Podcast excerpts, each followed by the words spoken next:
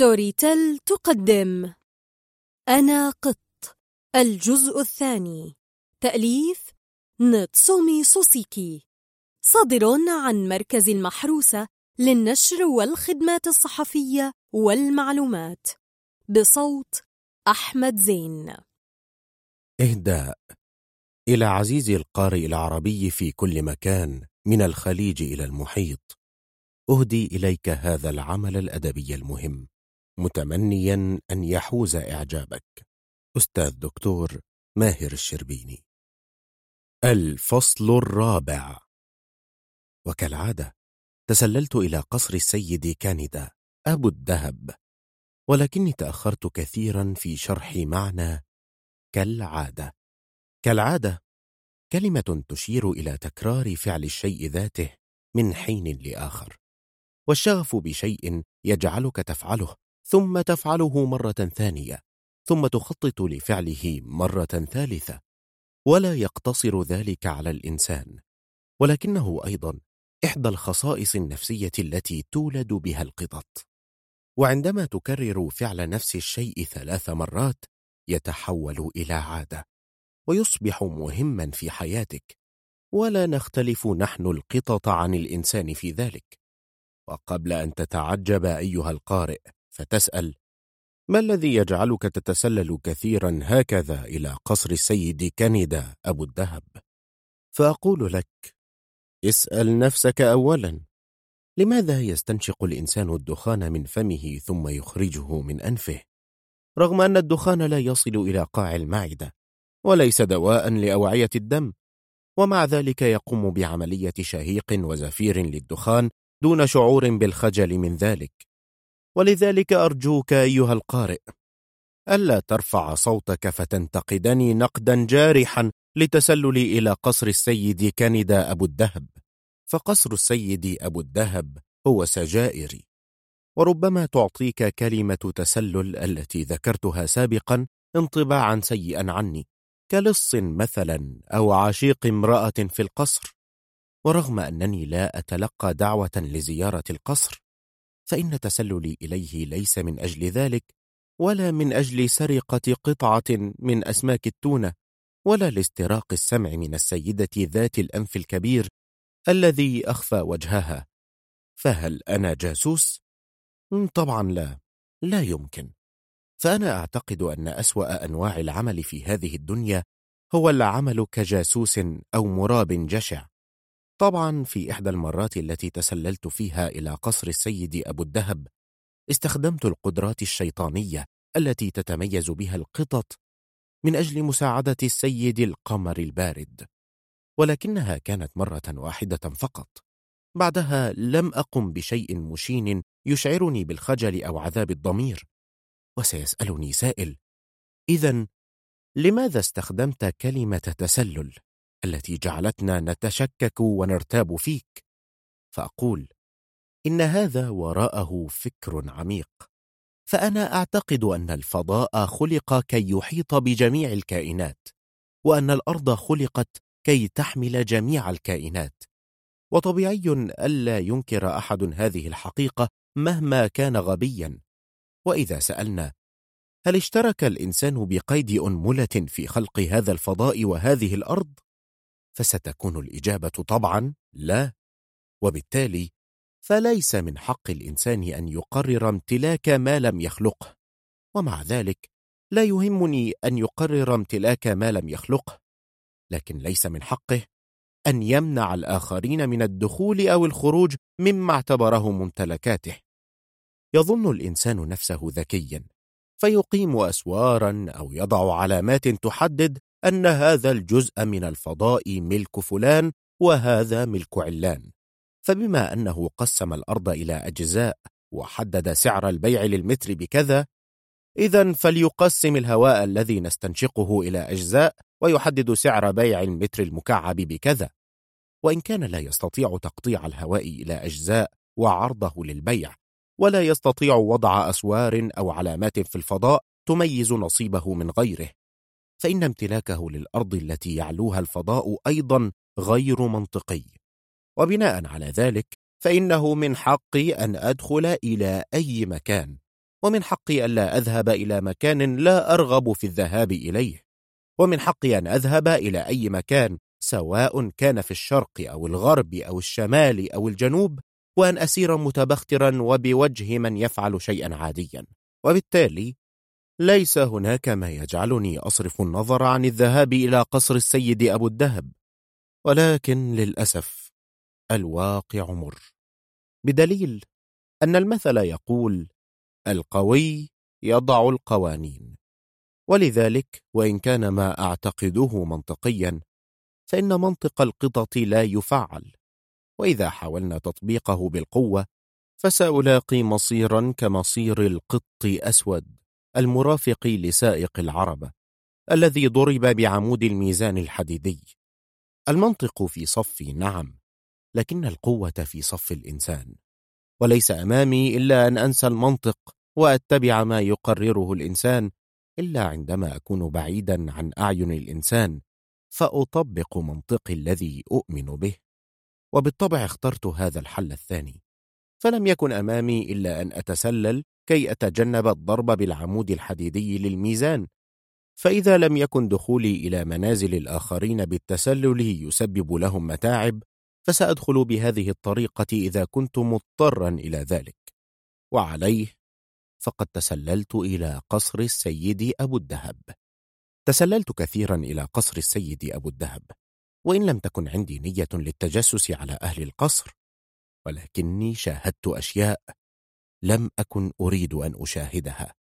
وحفرت داخل ذاكرتي أشياء لم أرد يوما أن أتذكرها. فمثلا عندما كانت السيدة منخار تنظف وجهها كانت تحرص دائما على تنظيف منخارها بعناية فائقة عن بقية أجزاء وجهها. وابنتها توميكو لا تتوقف عن تناول الكعك الياباني. أما أنف السيد أبو الدهب فهو غائر جدا على عكس منخار زوجته شديد البروز. وليس الأنف فقط هو موضع الاختلاف بل الوجه كله. فعندما كان طفلا تشاجر مع طفل آخر ضخم قوي جدا. فأمسك ذلك الطفل برقبته ودفعه بكل قوته إلى الحائط. فاصطدم وجهه بالحائط صدمة شديدة لها أثرها الواضح عليه إلى اليوم رغم مرور أربعين عاما على ذلك. فوجهه مستو لدرجة غريبة. وجه هادئ لا ينم على خطر ولكن ملامحه غير قابلة للتغير فمهما غضب لا تتغير ملامح وجهه. وعندما يتناول السيد أبو الدهب أسماك التونة النيئة يطبل على صلعته من فرط السعادة. وليس وجهه وحده الغريب بل قامته أيضا منخفضة. ومع ذلك يرتدي دائما قبعة عالية وقبقابا مرتفعا. وطالما يسخر سائق العربة من مظهره هذا أمام الخدم الصغار فيمدح الخدم السائق على قوة ملاحظته. وثمة أشياء أخرى كهذه لا حصر لها.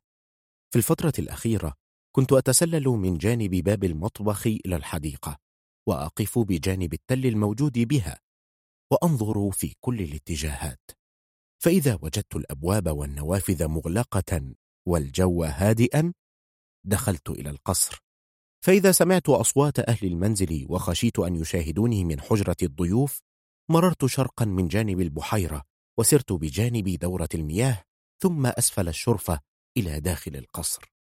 ولكني لا أتذكر أنني فعلت شيئا سيئا أبدا يجعلني أتخفى أو أخاف. ولكن فرضا إن كان حظي سيئا وقابلت الشخص الذي لا يستطيع أحد توقع تصرفاته فسأتراجع وأفر من حيث أتيت.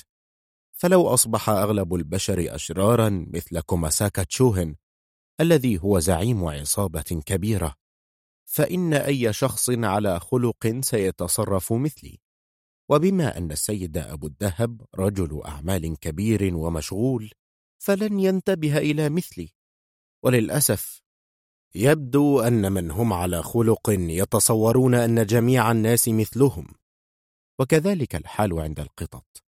وبالتالي يجب على أي قط حتى القط الخلوق أن يكون في منتهى الحرص حين يحاول دخول قصر السيد أبو الدهب.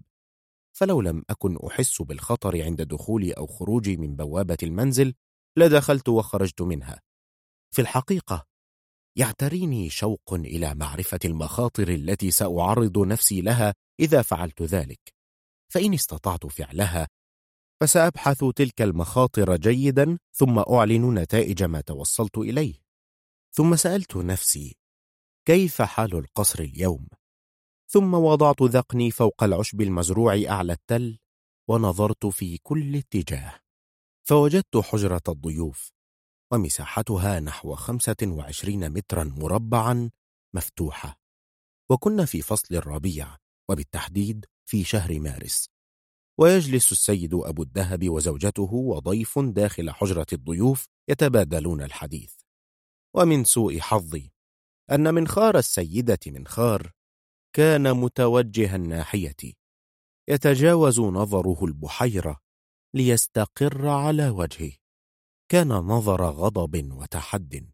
وقد كانت هذه أول مرة أشاهد منخارا غاضبا. لحسن حظي استطعت رؤية وجه السيد أبو الدهب من الجانب حيث كان يتوجه بوجهه إلى الضيف يحدثه. وقد كان نصف وجهه كالعادة مستويا لكن أنفه لم يظهر لي على الإطلاق. ولكن لوجود شارب أبيض متناثر هنا وهناك بعشوائية يتخلله بعض الشعر الأسود. أستطيع استنتاج أن هناك فتحتين فوقه. كان نسيم الربيع يداعب وجهي فأشعر براحة كبيرة وأطلق العنان لخيالي. وكان مظهر الضيف عاديا أكثر من السيد والسيدة بكثير. كان عاديا جدا لدرجة أنه لا شيء مميز فيه لأصفه لكم.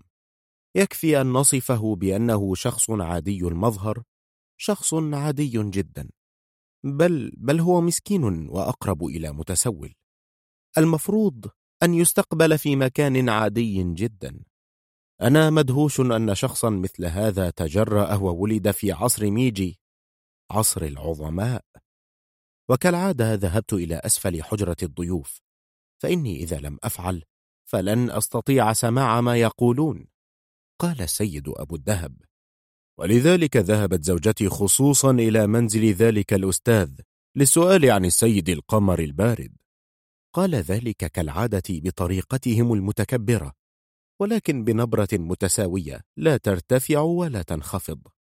صوته مستو جدا مثل وجهه. فقال الضيف إذا لقد كلمها الأستاذ عن السيد القمر البارد. هذا عظيم. المعرفة تفيد في مثل هذه الحالات. عظيم عظيم. فقال السيد أبو الدهب ولكن عطسة لم يفدنا في شيء. فنظر الضيف ناحية السيدة منخار ثم قال نعم هو لا يفيد في أي شيء. حين كان زميلي في المسكن كان كلامه دائما غير واضح. أكيد أن حضرتك شعرت بالضيق من ذلك. وإذا بالسيدة منخار تطلق رياحا عاتية من منخارها كالعادة وتقول طبعا شعرت بالضيق. أنت يا زوجي لم تشعر بضيق لعدم وجودك معي وقتها. إنها أول مرة في حياتي أتعرض لمعاملة سيئة بهذا الشكل. فقال الضيف مؤيدا كلامها. أكيد أنه أساء الحديث إليك. رغم أنه أستاذ ويدرس مادة القراءة كل يوم منذ عشر سنوات فإنه غبي منذ صغره. أكيد أنك فهمت ذلك عندما قابلته. فقال السيد أبو الدهب إنه فظيع.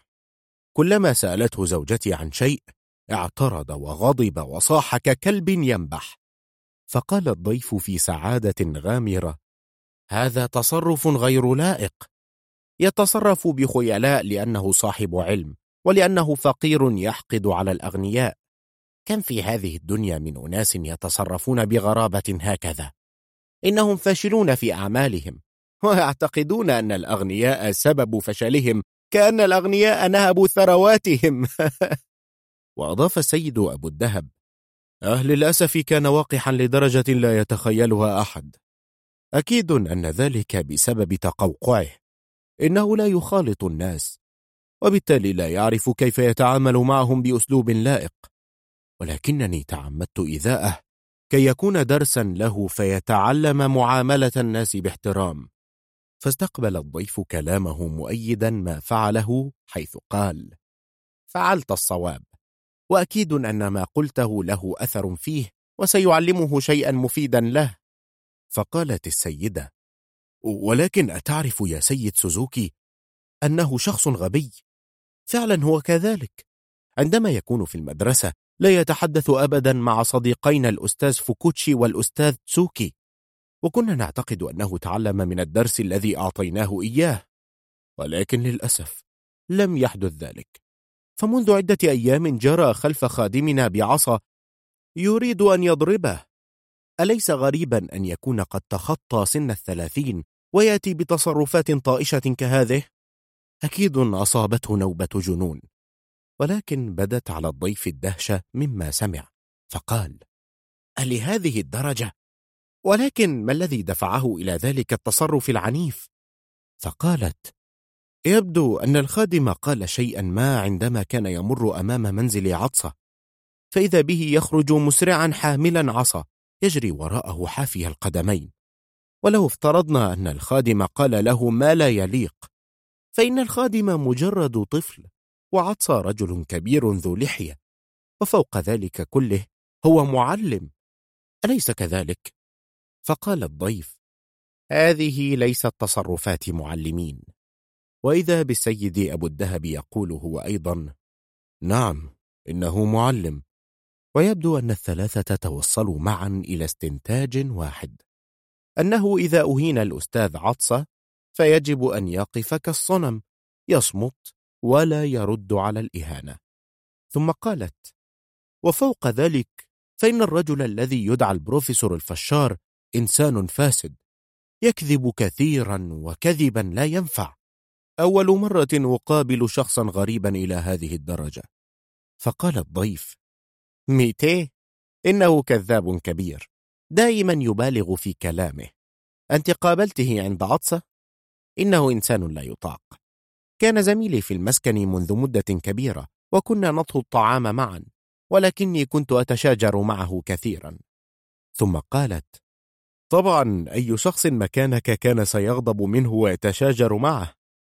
طبعا هناك مواقف يكذب أي شخص فيها عندما تكون علاقته سيئة مثلا مع من يتحدث أو مضطرا إلى مجاراته في حديثه. لكن ذلك الرجل ظل يكذب طوال اللقاء دون سبب منطقي يضطره إلى ذلك. كان كذبه واضحا. يقول كلاما فارغا أدهشني. ولا أعلم ماذا يبغي من وراء ذلك الكذب. فقال الضيف أسوأ أنواع الكذب هو الكذب الذي يؤدي إلى إثارة مشكلات.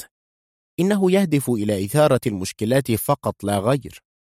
فقالت للأسف لقد ذهبت إلى منزل عطسة وكنت جادة في السؤال عن السيد القمر البارد ولكني لم أستطع الوصول إلى هدفي. فشعرت بالغضب والضيق ومع ذلك فالاحترام احترام. ولذلك فقد أرسلت له بعد ذلك دستة زجاجات جعة مع سائق العربة كشكر على استقباله لي. ولكن هل تعرف ماذا قال له؟ قال لا سبب يجعلني أقبل هذه الأشياء. ارجع بها من حيث أتيت. فقال له سائق العربة إنها هدية. من فضلك خذها. ليس من اللائق أن ترفضها.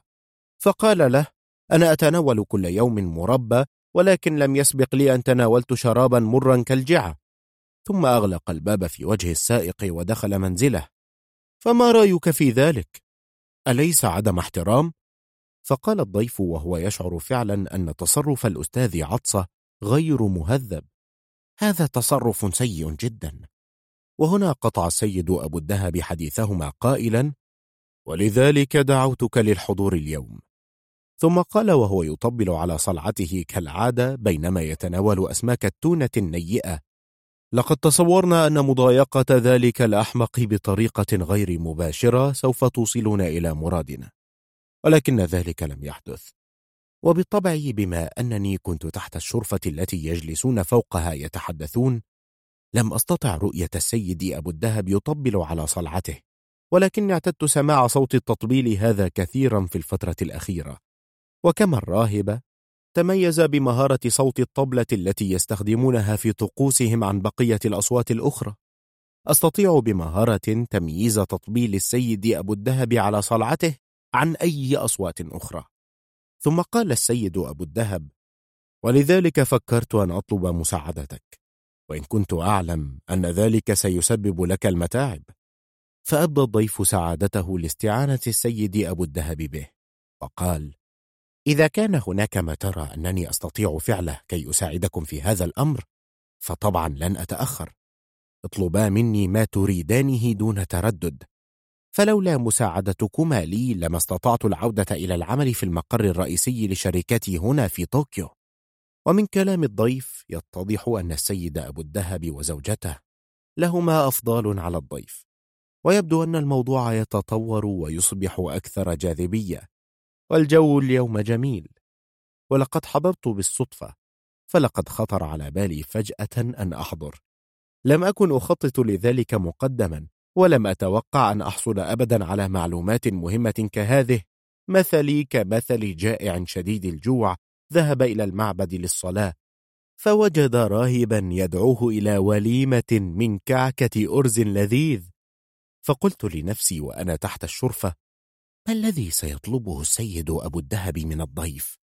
فوجهت أذني جيدا ناحيتهم واستعددت كي أنصت جيدا لما سيقوله فقال السيد أبو الدهب إن ذلك الرجل غريب الأطوار المدعو عطسة وإن كنت لا أعلم لما يفعل ذلك ولكنه ينصح القمر البارد بطريقة غير مباشرة بألا يتزوج ابنتي أليس كذلك يا زوجتي؟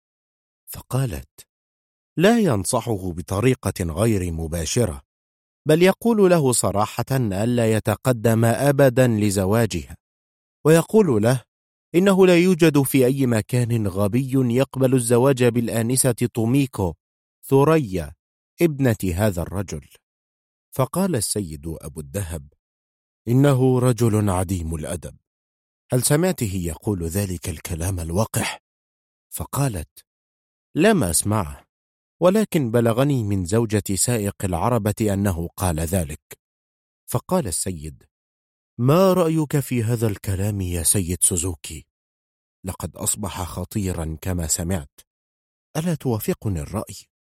فقال الضيف شيء يضايق هذه أمور خاصة لا يجب أن يتدخل فيها شخص ليس له علاقة بها مفترض أن عطسة يعي من نفسه شيئا مثل هذا. أنا مدهوش من تصرفاته ولا أعرف ماذا حدث له. فقال السيد أبو الدهب لقد علمت أنك كنت زميله في المسكن عندما كنتما طالبين وأن علاقتكما كانت قوية وقت ذاك. ولذلك أريد أن أطلب منك أن تقابله وتوضح له النفع والضرر من التدخل في أمر زواج ابنتنا. رغم أنه الغاضب لا نحن وهو المخطئ لا نحن. إذا تراجع عن تصرفاته فسنساعده في تحسين معيشته ونمنع عنه الأذى. ولكن إذا أصر على سلوكه هذا فسيكون لنا معه تصرف آخر وسيكون هو من يخسر. فقال الضيف كما تقول سيادتكم فإن معارضته الغبية هذه لن تجلب له إلا الخسران ولن يحصل منها على أي منفعة. سأشرح له هذا جيدا. ثم أضاف السيد أبو الدهب وعلى فكرة كثيرون تقدموا لخطبة ابنتنا ولكننا لم نقرر أن نزوجها بسيد القمر البارد. ربما نفعل ذلك وربما لا ولكننا سمعنا أنه على قدر جيد من التعلم وشخصيته جيدة. فإذا كان يجتهد في الدراسة وسيحصل على درجة الدكتوراه قريبا أو اقترب مستواه العلمي من الحصول عليها فستكون له الأولوية في الفوز بابنتنا. فقال الضيف وإذا قلنا ذلك فسيكون حافزا للسيد القمر البارد كي يجتهد في دراسته لقد فهمت جيدا ما تريد سيادتك. وأضاف السيد ولكن هناك شيئا يقلقني. وهو أن السيد القمر البارد دائما ما ينادي غريب الأطوار عطس ذلك بأستاذي وعادة ينفذ ما يقوله له. ولكن بما أن هناك كثيرين من راغبي الزواج بابنتي بصرف النظر عما يقوله له عطسة فإنني بالطبع لن أفرض على القمر البارد أن يفعل ما لا يراه. وإذا بالسيدة منخار تقول أشعر بالشفقة على السيد القمر البارد من تصرفات ذلك الغبي. فقال الضيف لم يسبق لي أن قابلت السيد القمر البارد ولكني أتوقع أن تكون ابنتكم سعيدة معه مدى الحياة وبالطبع هو أيضا سيكون كذلك. فردت السيدة نعم السيد القمر البارد يرغب في الزواج بها. ولكن العقبة فيما يقوله هذان الشخصان غير الطبيعيين عطسة والفشار. فقال الضيف إنها تصرفات لا تليق بشخصين متعلمين تعليما جيدا مثلهما. سأذهب وأتحدث مع عطسة في هذا الموضوع. فقال السيد نعم أرجوك. وبما أن زوجتي عندما ذهبت إلى عطسة الذي يعرف القمر البارد جيدا لم تستطع الحصول منه على أجوبة لأسئلتها عن القمر البارد. فأرجو أن تسأله أنت عن القمر البارد وخاصة عن مستواه العلمي. فقال الضيف سمعا وطاعة. اليوم السبت إجازة وبالتأكيد سيكون في منزله. ولكني لا أعلم أين يسكن الآن. فقالت السيدة منخار عندما تخرج من منزلنا سر في خط مستقيم إلى الأمام. ثم انحدر يسارا اترك المنزل الأول ومنزله هو الثاني. إنه محاط بسور متهالك أسود اللون. فقال الضيف إذا هو جاركم وعليه تسهل معرفة مكان المنزل. سوف أمر عليه في طريق عودتي. عموما سأعرف المكان عندما أقرأ اللافتة التي تحمل اسمه على مدخل المنزل. فقالت السيدة أحيانا تكون معلقة وأحيانا لا. إنه يلصق بطاقة تعارف ورقية بصمغ على المدخل. فإذا هطلت الأمتار ذابت البطاقة وسقطت. فإذا تحسن الجو لصق بطاقة أخرى. فلا يجب أن تعتمد على البطاقة لتهتدي إلى المنزل. لا أدري لما يتعب نفسه في لصق بطاقة بعد أخرى بدلا من لافتة خشبية. إنه لا يحسن التفكير حتى في أبسط الأمور. فرد الضيف. شيء غريب. ولكن إن سألت عن منزل سوره محطم وأسود اللون فغالبا سأعرف. فقالت نعم فليس هناك منزل قاذر في المدينة غيره. ولذلك ستعرف. وإذا لم تعرف فهناك حل جيد. أن تنظر أعلى المنازل فإذا وجدت منزلا تنمو على سطحه أعشاب كثيرة فاعلم أنه منزله. فقال الضيف يبدو أنه منزل مختلف عن بقية المنازل. منزل غريب. شعرت أنه ليس من اللائق أن يشرفنا السيد سوزوكي بالحضور إلى المنزل ولا أكون في استقباله. كما أن ما سمعته إلى الآن من محادثة بين تلك الأطراف كاف بل أكثر من كاف. فسرت من تحت الشرفة ومررت غربا من عند دورة المياه. ثم خرجت من جانب التل كما دخلت ورجعت بسرعة إلى المنزل الذي تنمو على سطحه الأعشاب. فدخلت ومررت على شرفة حجرة الضيوف متجاهلا الجميع. كان اليوم ربيعيا جميلا. وكان الأستاذ عطسة قد فرش بطانية من صوف بيضاء في الشرفة ونام عليها كي يأخذ حمام الشمس. وقد كانت أشعة الشمس على غير ما توقعته. كانت عادلة. كانت تسقط أيضا على المنزل المتهالك الذي ينمو فوق سطحه نبات كيس الراعي فتدفئه. مثلما تسقط على حجرة الضيوف بقصر السيد أبو الدهب وتمده بالدفء. لكن للأسف كان الشيء الوحيد غير المناسب للربيع هو البطانية الصوف. لا شك أن المصنع قصد أن تكون بيضاء وبائع البضائع الصينية المستوردة باعها على أنها بيضاء كذلك والأستاذ عطسى نفسه اشتراها على أنها بيضاء.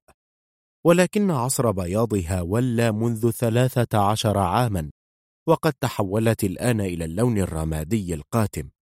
لا أعلم إن كان عمرها سيطول حتى تصير إلى الأسود القاتم. إنها لم تعد تتكون من مجموعة خيوط متشابكة بعضها في بعض وإنما تناثرت الخيوط. فهناك فراغات بين خيوطها الرأسية وخيوطها الأفقية كفراغات كراسة المربعات بحيث لم يعد لائقا أن نسميها بطانية. مبالغة أن نطلق عليها بطانية.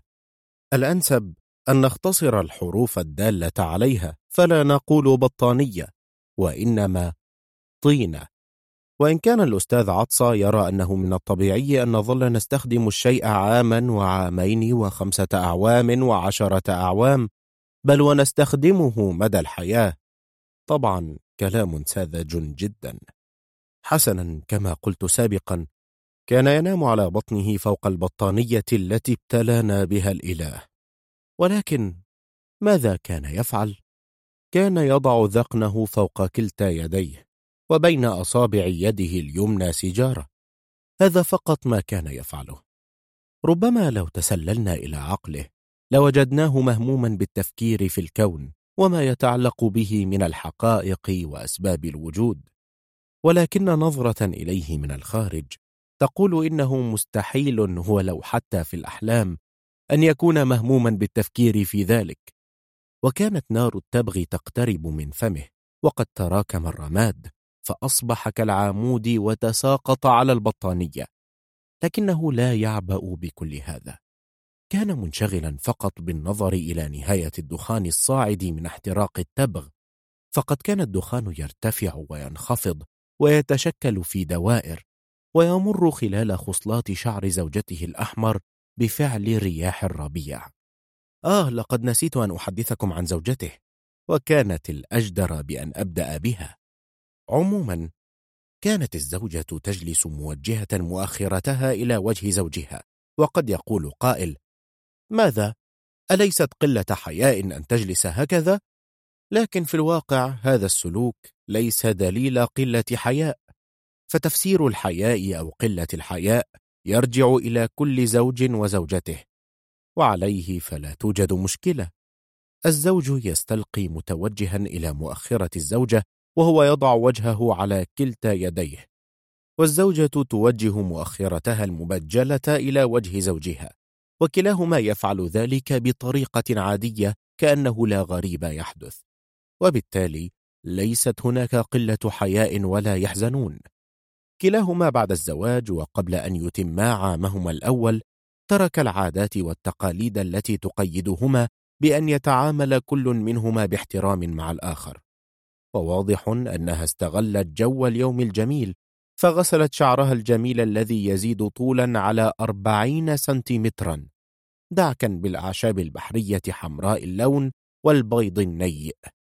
وتدلى شعرها في استقامة على كتفها إلى مؤخرتها وجلست في صمت تحيك سترة أطفال دون أكمام.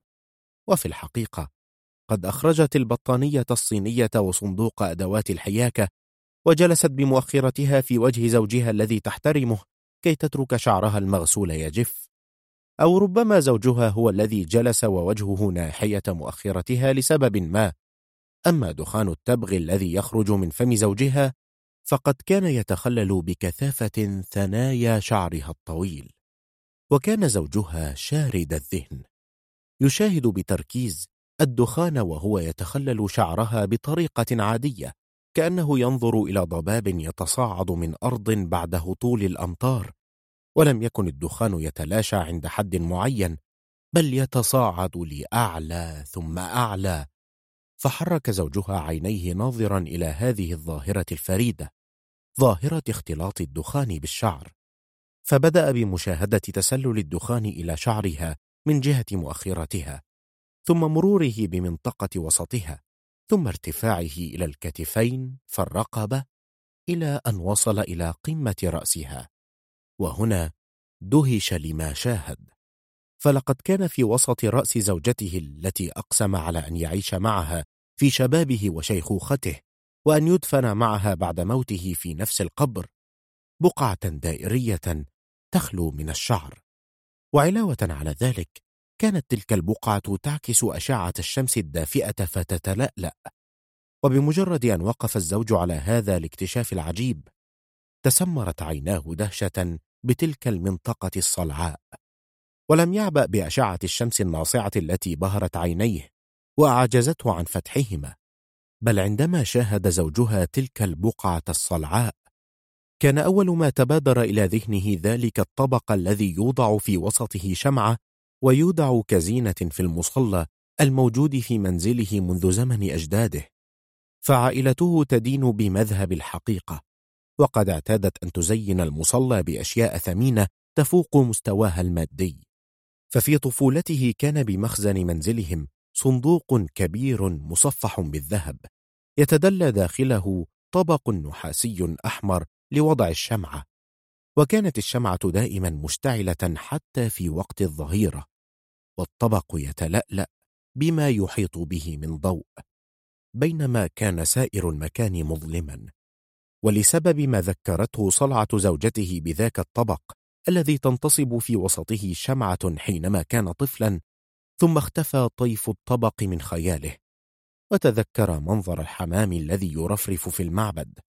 ورغم أنه لا علاقة أبدا بين حمام المعبد وصلعة زوجته كانت ثمة صلة وثيقة بينهما في مخيلة زوجها فقد كان في فترة طفولته يذهب إلى منطقة أساكوسا حيث المعبد وكان دائما يشتري فولا كي يطعم الحمام وكان ثمن طبق الفول قطعتين نقديتين نحاسيتين والطبق كان مصنوعا من الفخار الأحمر.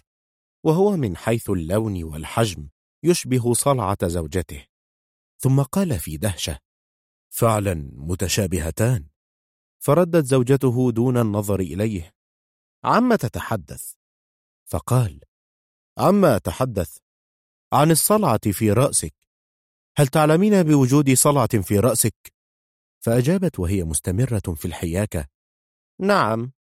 لم يبدو عليها الهلع أو التوتر إطلاقا. فهي نموذج للزوجة التقليدية. فقال في نفسه إذا كان هذا الصلع موجودا من قبل أن نتزوج فهذا يعني أنها خدعتني. ثم سألها هل ذلك من قبل أن نتزوج أم ظهر بعد الزواج؟ ففهمت جيدا ما يلمح إليه. ثم قالت لا أتذكر متى ظهر ولا أظنه بالشيء المهم. أليس كذلك؟ فقال كاظما غيظه كيف تقولين إنه شيء غير مهم؟ أليس رأسك أنت؟ فقالت قلت إنه غير مهم لأنه رأسي أنا وأنا أرى ذلك ثم بدا عليها أنها بدأت تهتم فوضعت يدها اليمنى على رأسها تتحسس موضع الصلعة ثم قالت لقد زادت الصلعة جدا لم أكن أعرف ذلك وأخيرا انتبهت إلى أن مساحة الصلعة لا تتناسب مع عمرها إنها أكبر بكثير من عمرها. ثم قالت محاولة الدفاع عن نفسها لأن السيدات المتزوجات يعقدن الشعر على شكل ذيل حصان فإن شعر ذلك المكان يتساقط. وبالتالي فإن الصلع يصيب جميع السيدات المتزوجات. فقال لها وهو يتحسس شعره لو كانت السيدات جميعا يصبن بالصلع بهذه السرعة لأصبحن صلعا تماما في سن الأربعين. أكيد أن هذا مرض فقد يكون معديا. يجب أن تذهبي بسرعة للفحص عند الطبيب أماكي فردت عليه في غضب. إذا كنت تعتقد ذلك عن الآخرين فيجب أن تفكر في نفسك. أليس هناك شعر أبيض في أنفك؟ فإذا كان الصلع مرضا معديا فإن الشعر الأبيض معد كذلك. فقال لا ضرر من وجود شعر أبيض داخل الأنف لأنه لا يرى. أما إذا انتقل الصلع إلى بناتنا فهذه مصيبة لا أريد حدوثها. منظر بشع إنها إعاقة جسدية. فقالت إذا كنت تعتقد ذلك فلماذا تزوجتني؟ إنك طلبتني للزواج بناء على رغبتك.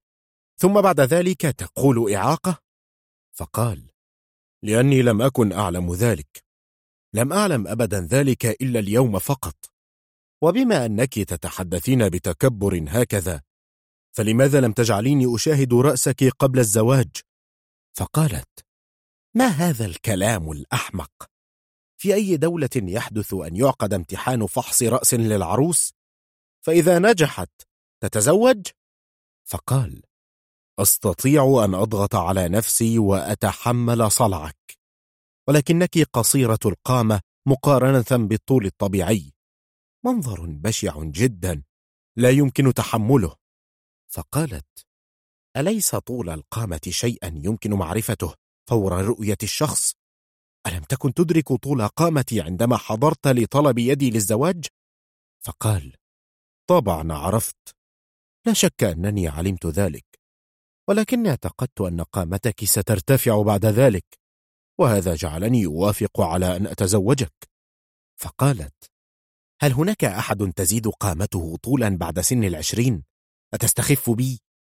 ثم ألقت في وجهه السترة واستمر الجدل العقيم بينهما إلى أن قال هل هناك قانون يقول ألا تطول قامة شخص بعد أن يصبح عمره عشرين؟ ثم إنه منذ أن تزوجتك وأنا أطعمك أطعمة مغذية. ولذلك كنت أتوقع أن تطول قامتك ولو حتى قليلا. وبينما هو ناظر إليها بملامح الجدية مستمرا في فلسفته هذه إذا بجرس البوابة يرن بشدة وصوت عال ينادي أهل المنزل وقد كان الطارق هو السيد سوزوكي الذي وصل إلى مخبأ الأستاذ العظيم عطسة على هدي النباتات الموجودة فوق السطح. أجلت السيدة الخناقة إلى وقت آخر وأسرعت بحمل صندوق أدوات الحياكة والسترة وهرولت إلى حجرة المعيشة. وحمل الأستاذ عطس البطانية بسرعة وألقاها في حجرة المكتب. ثم جاءت الخادمة تحمل بطاقة تعارف وعندما قرأ الاسم المدون فيها بدت عليه الدهشة. وقالت له إنه طلب منها أن تعطيه البطاقة. فتركها وأخذ البطاقة في يده ودخل إلى المرحاض وهو ممسك بها لماذا أسرع بالدخول إلى المرحاض؟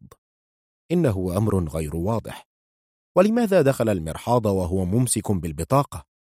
إن شرح ذلك أمر صعب وعلى أي حال فإن الذي حظي بالمتاعب هو السيدة البطاقة التي فرض عليها الدخول معه إلى ذلك المرحاض القذر وضعت الخادمة وسادة قطنية للجلوس مطبوعة عليها زخارف أمام ركن الزينة وقالت للضيف آه تفضل اجلس هنا. ثم خرجت. بعد ذلك تجول السيد سوزوكي في الحجرة يشاهد ما بها فتفحص في ركن الزينة لوحة مقلدة مكتوبة عليها قصيدة جاء الربيع فتفتحت الزهور التي ألفها راهب مذهب الزن موكو أن. وتفحص زهور الكرز في مزهرية مصنوعة في كيوتو ثم التفت إلى الوسادة التي أعدتها الخادمة لجلوسه ففوجئ بقط لا يعلم من أين جاء يجلس فوقها. لا شك طبعا أن ذلك القط هو حضرتنا وأكيد في ذلك الوقت غضب السيد سوزوكي في داخله ولكن ذلك الغضب لم يظهر على ملامح وجهه فمما لا شك فيه أن تلك الوسادة قد وضعت كي يجلس عليها السيد سوزوكي. وأكيد أن الأمور التي فكر فيها السيد سوزوكي وجعلته يغضب هي أولا أنه لم يجلس على الوسادة التي وضعت لجلوسه بل جلس عليها حيوان غريب دون استئذان. ثانيا أنه لو كانت الوسادة خالية لكان السيد سوزوكي جلس على الحصيرة الصلبة وتحمل الجلوس عليها كتواضع إلى أن يقول له الأستاذ عطسة تفضل بالجلوس على الوسادة. ولكن من ذا الذي بادر وقفز على الوسادة حتى دون أن يلقي عليه التحية؟ إذا كان إنسانا يمكن الصفح عنه ولكن لا يمكن الصفح عن قط. فالذي عكر صفو مزاجه أن الراكب على الوسادة قط. ثالثا أنه لم يشعر بالراحة حيال ذلك القط فقد جلس على الوسادة التي ليس له الحق في الجلوس عليها وبطريقة عادية كأنه لم يرتكب خطأ.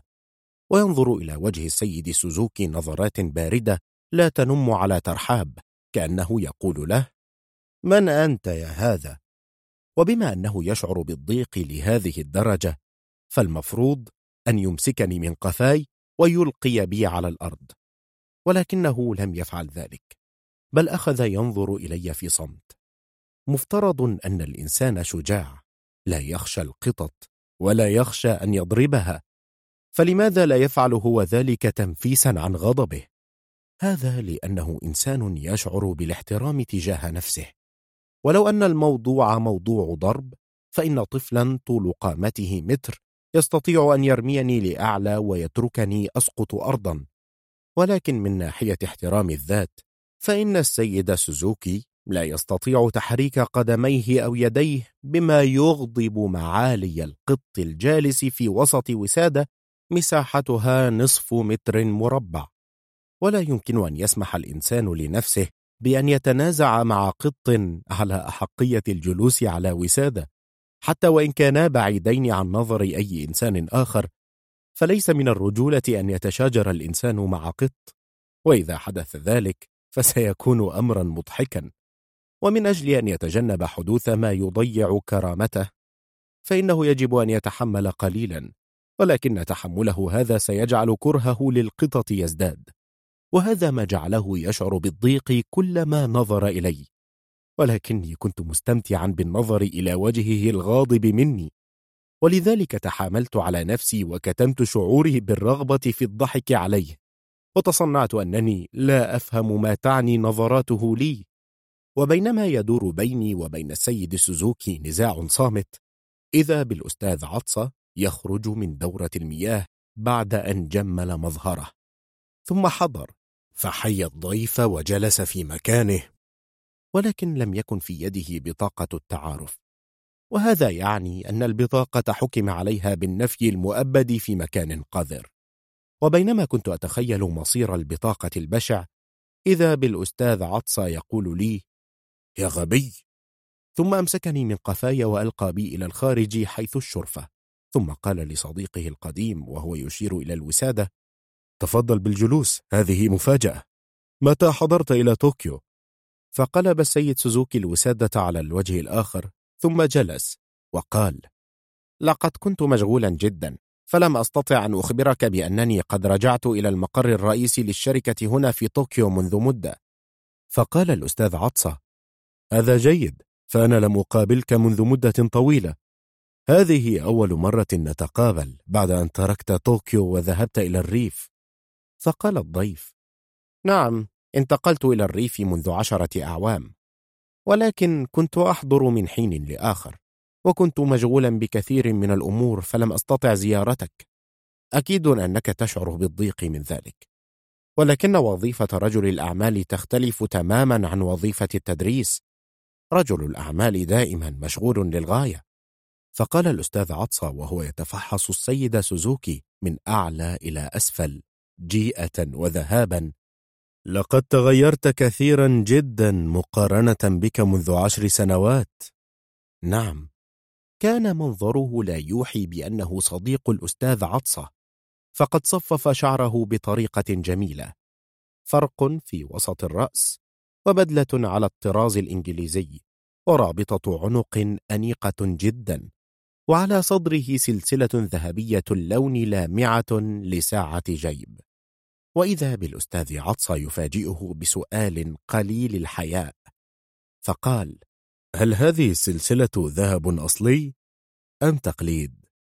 فقال السيد سوزوكي وهو يضحك ذهب عيار ثمانية عشر ثم أضاف لقد كبرت كثيرا أتذكر أن عندك بنتا واحدة أليس كذلك؟ فقال الأستاذ عطسة لا فقال الضيف هل هما اثنتان؟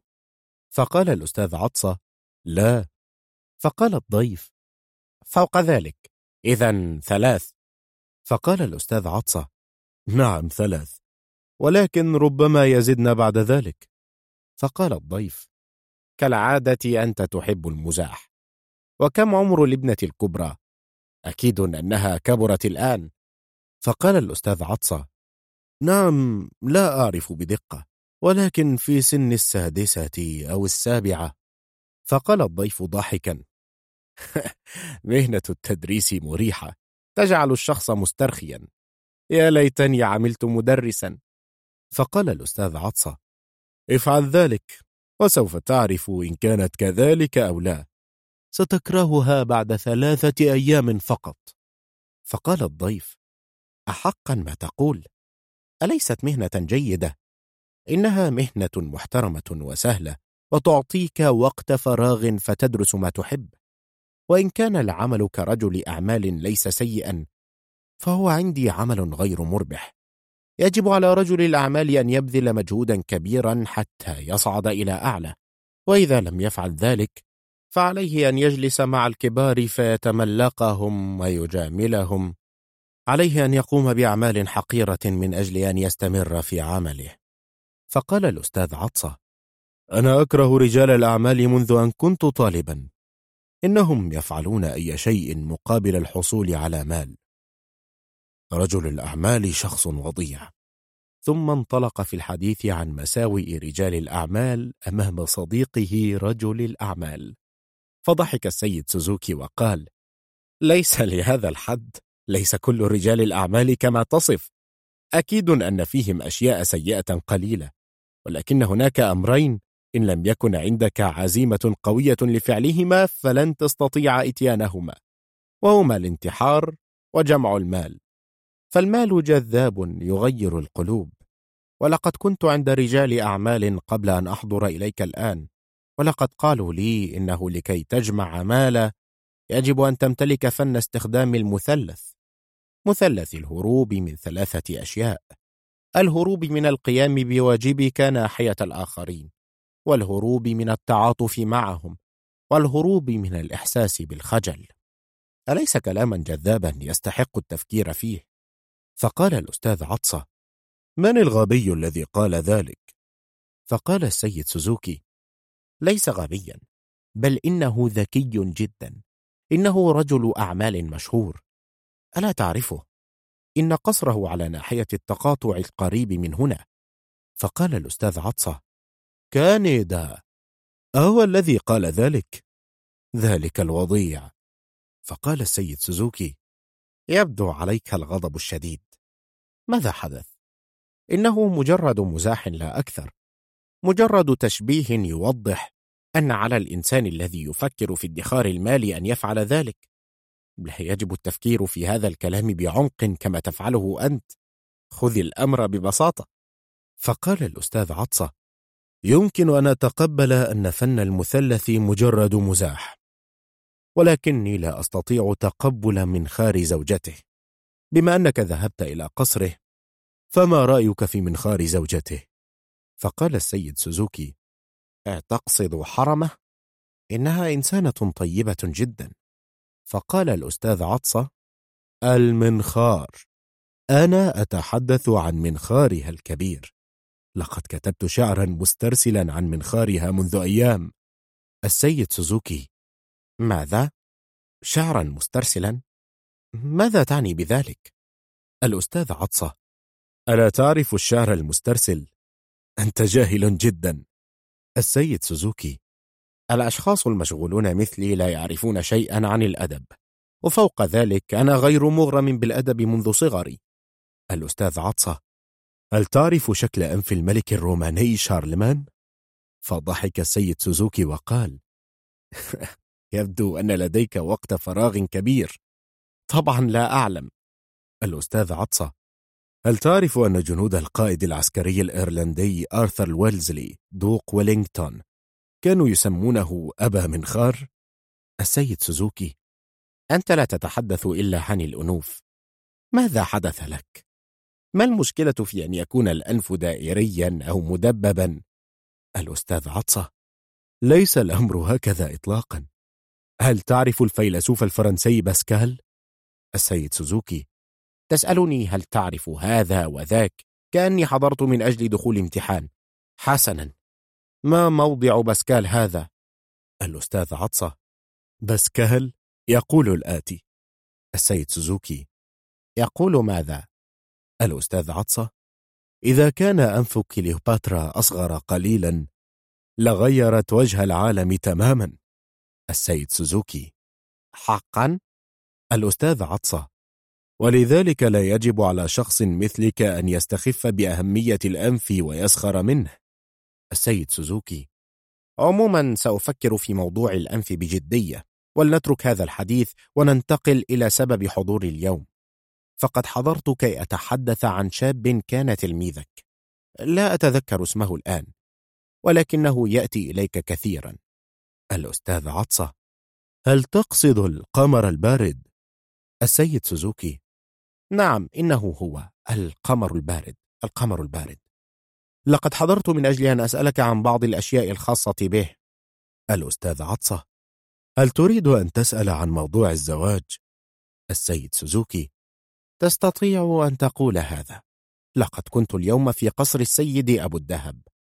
الأستاذ عطسة لقد حضرت زوجته بصحبة منخارها هنا منذ عدة أيام.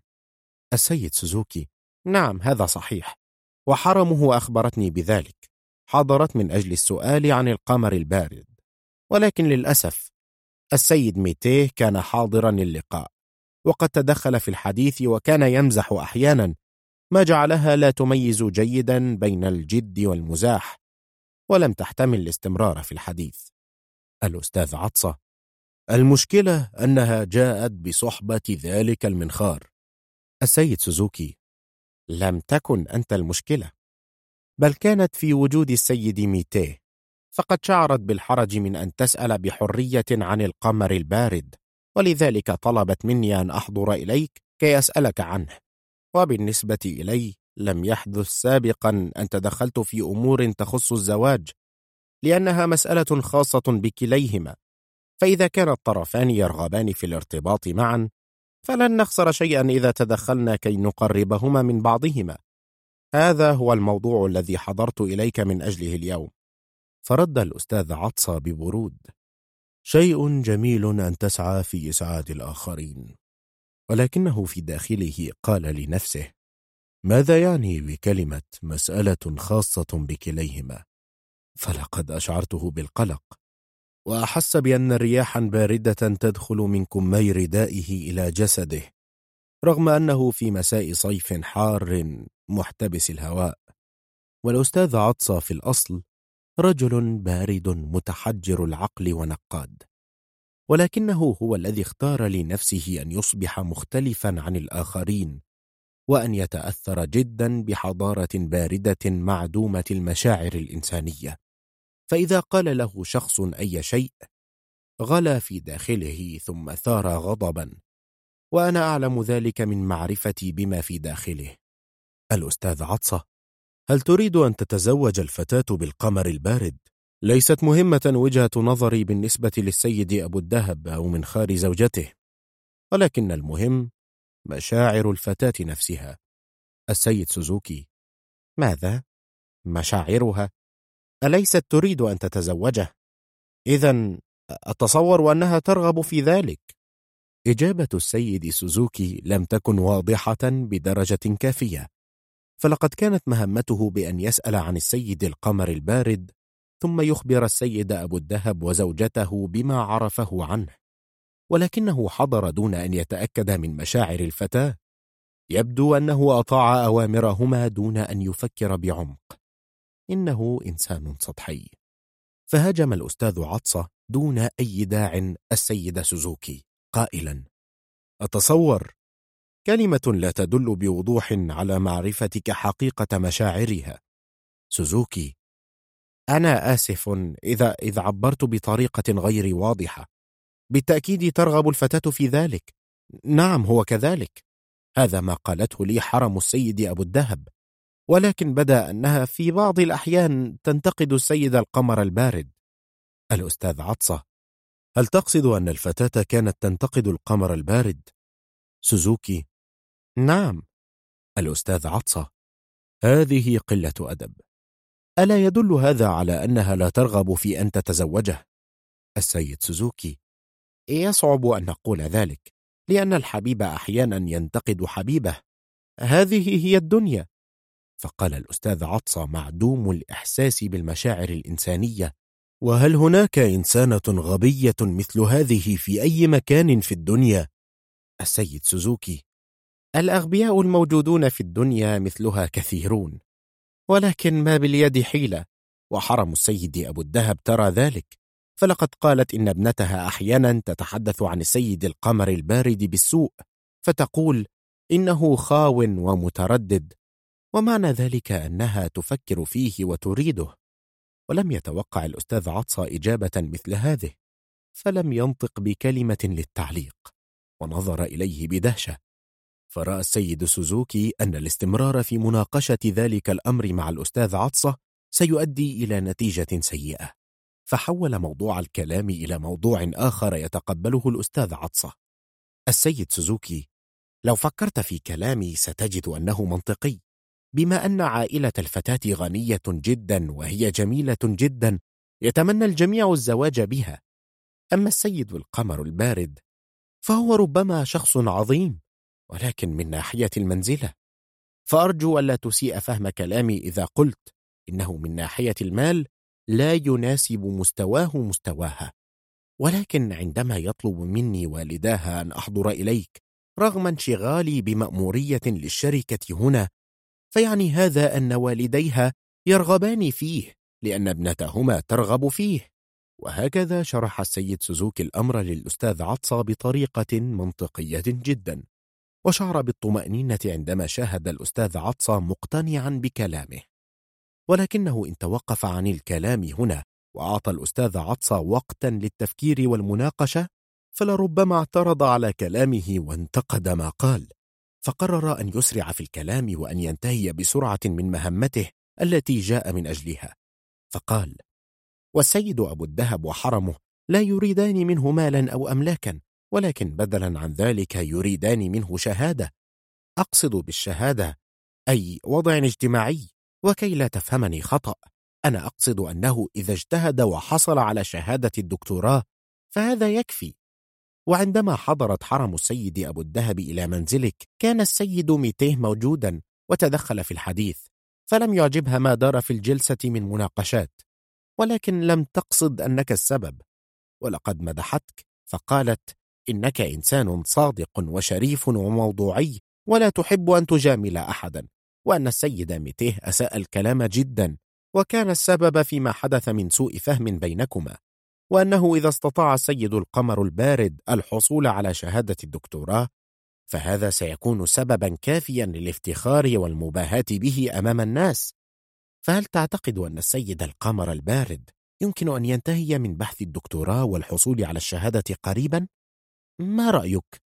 بالنسبة إلى السيد أبو الدهب فهو لا يريد شهادة دكتوراه أو حتى ليسانس ولكن لا يستطيع تزويجه بابنته دون سبب وجيه يقنع الناس وبهذه الطريقة اتضح أن طلب السيد أبو الدهب وحرمه أن يحصل السيد القمر البارد على شهادة الدكتوراه هو طلب منطقي وإذا اقتنع الأستاذ عطسة بكلام السيد سوزوكي فسيجيب سؤال إن كان السيد القمر البارد يمكن أن يحصل على شهادة الدكتوراه قريبا أم لا؟ والأستاذ عطسة إنسان شريف وصادق. إذا فالسيد سوزوكي اضطر الأستاذ عطسة إلى السير في الاتجاه الذي حدده له ولا يستطيع الهروب منه. الأستاذ عطسة حسنا. عندما يحضر القمر البارد المرة المقبلة سأشجعه على كتابة بحث الدكتوراه. ولكن قبل ذلك سأتحقق منه إن كان يرغب في الزواج بالأنسة توميكو ثريا ابنة أبو الدهب. أم لا؟ السيد سوزوكي ماذا؟ تتحقق؟ إذا فعلت ذلك بهذه الطريقة الجافة فستفسد الزيجة لكن أفضل طريقة وأقصرها لمعرفة ذلك هي الاستنتاج من خلال الحديث معه. الأستاذ عطسة استنتاج؟ السيد سوزوكي. نعم ربما كلمة استنتاج غير مناسبة لما أريد قوله. لا أقصد استنتاجا ولكن أن تفهم ذلك بطريقة غير مباشرة من خلال كلامه. الأستاذ عطسة. أنت لديك القدرة على الفهم بهذه الطريقة. ولكني إذا لم أسأل بطريقة مباشرة لا أستطيع أن أفهم. السيد سوزوكي ليس مهما أن تفهم. ولكن لا تقل ما يفسد الزيجة مثلما فعل السيد ميتيه. فلو فرضنا أنك لا تستطيع أن تشجعه على زواجها فلا تبدي رأيك في الموضوع لأنه موضوع يجب أن يقرره هو لأنه صاحب الشأن. عندما يأتي القمر البارد المرة المقبلة فبقدر الإمكان أرجو ألا يكون هناك عائق عن إتمام الزيجة. أنا لا أقصدك أنت بل أقصد السيد ميتيه. فإذا جاء ذلك الرجل وتحدث في الأمر مع القمر البارد فستفسد الزيجة. وكما يقول المثل جبنا في سيرة القط جه ينط. فإذا بالبروفيسور الفشار كعادته دون موعد سابق ودون استئذان يدخل المنزل من باب المطبخ ثم إلى الحجرة كما تدخل عليهما رياح الربيع. ثم قال من؟ صديق قديم لم يحضر منذ زمن طويل. لا تكثر من المجيء مثلي حتى لا يعاملك بجفاء كما يفعل معي. يجب أن يحضر الإنسان كل عشر سنوات مرة كما فعلت أنت. وستقدم له حينها حلوى الجيلي غالية الثمن من بودرة الفول والسكر ومن حلوان فوجيمورا الشهير مثل ما يحدث الآن. ثم وضع واحدة كاملة في فمه وأخذ يستمتع بمذاقها العظيم. السيد سوزوكي يتلوى ضيقا. الأستاذ عطسة يبتسم سخرية. البروفيسور الفشار يمضغ باستمتاع. كنت أنظر إليهم وأنا في الشرفة كأنني أمام مشهد مسرحي صامت. وبما أن من أفكار البوذية فكرة الحوار الصامت بين القلوب المتفاهمة دل هذا المشهد الصامت على حوار بينهم. يسألون ويجيبون عن الأسئلة في صمت لأنهم يفهمون بعضهم. ولقد كان مشهدا قصيرا جدا ولكن كان حساسا جدا. البروفيسور الفشار لقد تصورت أنك ستظل تسافر من مكان إلى آخر ولكنك رجعت فجأة. أكيد أنك تريد أن تستقر وتعيش حياة مديدة هنا في هدوء ولكن لا شيء يضمن أن الأمور ستسير هكذا. قال البروفيسور الفشار ذلك. وهو لا يشعر بحياء أمام السيد سوزوكي أو الأستاذ عطسة. وبما أنهم لم يتقابلوا منذ عشر سنوات حين كانوا يعيشون معا فالمفترض أن يشعر بالخجل من أن يتحدث بهذه الطريقة الجافة. ولكن البروفيسور الفشار فعل ذلك بطريقة عادية. فلم يظهر عليه شعور بأنه فعل شيئا مشينا. ولا أستطيع الحكم على تصرفه هذا أهو تصرف شخص شجاع أم تصرف شخص أحمق؟ رد السيد سوزوكي ببرود وهو يتحسس السلسلة الذهبية لساعته في ضيق. شيء مؤسف أن تقول ذلك رغم أنني لم أهنك. وإذا بالأستاذ عطسة يسأل السيد سوزوكي فجأة سؤالا غريبا. هل سبق لك أن ركبت القطار الكهربائي؟ السيد سوزوكي يبدو أنني حضرت اليوم كي تسخرا مني. فعلا لقد حضرت من الريف. ولكني أملك ستين سهما في شركة المترو الكهربائي لطوكيو. البروفيسور الفشار طبعا لا نستطيع أن نسخر منك وأنت تملك تلك الأسهم. أنا كنت أملك ثمانمائة وثمانية وثمانين سهما ونصف سهم ولكن للأسف الحشرات قد أكلتها. ولم يتبقى الآن إلا نصف سهم. لو حضرت مبكرا لأعطيتك عشرة أسهم. ولكن للأسف أنت تأخرت. السيد سوزوكي كالعادة كلامك سيء. وبصرف النظر عن مزاحك فإن امتلاك تلك الأسهم ليس خسارة لأن قيمتها ترتفع كل عام. البروفيسور الفشار هذا صحيح. فمثلا بعد مرور ألف عام سترتفع قيمة نصف السهم بما يمكن الشخص من بناء ثلاثة مخازن. أنا وأنت يا سوزوكي نفهم في هذه الأشياء. بعكسه تماما. أكيد أنه عندما يسمع كلمة سهم لا يفكر إلا في القوس. ثم أمسك بقطعة حلوى ونظر إلى الأستاذ عطسة. فانتقلت عدوى تناول الطعام منه إلى الأستاذ عطسة. فمد الأستاذ عطسة يده تجاه طبق الحلوى. ففي عالم الواقع يبتدأ الأمر من صاحب الشخصية القيادية ثم ينتقل إلى التابع. فقال الأستاذ عطسة وهو ينظر بحزن إلى ما تبقى من حلوى بعد قضم جزء منها أنا لست مهتما بالأسهم ولكني كنت أريد أن أجعل صديقنا سوروساكي يركب القطار الكهربائي. البروفيسور الفشار لو ركب سوروساكي القطار الكهربائي لنسي ونزل كل مرة في المحطة الأخيرة شيناغاوا. عموما هو الآن يرقد بأمان في قبر حجري نضع فوقه غطاء برميل المخللات كي لا يسقط. بعد أن تغير اسمه من سوروساكي إلى تينينكوجي. السيد سوزوكي. نعم لقد سمعت أن سوروساكي مات. شيء مؤسف. لقد كان إنسانا ذكيا. مؤسف أن يموت مبكرا. وإذا بالبروفيسور الفشار يعلق على الفور قائلا كان ذكيا ولكنه كان سيئا جدا في طهو الأرز. عندما كان يحين دوره في طهو الطعام كنت أترك المنزل وأذهب لتناول شعيرية في المطعم كي لا أجوع. فتذكر السيد سوزوكي تلك المشكلة التي عانى منها منذ عشرة أعوام مضت فقال فعلا كان يحرق الأرز فتتصاعد منه رائحة كريهة ويصير كالحصى. لم أكن أحب تناوله. كما أنه كان دائما يعد معه فولا مخثرا نيئا يقدمه باردا فلم أكن أستطيع تناوله. البروفيسور الفشار. وكان الأستاذ عطس الصديق المقرب للسيد سوروساكي وكانا يخرجان كل مساء لتناول طبق حلوى الفاصوليا الحمراء وكرات الأرز. فكانت عاقبتهما أن أصيب بمرض مزمن وهو ضعف في المعدة. سبب لهما معاناة شديدة. وفي الواقع كان الأستاذ عطسة يأكل تلك الحلوى بإفراط مقارنة بالسيد سوروساكي وبالتالي كان يفترض أن من يموت مبكرا هو عطسة. فرد الأستاذ عطسة على البروفيسور الفشار ذاكرا ما كان يفعله من حماقات حين ذاك كلام غريب لم نسمع له مثيلا في أي مكان. وخاصة إذا قارناه بما فعلت أنت. لقد كنت تخرج كل ليلة إلى منطقة المقابر خلف منزلنا وتضرب شواهد القبور بسيف خشبي وتقول إن ما تفعله رياضة بدنية. وذات يوم شاهدك الراهب الذي يحرس المقبرة فأهانك بشدة. فضحك البروفيسور الفشار وقال نعم نعم.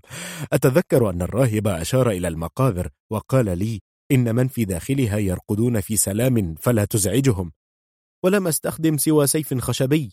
أما القائد سوزوكي الذي يحضرنا الآن فكان يستخدم يديه بطريقة جبارة. كان يلعب المصارعة اليابانية مع شواهد القبور ولقد أسقط ثلاثة منها على الأرض. السيد سوزوكي ولقد غضب الراهب غضبا شديدا وقال أعد شواهد القبور إلى مكانها كما كانت. فقلت له انتظر وسأستأجر عمالا يفعلون ذلك. فقال لن أسمح لك بذلك. يجب أن تفعل ذلك بنفسك كي تكفر عن ذنبك. البروفيسور الفشار كنت مسكين الهيئة وقتها. ترتدي ملابسك الداخلية فقط وتبكي وأنت واقف وسط بركة من الماء تكونت بفعل الأمطار. السيد سوزوكي وأنت كنت قاسي المشاعر. وقفت ترسم منظري هذا في سكيتش أنا عادة لا أغضب ولكني وقتها شعرت بأنك عديم الحياء وغضبت منك في قلبي. ما زلت أتذكر ما قلته وقتها. هل تذكر؟ البروفيسور الفشار. كيف أتذكر وقد مضت عشر سنوات؟ ولكن ما زلت أتذكر النقوش المنحوتة على تلك الشواهد التي ترجع إلى عام 1777 ميلادية. كانت شواهد قبور قديمة وجميلة. لدرجة أنني فكرت أن أسرقها عندما كنا نترك المسكن. كانت شواهد ذات طراز قوطي منشأة بمعايير علم الجمال. وبذلك الحديث حول البروفيسور الفشار الموضوع إلى علم الجمال الخاص به. السيد سوزوكي هذا أسلوبك في الكلام. لقد قلت أنا سأتخصص في علم الجمال ولذلك أريد أن أرسم كل حادثة غريبة في الدنيا كي تكون مرجعا لي في المستقبل. ولن أقول إنك مسكين وأمتنع عن رسمك لأن العلم ليس له علاقة بالمشاعر. فجعلني كلامك هذا أشعر بأنك عديم الإحساس. فجذبت بيدي الملوثة بالطين كراسة الرسم التي كنت تمسك بها ومزقتها. البروفيسور الفشار ولقد شعرت حينها أن مقدرتي الكبيرة على الرسم قد تلاشت. لقد حطمت مستقبلي ولذلك أكرهك بشدة. السيد سوزوكي لا تستخف بي فأنا من يكرهك بشدة. وبعد أن انتهى الأستاذ عطسة من تناول الحلوى تدخل في الحديث الجاري بين صديقيه فقال ومنذ ذلك الوقت وميتيه دائم الكذب. ثم أضاف لم يسبق له أن صان أبدا وعدا قطعه على نفسه ولا اعتذر أبدا عن عدم المحافظة على الوعد. دائما كان يذكر مبررات. عندما كانت زهرة الكريب الآسي متفتحة قال إنه سيكتب كتابا باسم مبادئ علم الجمال قبل أن تسقط أوراق تلك الزهور. فقلت له أنا متأكد أنك لن تفعل ذلك. ففوجئت به يقول ألا أحكم على الظاهر. وقال إنه إنسان قوي العزيمة وإذا كنت أشك في ذلك فلنتراهن. فقررنا أن من يخسر الرهان يدعو الآخر إلى طعام في مطعم مأكولات أوروبية في منطقة كاندا.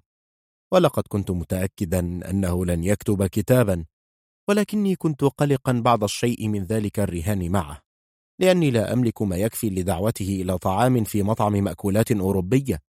والمفاجأة أنه لم يبدو عليه أنه كان مشغولا بكتابة الكتاب ومر أسبوع ثم عشرون يوما ولم يكتب حتى صفحة واحدة.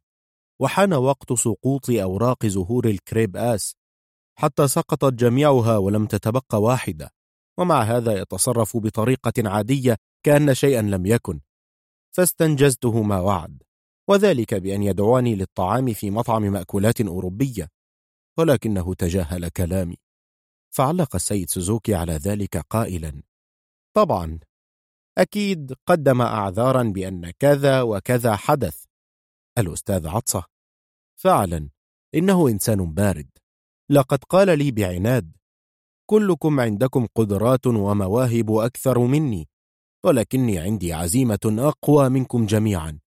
فقال البروفيسور الفشار مخاطبا نفسه لا يكتب صفحة واحدة الأستاذ عطسة؟ طبعا حين ذاك قلت لي بتكبر الآتي. بخصوص العزومة لن أتراجع أبدا عن قولي إنني أقوى منكم جميعا. ولكن بخصوص الذاكرة فأنا أقل من أي شخص. فلقد كانت عندي عزيمة لتأليف كتاب عن مبادئ علم الجمال ولكن في اليوم التالي لذلك الكلام نسيت ما قلته. وعليه فعدم إنجاز ذلك الكتاب لا يرجع إلى أنني لا أملك عزيمة كافية لفعل ذلك ولكن لضعف ذاكرتي. وبما أن السبب ضعف الذاكرة فلا يجب علي أن أدعوك لتناول الطعام في مطعم مأكولات أوروبية. فقال السيد سوزوكي وكان يبدو عليه الشعور بالفرحة حسنا أنا سعيد لأنني اكتشفت أهم صفة في ميتيه. قال السيد سوزوكي ذلك وهو عكس ما كان يقوله عن البروفيسور الفشار في وقت غيابه. ربما تكون هذه صفة الإنسان الذكي. وحينئذ قال الأستاذ عطسة وهو ما زال في حالة غضب. ما الذي يجعلك سعيدا؟ البروفيسور الفشار أنا متفهم شعورك بالضيق ولكي أعوضك عن ذلك فأنا أبحث بشدة عن لسان الطاووس. وقد كلفت كثيرا من الأشخاص بالبحث عنه. ولذلك من فضلك لا تغضب. وانتظر إلى أن أجده. وأما بالنسبة للكتابة فلقد حضرت إليك اليوم بخبر عظيم وفريد. الأستاذ عطسة كلما حضرت إلى منزلي أحضرت معك أخبارا فريدة. يجب أن نسمعها بآذان مصغية وتفكير عميق. البروفيسور الفشار أخبار اليوم أخبار غريبة جدا. لا يوجد أغرب منها أخبار. هل تعرف يا أستاذ عطسة أن القمر البارد بدأ في كتابة رسالة الدكتوراه؟ وبما أنه لا يمعن نظرا للأشياء تصورت أنه لن يبذل المجهود الكبير الذي يتطلبه أمر مثل كتابة رسالة دكتوراه. ولكنه يرى أن كتابة الرسالة ستجعله جذابا للجنس الآخر. شيء غريب. أرى أنك يجب أن تخبر الآنسة ثريا ابنة السيدة منخار بذلك. وأكيد أنها الآن ترى حلم حصوله على درجة الدكتوراه في ثمرة البلوط. وعندما سمع السيد سوزوكي اسم القمر البارد أشار بعينه وذقنه إلى الأستاذ عطسة كي لا يذكر أمام ميتيه شيئا مما دار بينهما من حديث قبل دخوله. ولكن الأستاذ عطسة لم يفهم تلك الإشارات مطلقا. وكان الأستاذ عطسة بعد سماعه كلام السيد سوزوكي منذ قليل تعاطف مع الآنسة ثريا. ولكنه الآن حين سمع البروفيسور الفشار يتحدث عن السيدة منخار تذكر الشجار الذي دار معها منذ عدة أيام. تذكر ذلك فشعر برغبة في الضحك وفي الوقت نفسه. شعر بقليل من الضيق تجاهها. ولكنه عندما بدأ القمر البارد في كتابة رسالة الدكتوراه شعر بفرحة أنسته كل شيء آخر. وكان البروفيسور الفشار يتحدث عن الخبر الفريد الذي أحضره كالعادة بافتخار وتباه. بل وكان يتحدث عن ذلك أيضا بسعادة. والمهم ليس أن يتزوج القمر البارد الآنسة ثريا أو لا يتزوجها ولكن المهم أن القمر البارد بدأ يكتب رسالة الدكتوراه. فالأستاذ عطسة لا يريد أن يصبح القمر البارد مثله. إنه مثل تمثال خشبي سيء الصنع موضوع في نهاية حجرة راهب إلى أن يأتي النمل فيأكله. يسود خشبه الأبيض بفعل تراكم الأتربة ولكنه يريد للقمر البارد أن يكون كتمثال صنع بمهارة ووضع طلاؤه وأضيفت نقوشه المذهبة أولا بأول على قدر المستطاع سأل الأستاذ عطسة البروفيسور الفشار بحماس عن القمر البارد متجاهلا إيماءات السيد سوزوكي له هل أنت متأكد أنه بدأ يكتب رسالة الدكتوراه؟ البروفيسور الفشار أنت إنسان دائم الشك. ولكني لا أعرف إذا كان موضوع الرسالة عن ثمرة البلوط أو عن القوة الميكانيكية عند الشنق. أه ولكن على كل حال مؤكد أنها ستكون رسالة تشرف السيدة منخار وكلما سمع السيد سوزوكي البروفيسور الفشار يذكر السيدة منخار بطريقة عادية دون شعور بالحياء ظهر عليه الضيق. ولكن البروفيسور الفشار لم يلحظ ذلك. واستمر في كلامه بطريقة عادية يكذب كما يكذب دائما. فقال وللعلم لقد قمت ببحث عن الأنف ومنذ فترة وجيزة اكتشفت نظرية عن الأنوف في رواية حياة وآراء تريسترام شيندي للكاتب الإيرلندي لورنس ستيرن. وكنت أود لو رأى لورنس ستيرن أنف السيدة منخار فهو مادة جيدة للكتابة عن الأنوف ولكن للأسف لا سبيل إلى ذلك. فقد مات منذ زمن بعيد. لو كان كتب عن منخارها لحظي منخارها بالخلود على مدار التاريخ. شيء مؤسف أن يظل منخارها مغمورا حتى يفنى. عندما تحضر السيدة منخار المرة المقبلة سأرسم منخارها كي أستفيد منه كمرجع لعلم الجمال. ولكن الأستاذ عطسة ذكر للبروفيسور الفشار بالضبط ما سمعه منذ قليل من السيد سوزوكي. ولكني سمعت أن الفتاة ترغب في أن تتزوج بالقمر البارد. وحينئذ تغيرت ملامح السيد سوزوكي وبدا عليه التوتر ثم أخذ يشير بعينيه إلى الأستاذ عطسة. ولكن عطسة كمادة غير موصلة للكهرباء تحاول أن تصلها بالكهرباء فلا تستجيب.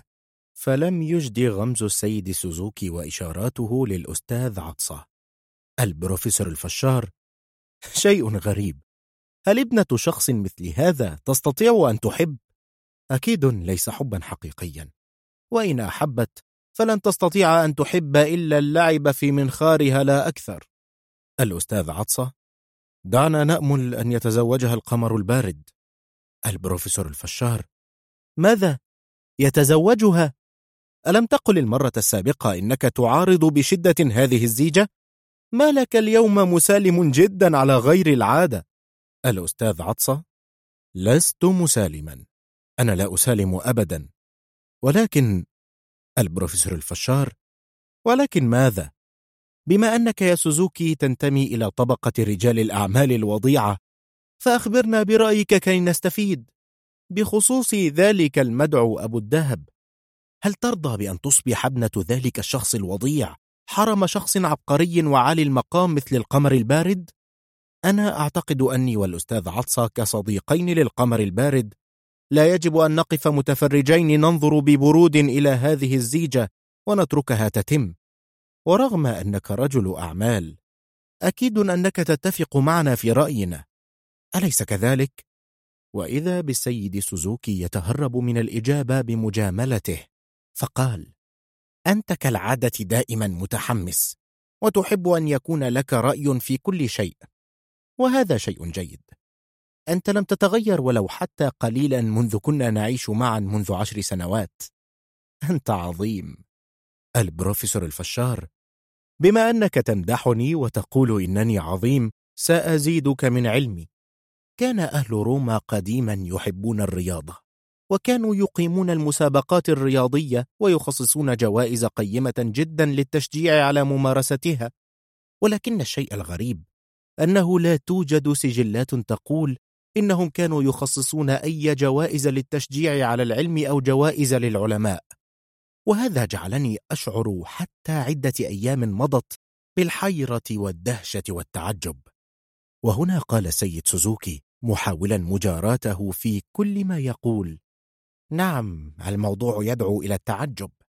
البروفيسور الفشار لكن منذ عدة أيام وأنا أقوم بأبحاث في علم الجمال اكتشفت السبب. وبذلك حللت اللغز الذي ظل أعواما عديدة يشغل تفكيري. كانت مسألة مبهمة تماما لي. ولكن عندما توصلت إلى حلها شعرت أنني في قمة السعادة. وبما أن كلام البروفيسور الفشار كان كذبة كبيرة فإن السيد سوزوكي عبر عن رفضه هذا الكلام. ولكن من خلال ملامح وجهه.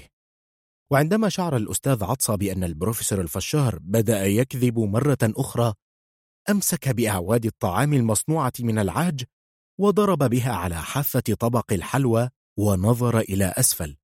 ولكن البروفيسور الفشار استمر في سرد كذبه الذي يتميز به. البروفيسور الفشار فهل تعرف من الذي أوضح هذا الموضوع وأخرجه من الظلام إلى النور وأنقذني من الحيرة التي كنت أشعر بها كلما فكرت في ذلك الموضوع؟ إنه العالم الذي ظهر منذ عرفنا أنه يوجد شيء اسمه العلم. إنه الفيلسوف اليوناني مؤسس المدرسة الفلسفية المسماة المشائية. إنه الفيلسوف أرسطو. ومن فضلك يا عطسة توقف عن ضرب طبق الحلوى بعصي الطعام. يجب أن تنصت لما أقول. وقد كانوا يحصلون على جوائز تشجيعية عما يقومون به من مباريات رياضية أعلى بكثير من مستوى الفنون الرياضية التي يقدمونها. وذلك كي تكون تقديرا وتشجيعا لهم على الاستمرار في ذلك وتجويده. ولكن لو طبقنا هذا الكلام على المعرفة فماذا يحدث؟ فلو أردنا أن نعطي عطايا على المعرفة يجب أن تكون تلك العطايا أثمن من المعرفة. فهل يوجد في الدنيا ما هو أثمن من المعرفة؟ طبعا لا يوجد ولكن اليونانيين قرروا أن يحددوا عطايا على المعرفة فجمعوا خزائن مملوءة بالمال ووضعوا بعضها فوق بعض فأصبحت في مثل ارتفاع جبل أوليمبوس ولقد فهموا أنهم لو أخذوا خزائن الملك كريسيوس فاحش الغنى ما استطاعوا جمع عطايا تساوي المعرفة وأيقنوا بأنهم مهما جمعوا من عطايا فلن تزيد عن قيمة المعرفة. وبناء على ذلك قرروا منذ وقتها ألا يعطوا مقابلا على المعرفة. ونستخلص من ذلك أن المال لا يصل إلى قيمة المعرفة أبدا. ودعونا نفكر في المشكلة الحالية من ناحية النظرية السابقة. أليس المدعو أبو الذهب لا يعرف سوى المال؟ لو وصفته بدقة سأقول إنه لا يزيد على بنك. وإذا ألقينا نظرة على وضع سيد القمر البارد فسنجد أنه غير مناسب لها. فبلا فخر قد تخرج في أفضل مدرسة في المحافظة وكان الأول على دفعته. يرتدي زيا عظيما ويبحث ليلا ونهارا في موضوع ثبات ثمرة البلوط. ومع ذلك لا يكتفي بذلك.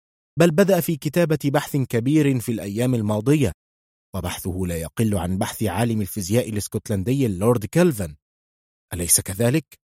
والموضوع أنه بالصدفة وهو يعبر جسر أزمة باشي قفز على جسم الجسر بدلا من أن يقفز في النهر. وما شعر به وقتها هو شعور مفاجئ كثيرا ما يحدث للشباب ولم يكن شعورا عميقا مبنيا على معرفة بتلك الأمور. ولو استخدمت أسلوبي في تقييم السيد القمر البارد فسأقول إنه رجل علم. خبرته في العلم كبيرة وفي الحياة قليلة. كما أنه إذا خرجت طلقة من مدفع 28 سنتيمتر هاودزر فإنها تحدث انفجارا رهيبا.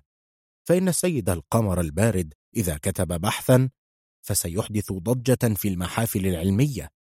وإلى هنا أحس البروفيسور الفشار أنه لا يجد المزيد ليقوله بأسلوبه الخاص به فبدا كلامه في بدايته قويا وفي نهايته ضعيفا ولكنه أضاف إن عشرات الملايين من الشيكات ما هي إلا قصاصات صغيرة من الورق ولذلك فإن فتاة مثل هذه لا تناسب القمر البارد. أنا لا أستطيع أن أتخيل فيلا كبيرا وذكيا يتزوج خنزيرة صغيرة جشعة. أليس كذلك يا سيد عطسة؟ وتوقف هنا مسلما مهمة استكمال الحديث للأستاذ عطسة. فضرب الأستاذ عطسة على طبق الحلوى بأعواد الطعام واستمر صمته. شعر السيد سوزوكي بضيق مما سمعه من البروفيسور الفشار ووجد أنه لا مفر من أن يقول الموضوع ليس هكذا. وشعر الأستاذ عطسة أن البروفيسور الفشار قد قال كلاما سيئا كثيرا وأنه لو تفوه بكلام سيء هو أيضا فربما يفشي السر الذي طلب منه السيد سوزوكي ألا يفشيه. فقرر أنه من الحكمة أن يترك البروفيسور الفشار يهاجم السيد سوزوكي. والسيد سوزوكي ذكي فهو يستخدم أسلوب هذا العصر. وهو تفادي المعارضة على قدر المستطاع. ولكن أسلوب العصر السابق كان المجادلة الكلامية التي لا تؤدي إلى نتائج. فهدف الحياة تحقيق أشياء في الواقع وليس مجرد التفوه بكلام. وكلما اقترب السيد سوزوكي من تحقيق ما يريده عنى هذا أنه اقترب من تحقيق أهدافه في الحياة فإن هدف الحياة هو الوصول إلى المراد دون تعب وقلق وصراع. والمراد هو العيش عيشة رغدة. ولقد نجح السيد سوزوكي بعد التخرج من تحقيق الحياة الرغدة فهو يحمل ساعة ذهبية. ولأنه يؤمن بفكر الحياة الرغدة فقد طلب السيد أبو الدهب وزوجته منه أن يتدخل لإتمام الزيجة. وعلى أساس ذلك الفكر استطاع أن ينجح إلى حد كبير في مهمته هذه مع الأستاذ عطسة. ولكن ظهور ذلك الشخص غريب الأطوار ومعقد النفسية المسمى البروفيسور الفشار فجأة قد أدى إلى تغير مفاجئ في النتائج. وإن مبدأ الحياة الرغدة مبدأ قد تبناه سادة العصر الحالي. والسيد سوزوكي آمن بهذا المبدأ وينفذه. ولكن في هذا الموقف الحالي فإن الذي يعاني بسبب الإيمان بهذا المبدأ وتطبيقه هو أيضا السيد سوزوكي. البروفيسور الفشار. أنت لا تفهم الموضوع إطلاقا ولذلك تقول بكل سهولة وببعض كلمات مؤدبة إن الموضوع ليس هكذا. ولكنك لو كنت شاهدت السيدة منخار عندما جاءت هنا لكنت عرفت كم كانت تتحدث معنا بتكبر كزوجة رجل أعمال كبير. أليس كذلك يا عطسة؟ ألم تشعر بالضيق من أسلوبها في الكلام؟ الأستاذ عطسة إنها احترمتني أكثر منك على كل حال فضحك البروفيسور الفشار ثم قال أنت واثق من نفسك جدا وماذا عن موضوع شاي الأوباش؟ لقد سخر منك بقية الأساتذة والتلاميذ أيضا ولكنك كنت تذهب إلى المدرسة دون رد فعل كأن شيئا لم يحدث وللعلم أنا لست ضعيف العزيمة بل قوي العزيمة لدرجة ألا يتفوق علي فيها أحد. لكن لا أستطيع أن أكون باردا إلى هذا الحد. يجب أن يحترمني الناس احتراما شديدا.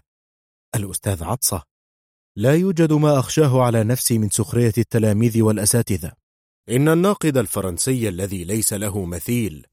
شارل أوغستن سانت بوف قام بالتدريس في جامعة باريس ولكن سمعته كانت سيئة جدا وعندما كان يخرج من الجامعة كان يمسك بخنجر تحت كمه كي يحميه من هجوم الطلاب عليه. كما أنه عندما هاجم الكاتب الفرنسي فرناند برونيتير الروائي الفرنسي إيميل زولا فقطعه البروفيسور الفشار قائلا ولكنك لست أستاذا جامعيا ولا من هذا القبيل. أنت أستاذ مطالعة في المدرسة. فلماذا تشبه نفسك بعظماء كهؤلاء؟ كما تشبه صغار الأسماك التي تستخدم كطعم سنارة نفسها بالدرافيل. ما دمت تقول كلاما مثل هذا؟ فمن الطبيعي أن يسخروا منك. الأستاذ عطسة. اخرس. أنا وشارل أوغستان سانت بوف عالمان على نفس المستوى. البروفيسور الفشار. وجهة نظر ثاقبة جدا. ولكن حمل خنجر وأنت تسير أمر خطير جدا. فلا تقلده في ذلك. فإذا كان الأستاذ الجامعي يحمل خنجرا فإنه يكفي أستاذ مطالعة أن يحمل سكينا صغيرا. ولكن بما أن السلاح الأبيض خطر فربما الأفضل أن تذهب إلى سوق نكاميسيه التجاري فتشتري مسدس صوت لعبة وتحمله وأنت تسير. سيكون مناسبا لك. أليس كذلك يا سوزوكي؟ عندها تنفس السيد سوزوكي الصعداء لأن الكلام أخيرا ابتعد عن موضوع الزواج. فقال كالعادة الحديث معكما نابع من القلب على سجيته ويجعلني أشعر بالسعادة. عندما قابلتكما منذ عشر سنوات كنت أشعر أنني أعيش في عالم صغير. ولكن باختلاطي بكما شعرت أنني خرجت من عالمي الصغير إلى عالم كبير حيث المشاعر الصادقة والراحة النفسية. أما عالمنا نحن رجال الأعمال فعندما نتحدث يجب أن نكون منتبهين جدا لما نسمع ونقول. لا نستطيع سماع أو قول شيء بإهمال ما يجعلنا نشعر بالتوتر والملل والإرهاق الشديد. شيء جميل أن يتحدث الإنسان كما يحلو له دون شعور بالذنب. وأفضل شيء أن يشعر الإنسان أنه يتحدث مع الأصدقاء القدامى على سجيته دون تردد ودون تفكير فيما يجب أن يقول وما لا يجب أن يقول.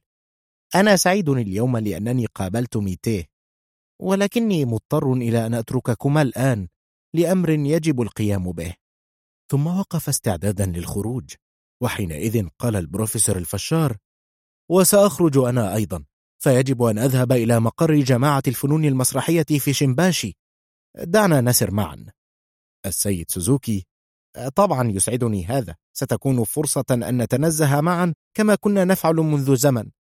ثم شبكا أيديهما معا وسارا إلى الخارج. الفصل الخامس. إن كتابة جميع أحداث 24 ساعة أو قراءتها يستغرق 24 ساعة أخرى. ويجب أن أعترف بأن ذلك يتخطى قدرات القطط. وبصرف النظر عما إذا كان الأستاذ عطس عبقريا وأسلوبه في التعبير عن الواقع عبقريا أيضا أم لا فإن نقل كل ما يفعله بالكتابة للقارئ شيء صعب جدا. ولكني مضطر إلى محاولة فعل ذلك رغم أنني محتاج إلى وقت راحة. توقفت الرياح القوية التي كانت تسقط أوراق الشجر بعد أن رحل السيد سوزوكي والبروفيسور الفشار وتساقطت الثلوج بهدوء في الليل الساكن. وكالعادة قبع الأستاذ عطسة في مكتبه ووضع الأطفال الوسادات في حجرة مساحتها عشرون مترا مربعا وخلدوا إلى النوم. وفي حجرة مساحتها نحو ثلاثة أمتار مربعة نامت الابنة الصغرى المسماة منقو ذات الثلاثة أعوام ومعها سيدتي ترضعها.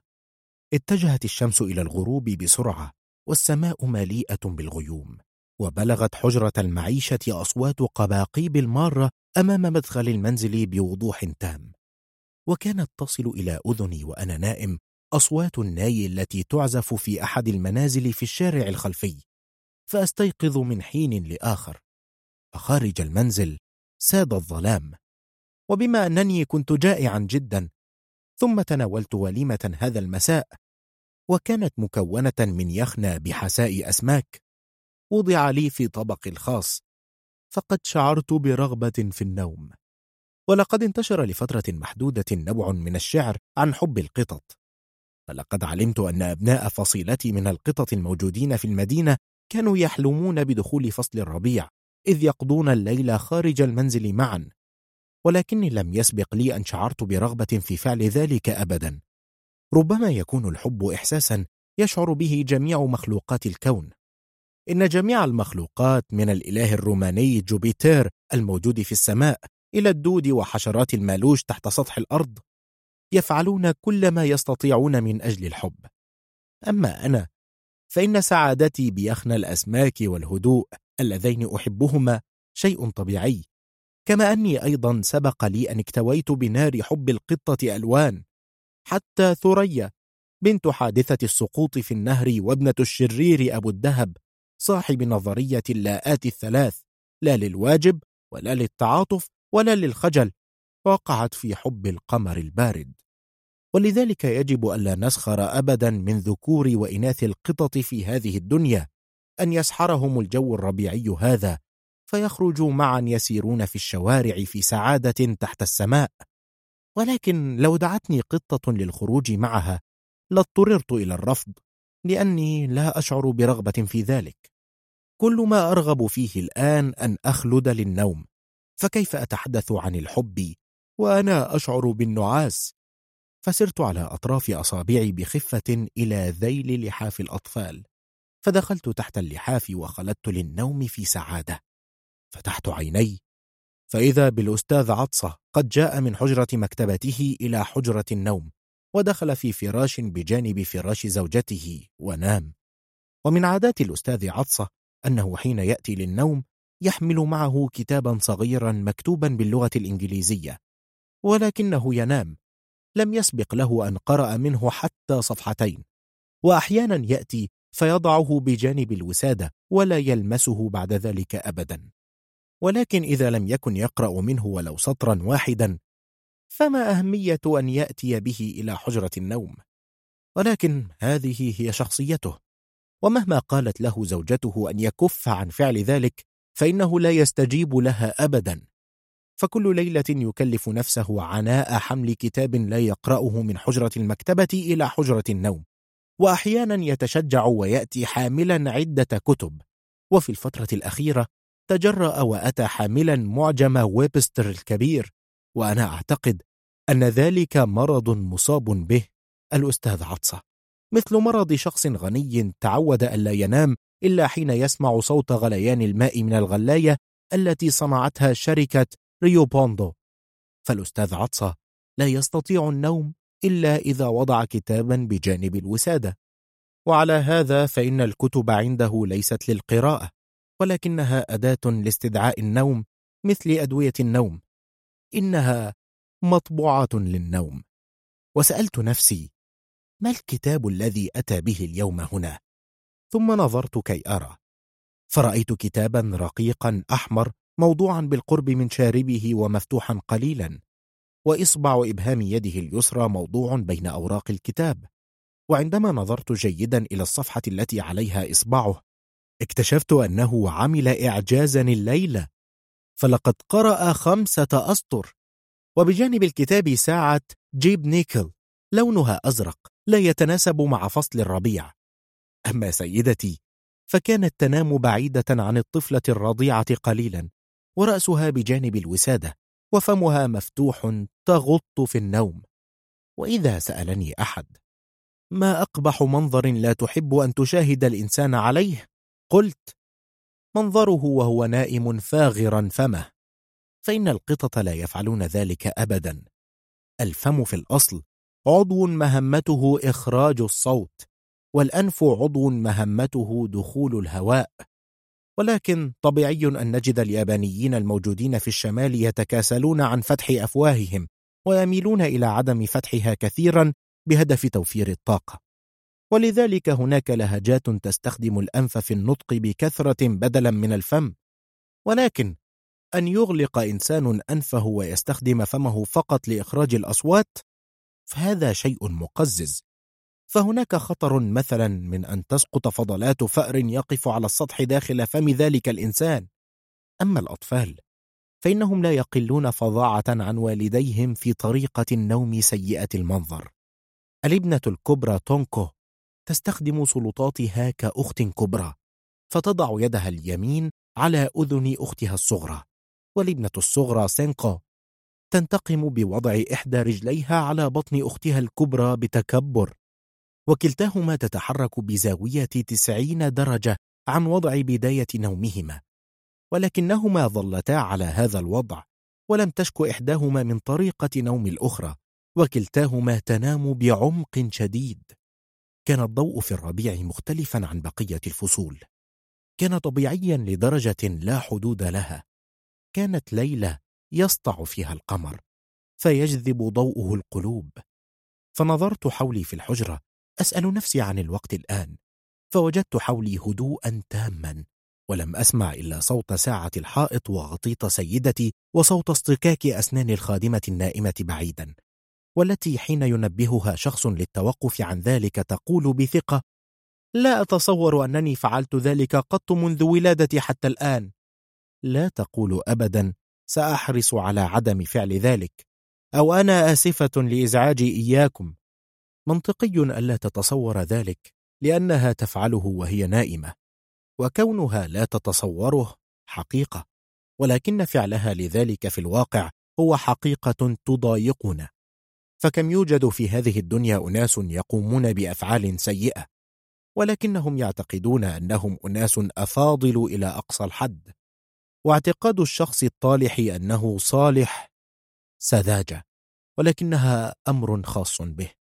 وسذاجة لن تؤدي إلى تغيير حقيقة أننا نشعر بالضيق وإني لأعتقد أن سيدات المقام الرفيع اللاتي يتسببن في مضايقات للآخرين ينتمين إلى فصيلة هذه الخادمة الوضيعة. انتصف الليل. فسمعت طرقتين على باب المطبخ. شيء غريب. هذا ليس وقت زيارات. أكيد هو فأر كبير. إذا كان كذلك فلن أتحرك للإمساك به. فلقد قررت ألا أمسك فأرا أبدا. فليفعل ما يحلو له. عادت الأصوات مرة أخرى. بدأت أشك أنه ليس فأرا. ولو افترضنا أنه فأر فهو فأر يتوخى الحذر جدا. وكما أن تلاميذ مدرسة الأستاذ عطس المسكين يعتقدون أن عملهم هو تحويل أحلامه سواء في القيلولة أو في الليل إلى كوابيس فيعربدون طوال الوقت. فإن فئران منزله لا يشعرون بالخجل من منافسة تلاميذه في العربدة في المنزل. فمنذ عدة أيام اقتحم فأر حجرة نوم الأستاذ عطسة وعض أنفه الغائر في وجهه وغنى أغنية النصر ثم هرب مسرعا. ولكن ما سمعته الآن من أصوات لا يشي بأن ذلك فأر. ثم سمعت صوت رفع الباب الخارجي من أسفل إلى أعلى ثم فتح الباب الداخلي رويدا رويدا. فتأكدت من خلال هذا التصرف أن من يفعل ذلك ليس فأرا. بل بالتأكيد إنسان. ومن يستطيع الدخول في منتصف الليل بعد أن يفتح الباب المغلق بإحكام طبيعي ألا يكون البروفيسور الفشار أو السيد سوزوكي. أكيد أن سيادته لص عظيم. حان الوقت لأنعم بالنظر إلى وجه معاليه. دخل المنزل وخطى خطوتين فقط بأرجله الموحولة بالطين. وفي الخطوة الثالثة انحنى على الأرض. فأصدر صوتا بقدمه. كان له صدى تردد في الليل الهادئ. فشعرت كأن أحدا استخدم فرشاة أحذية وسرح فروة ظهري في اتجاه عكسي. ثم لم تصدر أرجله أي صوت لبرهة. فنظرت إلى سيدتي. فوجدتها فاتحة فاها ومستغرقة في الزفير والشهيق باستمتاع. والأستاذ عطسة ما زال يضع إبهامه في وسط الكتاب الأحمر غارقا في النوم كأنه يحلم. ثم سمعت صوت اشتعال كبريت في المطبخ. حتى فخامة اللص الكبير لا يستطيع أن يرى مثلي في الظلام. أكيد أنه في ورطة في المطبخ حيث لا يستطيع التحرك بسبب الظلام. وفي هذه اللحظة جلست وفكرت. هل سيخرج اللص من المطبخ فيتجه إلى حجرة المعيشة؟ أم سيتجه يسارا من أمام المدخل الرئيسي للمنزل ثم يدخل إلى مكتبة الأستاذ عطسة. وإذا بي أسمع صوت فتح باب الشرفة وصوت أقدام تخرج إليها. أكيد أنه متجه إلى المكتبة. ثم ساد الصمت بعد ذلك. وتنبهت أخيرا إلى أنني يجب أن أوقظ سيدي وسيدتي. حسنا ماذا أفعل كي أوقظهما؟ أخذ عقلي يعمل ويدور كالساقية ولكنه لم يتوصل إلى أي فكرة. فهززت اللحاف كي يتنبها عدة مرات ولكن لم يؤدي ذلك إلى النتيجة المطلوبة. فوضعت أنفي البارد على وجنة الأستاذ عطسة كي يتنبه لكنه ضربني وهو نائم بيده بقوة وضيق على أنفي فطرحني بعيدا ولم يستيقظ. والأنف عضو مهم جدا للقطط.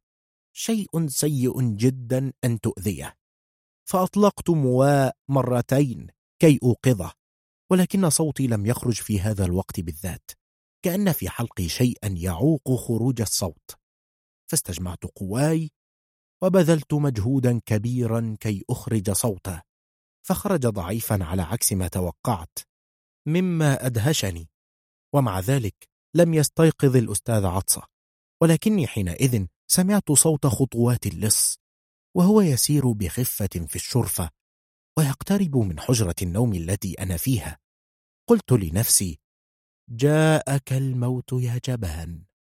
وأخفيت نفسي في ركن خلف باب حجرة النوم بين الباب وصندوق كبير مصنوع من فروع أشجار السرو. فنظرت في صمت منتظرا قدري. ولكن حين وصول صوت خطوات اللص إلى باب حجرة النوم توقفت فكتمت أنفاسي وقلت لنفسي في قلق شديد ماذا سيفعل بعد ذلك؟ ثم قلت لنفسي هل شعوري الآن هو شعور الفأر عندما يتأهب القط للانقضاض عليه؟ وشعرت أن روحي ستخرج من جسدي وفي الحقيقة أنا أدين للص بأنه أعاد إلي روحي مرة أخرى وذلك عندما شاهدت لون الورق الملصق في أعلى الباب يتغير بفعل الماء كأنه ماء مطر. ثم شاهدت شيئا لونه أحمر فاتح يقترب ومنظر الورق يتغير من الفاتح إلى القاتم. فلقد وضع اللص لسانه على الورق وأخرج لعابه فاسود الورق وظهر من خلفه لسان أحمر. ثم سواد الورق المبلل من لعابه حيث سقط وبسقوطه تكونت فتحة ظهر منها اللسان لعدة ثوان. ثم ظهر بعد ذلك من تلك الفتحة شيء واحد يضيء على نحو مرعب ومما لا شك فيه أنه عين اللص حينها شعرت أن هذه العين لا تشاهد ما في الحجرة من أشياء ولكنها فقط. تراني أنا رغم أنني أقف متخفيا خلف الصندوق وراء الباب. لم يستمر مشهد العين التي تنظر داخل الحجرة إلا دقيقة واحدة فقط. ولكني شعرت أن عمري أوشك على الانتهاء. وعندما لم أستطع تحمل السكون هكذا وحياتي في خطر هممت بالقفز من خلف الصندوق هربا ولكن فتح الباب بهدوء ودخل اللص المنتظر وأصبح أمام عيني بكامل هيئته. كان من الطبيعي أن أقدم لحضراتكم هذا الزائر نادر الحضور والذي أتى في وقت غريب. وكان من دواعي سروري أن أفعل هذا ولكن قبل ذلك أود أن أعرض على حضراتكم وجهة نظري المتواضعة في الموضوع التالي. تعبد آلهة العصور القديمة كآلهة تعرف كل شيء وقادرة على فعل كل شيء. وخاصة أن إله الدين المسيحي يرتدي رداء من يعلم كل شيء ويقدر على كل شيء ويعبد حتى عصرنا على ذلك الأساس. ولكن يمكن أن نفسر ما يعتقد العامة أنه معرفة كل شيء والقدرة على كل شيء بأنه أحيانا يكون جهلا وعدم قدرة على فعل كل شيء. وهذا يسمى بوضوح منطق المفارقة. وإذا قلنا إن أول من سمى ذلك مفارقة منذ بداية الكون حتى الآن هو أنا. وهذا يجعلني أفتخر بنفسي وأدعي أنني لست قطا عاديا. فأرجو أن تضعوا في عقولكم أيها البشر ذو المكانة العالية أنه لا يمكن الاستخفاف بالقطط. يقولون إن الإله هو الذي خلق جميع ما في هذا الكون وعلى هذا فإن البشر صناعة إلهية وفي الواقع إن هذا مكتوب في الإنجيل. وفي الحقيقة إن الإنسان أمضى آلاف السنين يفكر في نفسه ويتأملها بعمق شديد. وفي نفس الوقت توصل إلى أن الإله هو عالم كل شيء وقادر على كل شيء وليس أحدا آخر. ورغم وجود كثير جدا من البشر لا يوجد اثنان متشابهان في الوجه أبدا في هذه الدنيا. الأعضاء التي يتركب منها الوجه محددة وبخصوص حجم الوجه فغالبا متشابه والاختلافات بسيطة. ما أريد قوله هو أن جميع البشر خلقوا من مادة واحدة ورغم ذلك لا يوجد شخص يشبه الآخر تماما. ورغم استخدام مادة بسيطة في الخلق تختلف التفصيلات الدقيقة في وجه كل شخص عن الآخر. ولذلك يجب أن نشهد بمهارة الخالق. فإنه لو لم تكن لديه فكرة عن عملية الخلق لما استطاع أن يغير تفصيلات وجه كل شخص عن الآخر بدقة هكذا. فحتى أعظم فنان إذا وضع قالبا لعمل وجوه ثم غير في تركيب ذلك القالب لعمل وجوه أخرى فلن يستطيع عمل أكثر من اثني عشر قالبا. ولكن الإله الذي خلق الإنسان خلقه وحده وغير تفصيلات كل شخص عن الآخر. ولذلك يجب أن نشهد بعظمته. وبما أن مهارة صنع المجتمع البشري واضحة للعيان فلا يوجد شك في أنها دليل على المهارة في عمل كل شيء. ولأن الإنسان فكر في ذلك وأدركه قدر واحترم وخاف الإله. نعم توصل الإنسان من خلال وجهة نظره وتأمله لنفسه إلى احترام الإله والخوف منه. ولكن من خلال وجهة نظر القطة نفسها نستطيع أن نقول إن الإله لا يقدر على أي شيء فإذا لم تكن لديه أي قدرات نستطيع أن نقول إنه لا يوجد من يملك قدرات أكثر من الإنسان. فلقد خلق الإله كثيرا من البشر بكثير من الوجوه المختلفة لكنه لم يكن يخطط قبل أن يبدأ الخلق أن يخلق كل تلك الوجوه على أن تكون مختلفة بعضها عن بعض. فلقد حاول أن يخلق الجميع بالوجه نفسه دون أي تغيير في ملامحه ولكنه فشل في ذلك. واضح أنه كان يخلق ويفشل يخلق ويفشل إلى أن وصل إلى فشل ذريع وهكذا من ناحية نستطيع أن نقول إن وجود الأعضاء نفسها في كل وجه دليل على نجاح الإله في الخلق. ومن ناحية أخرى نستطيع أن نقول إن الاختلافات في تفصيلات الوجوه دليل على فشله في خلق وجوه متشابهة تماما. وبالتالي لا مانع في أن نقول إنه قادر على كل شيء أو إنه ليس قادرا على كل شيء. ومن وجهة نظري إن الإنسان متغطرس رغم أن له عينين في الوجه على مستوى واحد لا يستطيع أن يرى بهما الجهة اليمنى والجهة اليسرى في الوقت نفسه. إنه مسكين. لا يدخل إلى حيز رؤيته إلا نصف الأشياء فقط وهذا يؤدي إلى عجزه عن الحكم حتى على الأمور البسيطة سواء نهارا أو ليلة. ويؤدي إلى أن يحتويه خوفه من الإله لأنه غير قادر على فهم الأشياء بالمنطق. فإذا كان صنع الاختلافات أمرا صعبا فإن عمل تشابه تام أيضا أمر صعب. فإذا طلبنا من الرسام الإيطالي رافائيل أن يرسم لوحتين متشابهتين تماما لتمثال السيدة مريم وهي تحمل المسيح. فسيشعر أنه في ورطة.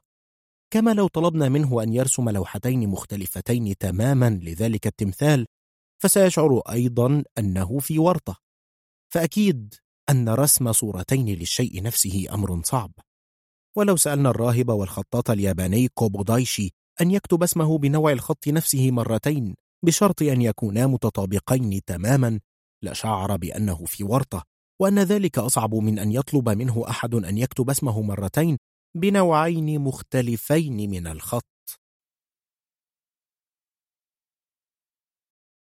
أما بخصوص اللغات فإن الإنسان يتعلم اللغات التي يستخدمها عن طريق التقليد. فالإنسان يتعلم اللغات بطريقة عملية عن طريق تقليد الأم أو المرضعة أو الآخرين. إنه يكرر فقط ما سمعه من الآخرين دون أي نوع من استخدام العقل. فإنه يستخدم قدراته كي يقلد على قدر المستطاع. وبمرور عشرة أعوام أو عشرين يتغير النطق اللغوي الذي اكتسبه عن طريق التقليد تلقائيا. وهذا يوضح حقيقة أن الإنسان ليس عنده قدرة على التقليد تقليدا كاملا. وهكذا كما هو واضح فإن التقليد الكامل شيء يصعب الوصول إليه. وعلى هذا لو كان الإله خلق وجوه البشر على هيئة واحدة تماما بحيث لا يمكن التمييز بينهم لدل هذا على أنه قادر على كل شيء. وفي نفس الوقت لو كانت الوجوه نضجت على ما هي عليه بفعل حرارة الشمس لكان هذا دليلا على حدوث تغيرات هائلة وبالتالي على أن الإله غير قادر على كل شيء. نسيت ما الذي أقحمني في هذا الموضوع وأريدكم أن تعرفوا أنه إذا كان النسيان عند البشر أمرا طبيعيا ويحدث كثيرا فهو كذلك عند القطط. وعلى كل حال عندما شاهدت اللص يفتح باب حجرة النوم ويصعد على الحصر خفق قلبي تلقائيا وشعرت بما وصفته سابقا. وإذا قيل لي لماذا خفق قلبك؟ فيجب أن أفكر كي أذكر الأسباب. نعم نعم. الأسباب كالآتي. قبل أن يظهر وجه اللص فجأة أمام عيني كنت أتصور أن الإله غير قادر على كل شيء. ولكني عندما شاهدت وجه اللص كان يحتوي على شيء مميز جدا. تمييزا ليس له مثيل. فلقد كان يشبه تماما وجه عزيز السيد القمر البارد كأنه فولة وانقسمت نصفين. طبعا أنا لا أعلم الكثير عن اللصوص لكن من خلال أفعالهم السيئة هذه كان في عقلي وقلبي انطباع عن وجوههم. فكنت أتخيل أن اللص حليق الرأس ذو أنف صغير على يمينه ويساره عينان في حجم العملة المعدنية. ولكن عندما شاهدت وجهه وفكرت وجدت وجهه على خلاف ما تصورت تماما اختلافا كما بين السماء والأرض ولم يكن جسمه قوي البنيان كما تصورت. كان رشيق القوام حاجباه سوداوين فاتحين. وسيما لصا تبدو عليه العظمة وعمره نحو ستة وعشرين ولكنه صورة طبق الأصل من القمر البارد. وإذا كان الإله استطاع خلق وجهين متشابهين تماما مثلهما لم نستطع أن نقول إنه غير قادر على كل شيء بل أكثر من ذلك. نقول إن التشابه تام لدرجة أنني ظننت أن القمر البارد أصابه الجنون فجاء في منتصف الليل ودخل علينا وهو الواقف أمامي الآن. ولكني لم ألاحظ وجود براعم شعر لونها أسود فاتح بدأت تنمو تحت الأنف. فعلمت أنه ليس القمر البارد والقمر البارد شاب وسيم ومحبوب كما يقول البروفيسور الفشار والشيك الآنسة ثريا. إنه منتج إلهي مخلوق بمهارة تجعل الآنسة ثريا تريد الحصول عليه بأي طريقة. ولكن لو نظرنا جيدا إلى هذا اللص من ناحية الهيئة فسنجده جذابا للنساء. لا تقل جاذبيته عن القمر البارد بأي قدر. فإذا كانت الآنسة ثرية قد جذبها في القمر البارد جمال عينيه وجمال حديثه. وبلا شك إذا لم تقع في غرام هذا اللص الذي يملك مقومات تحريك مشاعرها نحوه مثل القمر البارد فليس عندها إحساس. ولكن بشكل عام فإن الإحساس لا يتوافق مع المنطق. وأكيد أنها ذكية وسريعة البديهة. ولذلك إن لم تكن علمت بتلك الأمور من الآخرين فستستطيع أن تعرفها من نفسها. وبالتالي لو قدمنا لها هذا اللص بدلا من القمر البارد فسوف تحبه من كل جوارحها. وأكيد سيكونان متفاهمين جدا ويليق كل منهما بالآخر. أما القمر البارد فكما يقول البروفيسور الفشار إذا تزوج بالآنسة ثريا فلن يستمر زواجهما. ولكن لدى هذا اللص فستستمر الزيجة طوال حياته. وعندما فكرت في موضوع هذا الزواج وتوصلت إلى ذلك شعرت بأن الآنسة ثريا ستكون في أمان إذا تزوجت هذا اللص. وهذا يعني أن الأهمية الكبيرة لوجود هذا اللص في هذه الدنيا قد تكون من أجل أن يجعل الآنسة ثريا تعيش حياة سعيدة. كان اللص يحمل تحت ذراعه لفافة صغيرة فنظرت جيدا. فإذا بها البطانية القديمة التي كان الأستاذ عطسة قد ألقاها في مكتبته وقد لف حولها حزاما أزرق منقطا والآن يرفع إحدى ساقيه كي يضعها على الحصيرة. فشاهدت قصبة ساقه من عظم الركبة إلى أسفل وقد كانت ناصعة البياض. وإذا بالأستاذ عطسة الذي كان نائما منذ قليل يحلم وهو واضع إصبعه في الكتاب الأحمر ينقلب على جنبه الآخر ويصيح بصوت عال القمر البارد! وإذا باللص يلقي بالبطانية ويسحب ساقه بسرعة إلى الوراء. وشاهدت من خلال الحاجز الورقي الذي يفصل بين حجرة النوم وخارجها ساقي اللص وهما تتحركان بهدوء وحيطة إلى خارج حجرة النوم. وإذا بالأستاذ عطسة يهلوس وهو نائم ثم ألقى ذلك الكتاب الأحمر بعيدا وأخذ في حك ساعده بشدة كأنه مصاب بالجرب. ثم هدأ وأبعد الوسادة عن رأسه واستكمل النوم وظل اللص في الخارج واقفا في الشرفة ينصت لما بداخل الغرفة من أصوات. وعندما تأكد أن الأستاذ عطس وسيدتي نائمين وضع إحدى ساقيه على الحصيرة المفروشة داخل حجرة النوم ولكنه لم يسمع هذه المرة القمر البارد. وضع اللص قدمه الأخرى على الحصيرة ولأن ضوء الربيع كان يدخل الحجرة بكثافة فقد شاهدت على الحائط خلفي ظل اللص بوضوح يتحرك من ناحية الصندوق نحو منطقة أعلى رأسي ثم ظل وجه اللص يتحرك على منتصف الجدار. وعندما نظرت جيدا إلى ظل ذلك اللص الوسيم شعرت أن منظره غريب. كأنه عفريت بثمانية رؤوس ولقد نظر من أعلى إلى سيدة النائمة ثم ابتسم. ولا أعرف لماذا ابتسم فتعجبت أنه حتى ابتسامته أيضا هي ابتسامة القمر البارد نفسها. وكان هناك صندوق بجانب وسادة سيدتي طوله 32 سنتيمترا وعرضه 18 سنتيمترا وارتفاعه 14 سنتيمترا وبه كثير من المسامير. ويبدو أنه مهم لها وإلا لما وضعته بجانب وسادتها وبداخله بطاطس جبلية أحضرها السيد تطارا من مسقط رأسه منطقة كاراتسو بمحافظة صاجة حيث إنه كان في زيارة إلى أهله. وفي الواقع لم أسمع من قبل عن شخص يضع بطاطس بجانب وسادته وهو نائم كأنها زينة. وسيدتي لا تملك حسن تقدير لوضع الأشياء في مكانها المناسب. لدرجة أنها تضع السكر الذي يستخدم في طهو البطاطس في أدراج ملابسها. وعلى ذلك فإن وجود بطاطس جبلية أو فجل مخلل في حجرة النوم شيء عادي عندها. ولكن اللص ليس إلها ليعرف ما في عقل هذه السيدة. وعليه. فإنه أمر طبيعي أن يظن أن بداخل الصندوق أشياء ثمينة. وإلا لما وضعته بجانبها حتى وهي نائمة. فرفع اللص صندوق البطاطس قليلا. فوجده ثقيلا كما توقع فبدت عليه السعادة.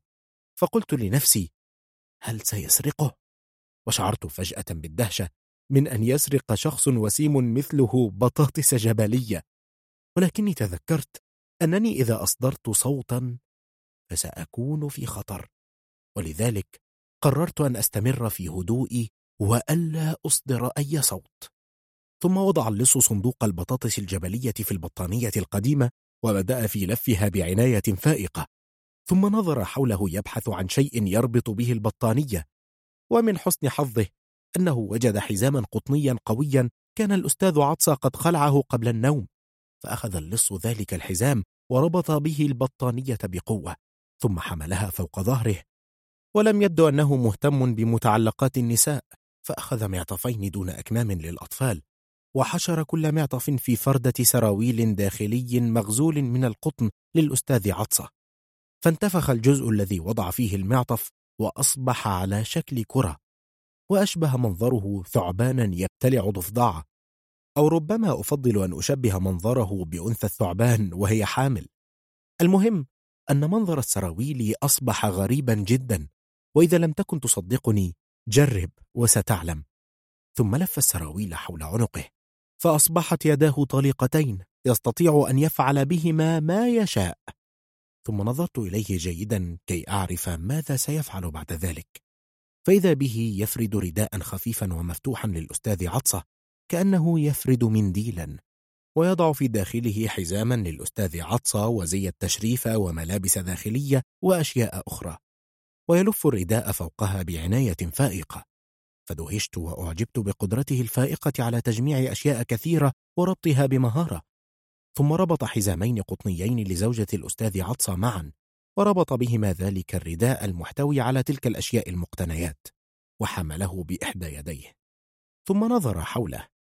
كأنه يسأل نفسه إن كان هناك المزيد ليسرق أم لا. فوجد علبة سجائر ماركة أساهي شمس الصباح فأخذها ووضعها في جيبه. ثم أخرجها مرة أخرى فأخذ منها سيجارة وأشعلها من المصباح. ثم أخذ نفسا عميقا وأخرجه وعليه علامات السعادة والتلذذ بالسيجارة. وبينما كنت أنظر إلى المصباح ذي اللون الأبيض كاللبن سمعت أصوات خطوات اللص تتجه واحدة تلو الأخرى في اتجاه الشرفة ثم لم أعد أسمعها ولكن الأستاذ عطس وزوجته كانا لا يزالان يغطان في نومهما بينما كانت نار المصباح لا تزال مشتعلة وهذا دليل على أن الإنسان مهمل. وحينئذ شعرت بحاجة إلى النوم وأنني إذا ظللت على وضعي هذا فسوف أسقط وأنهار فخلدت للنوم ونمت نوما عميقا. ولكن عندما استيقظت كان ضوء النهار يغمر المكان بشدة وكان الأستاذ عطس وزوجته يقفان مع شرطي عند المدخل الخلفي للمنزل ويتحدثان معه الشرطي تقول إن اللص دخل من هنا واتجه إلى حجرة النوم وأنتما كنتما نائمين ولذلك لم تنتبها إلى وجوده أليس كذلك؟ فقال الأستاذ عطسة وهو يشعر بالحرج أه بلى هو كذلك فسألهما الشرطي سؤالا غير منطقي قائلا ما الساعة التي تمت فيها السرقة؟ طبعا إذا كانا يعلمان وقت السرقة لما سرقا ولكن الأستاذ عطسة وزوجته لم ينتبها إلى ذلك وأخذا يتناقشان باهتمام بالغ كي يحددا وقت حدوث السرقة فقال السيد لزوجته هل تعرفين كم كانت الساعة؟ فقالت دعني أفكر كأنها إذا فكرت فستعلم ثم قالت الزوجة لزوجها ما الساعة التي نمت فيها أمس؟ فقال بعد منتصف الليل بقليل. فقالت لقد نمت قبلك بقليل. فقال كم كان الوقت عندما استيقظت؟ فقالت غالبا نحو السابعة والنصف. فقال إذا ما الوقت الذي دخل اللص فيه إلى المنزل؟ فقالت أكيد ليلا. فقال طبعا ليلا. هذا مفهوم ولا يحتاج إلى نقاش. المقصود من السؤال معرفة وقت دخوله إلى المنزل ليلا. فقالت وهي تجتهد في محاولة إجابة السؤال. لا أستطيع تحديد الوقت بدقة إلا إذا فكرت جيدا. وبما أن الشرطي سأل هذا السؤال لمجرد استكمال أوراق رسمية وليست مهمة الإجابة عنه بدقة ولا ضرر من عدم الإجابة عنه بدقة. كان مفترضا أن يجيبا بأي إجابة حتى لو لم تكن الحقيقة. وبدا عليهما أنهما لا يستطيعان الإجابة فبدت على الشرطي أمارات الضيق من طول نقاشهما فقال لا تعرفان وقت دخوله المنزل أليس كذلك؟ فقال الأستاذ عطسة وهو يشعر بالحرج تستطيع أن تقول ذلك. فقال الشرطي بنبرة صارمة إذا يجب أن تكتب شكوى لا بلاغا.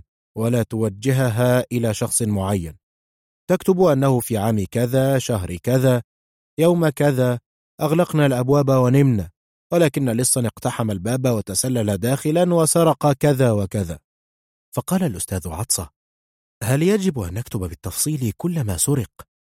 قال الشرطي بطريقة عادية تكتب قائمة بالمسروقات مثلا رداء رجالي عدد كذا وتساوي نقدا كذا وبما أن السرقة حدثت فليس هناك جدوى من الدخول ومعاينة المنزل من الداخل.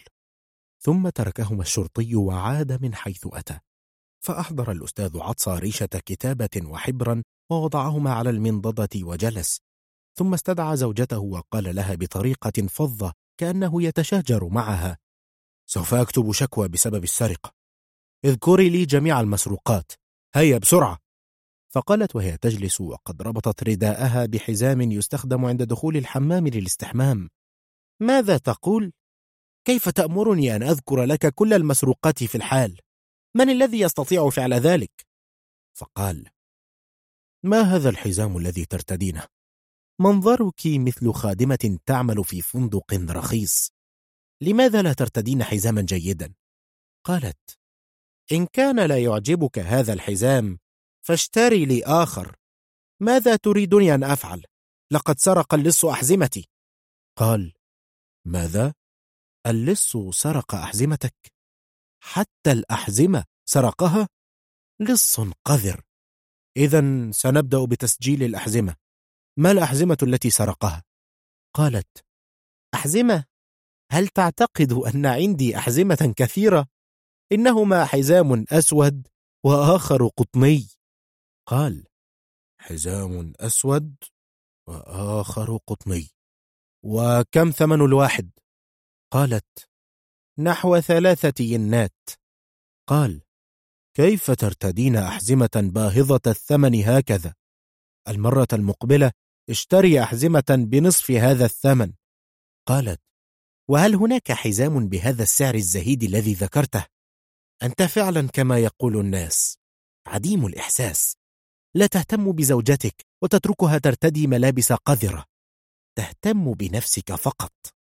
قال حسنا كفى كلاما عن ذلك واذكر لي بقية المسروقات. قالت زي تشريفة خاص بي. كان ملك خالتي كونو وقد حصلت عليه بعد وفاتها كذكرى. ولا يمكن أن تجد مثيلا له هذه الأيام. فقال هذا الشرح ليس بالمهم. المهم كم سعره؟ قالت خمسة عشر ينا. قال كيف ترتدين رداء ثمنه غال هكذا؟ قالت ما الخطأ في ذلك؟ أنت لم تشتره لي. قال عددي بقية المسروقات. قالت حذاء أسود خفيف. قال هل هو حذاؤك؟ قالت لا. حذاؤك أنت وثمنه ربع ين. قال التالي. قالت صندوق بطاطس جبلية فقال حتى صندوق البطاطس الجبلية سرقه هل سيأكلها نيئة أم يسلقها؟ قالت لا أعرف ما سيفعل بها اذهب إليه واسأله. قال ما ثمنها؟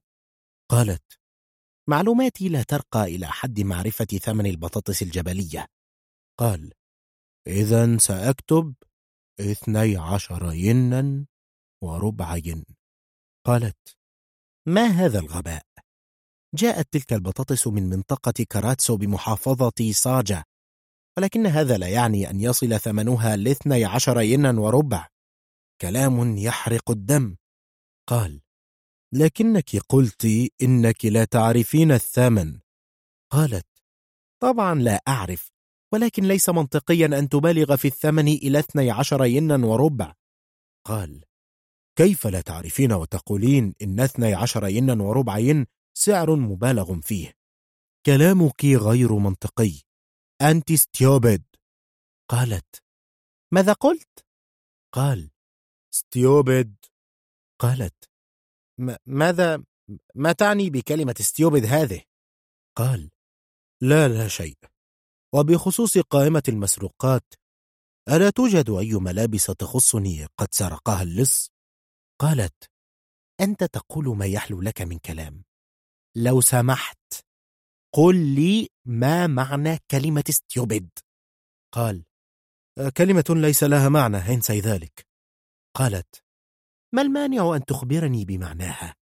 أكيد أنك تسخر مني. أكيد أنك أهنتني لأنك تعلم أنني لا أعرف الإنجليزية. قال لا تقولي مثل هذا الكلام السخيف. قولي بسرعة ما التالي من المسروقات. بسرعة إذا لم نقدم الشكوى بسرعة فلن تعود إلينا مسروقاتنا. قالت حتى إذا كتبناها الآن لن يكون هناك متسع من الوقت لتقديمها اليوم. والأهم من ذلك أن تخبرني بمعنى كلمة ستيوبد لو سمحت. قال أنت لحوحة لقد قلت لك لا معنى لها. قالت إذا كان الوضع هكذا فإنه لا توجد مسروقات أكثر مما ذكرت لك. قال أنت متصلبة الرأي. افعلي ما شئت لن أكتب أي مسروقات من الآن. قالت وأنا لن أخبرك بعدد المسروقات. أنت من يفترض أن يكتب قائمة بها لا أنا. المشكلة مشكلتك. قال إذا فلننهي هذه المحادثة. ثم وقف فجأة وسار إلى مكتبته فدخلها. وذهبت السيدة إلى حجرة المعيشة حيث جلست أمام أدوات الحياكة. وظلا صامتين لنحو عشر دقائق لا يكلم أحدهما الآخر. والباب مغلق يحول بينهما. وفجأة تفتح البوابة الأمامية للمنزل بقوة ويدخل منها الشخص الذي أهداهما البطاطس الجبلية وهو السيد تطارا لقد كان السيد تطارا تلميذ الأستاذ عطسة ثم تخرج في كلية الحقوق ويعمل الآن في شركة استخراج فحم وهو رجل أعمال حديث ويعد خليفة السيد سوزوكي. وأحيانا يزور الأستاذ عطسة من حين لآخر بما أنه كان تلميذه وعلاقته قوية بأهل المنزل لدرجة أنه أحيانا يقضي يوم الإجازة الأسبوعية في المنزل منذ الصباح وحتى الليل ألقى السيد تطارى تحية خفيفة وقال الجو اليوم جميل يا سيدتي فقالت من؟ السيد تطارى؟ قال أين الأستاذ؟ هل هو في الخارج؟ قالت لا إنه في مكتبته. فقال أكيد أنه يعمل في مكتبته حتى في أيام العطلات. اليوم عطلة أسبوعية. فقالت لا تخبرني بذلك فما بيدي حيلة. أخبره هو. فقال نعم ولكن. ثم نظر حوله وقال بصوت خفيض لا يعرف منه إذا كان يتحدث إلى نفسه أو يسأل السيدة. ولكن أين الفتيات اليوم؟ وفي تلك اللحظة جاءت طونكو وصونكو تجريان باندفاع نحوه من الحجرة المجاورة قالت الأخت الكبرى تونكو هل أحضرت لحما نيئا سوشي؟ ونظرت هي وأختها الصغرى إلى وجه السيد تطارا ينتظران ردا سريعا منه بالإيجاب لأنه كان قد وعدهما المرة السابقة بأن يحضر لهما سوشي ولكن السيد تطارا أحنى رأسه وقال معترفا بالحقيقة. إن ذاكرتكما قوية. سأحضره المرة المقبلة. لقد نسيت اليوم. فقالت الأخت الكبرى شيء مؤسف. وتبعتها أختها الصغرى تقلدها شيء مؤسف. وعندما سمعت السيدة ذلك انفرجت أسارير وجهها وضحكت. فقال السيد تطارا لم أحضر سوشي.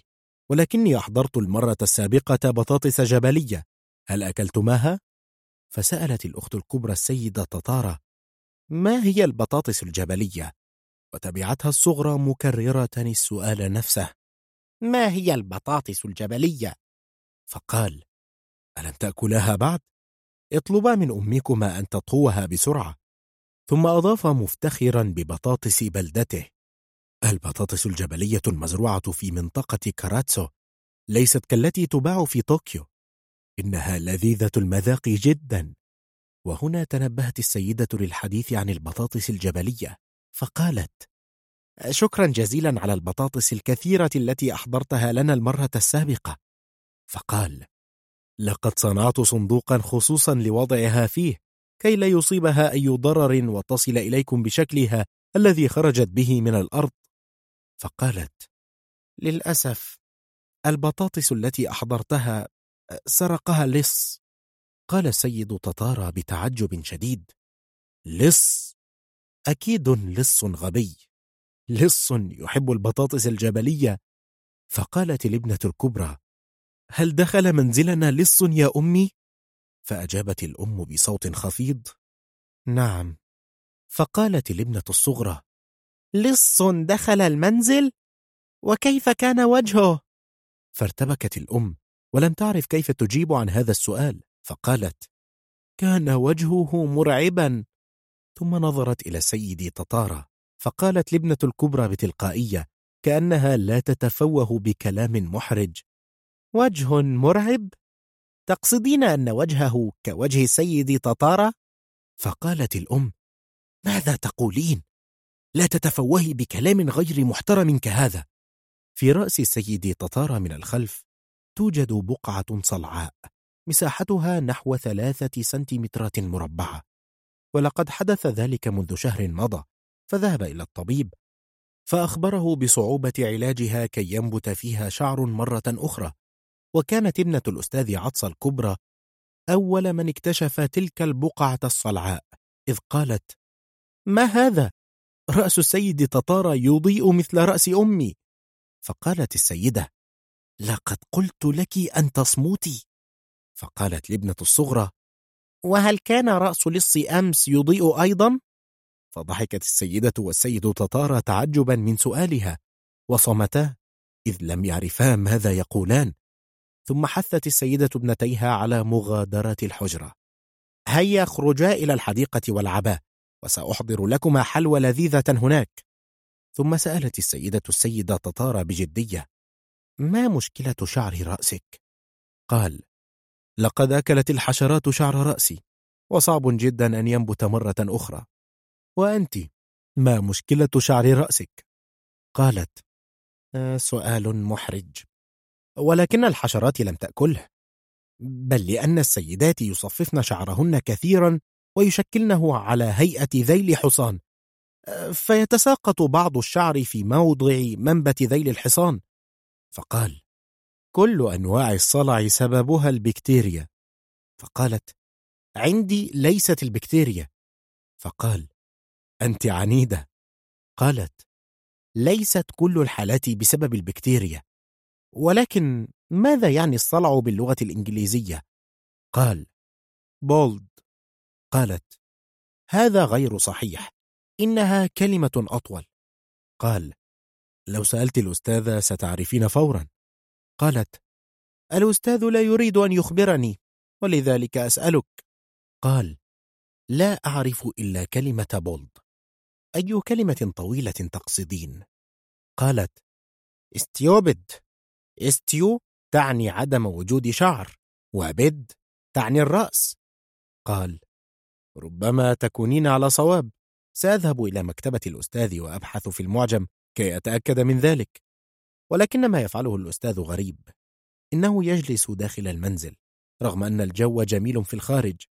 بهذه الطريقة لن يشفى من مرض المعدة. من فضلك انصحيه بأن يذهب في نزهة خلوية. لمشاهدة الزهور في منطقة أوينو.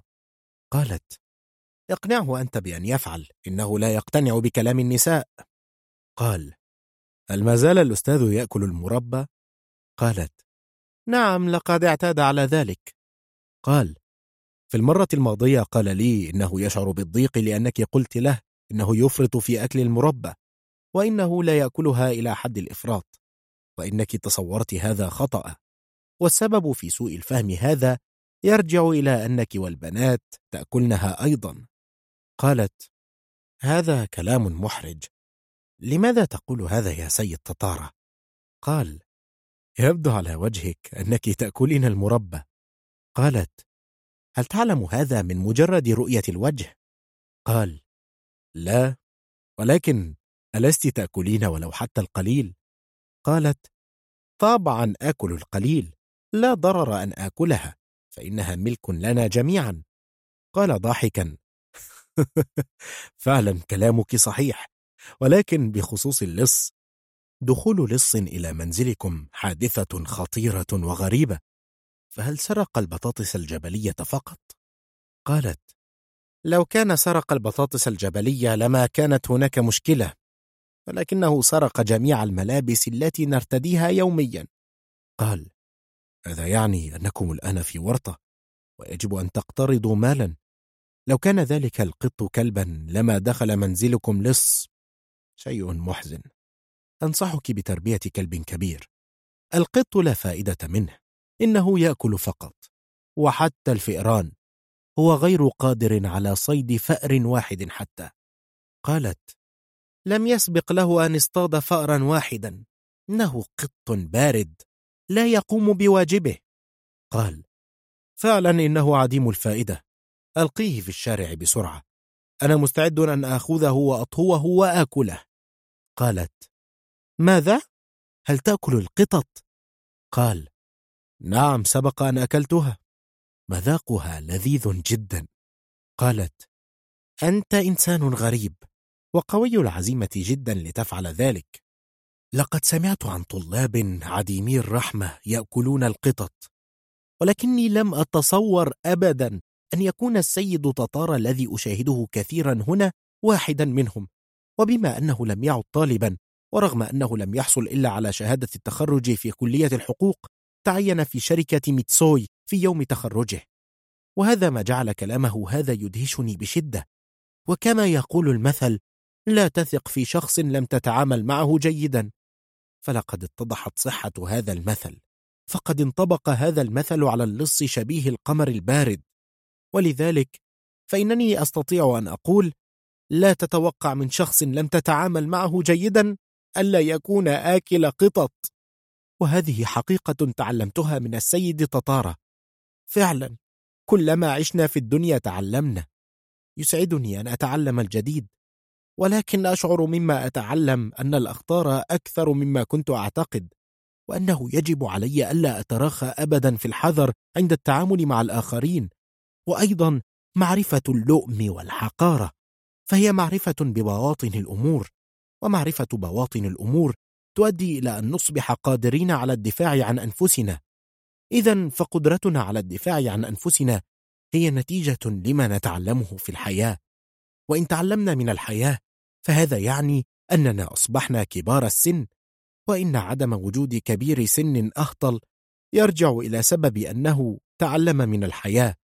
وتصورت في هذه اللحظة السيد تطارة وهو يفكر كيف سيذبحني ويضعني في إناء طهو ومعي بعض البصل. فترجعت إلى أحد أركان الحجرة واختفيت هناك وحينئذ سمع الأستاذ عطسة الذي كان قبل قليل يتشاجر مع زوجته. صوت السيد تطارة فجاء من حجرة المكتبة إلى حجرة الضيوف يسير ببطء. وإذا بالسيد تطارة يحرج الأستاذ عطسة في بداية حديثه معه قائلا علمت أن لصا دخل منزلك وسرقك يا أستاذي. هذا تصرف غبي. فرد الأستاذ عطسة مادحا نفسه بثقة في ذكائه فقال طبعا لص غبي أن يدخل منزلي.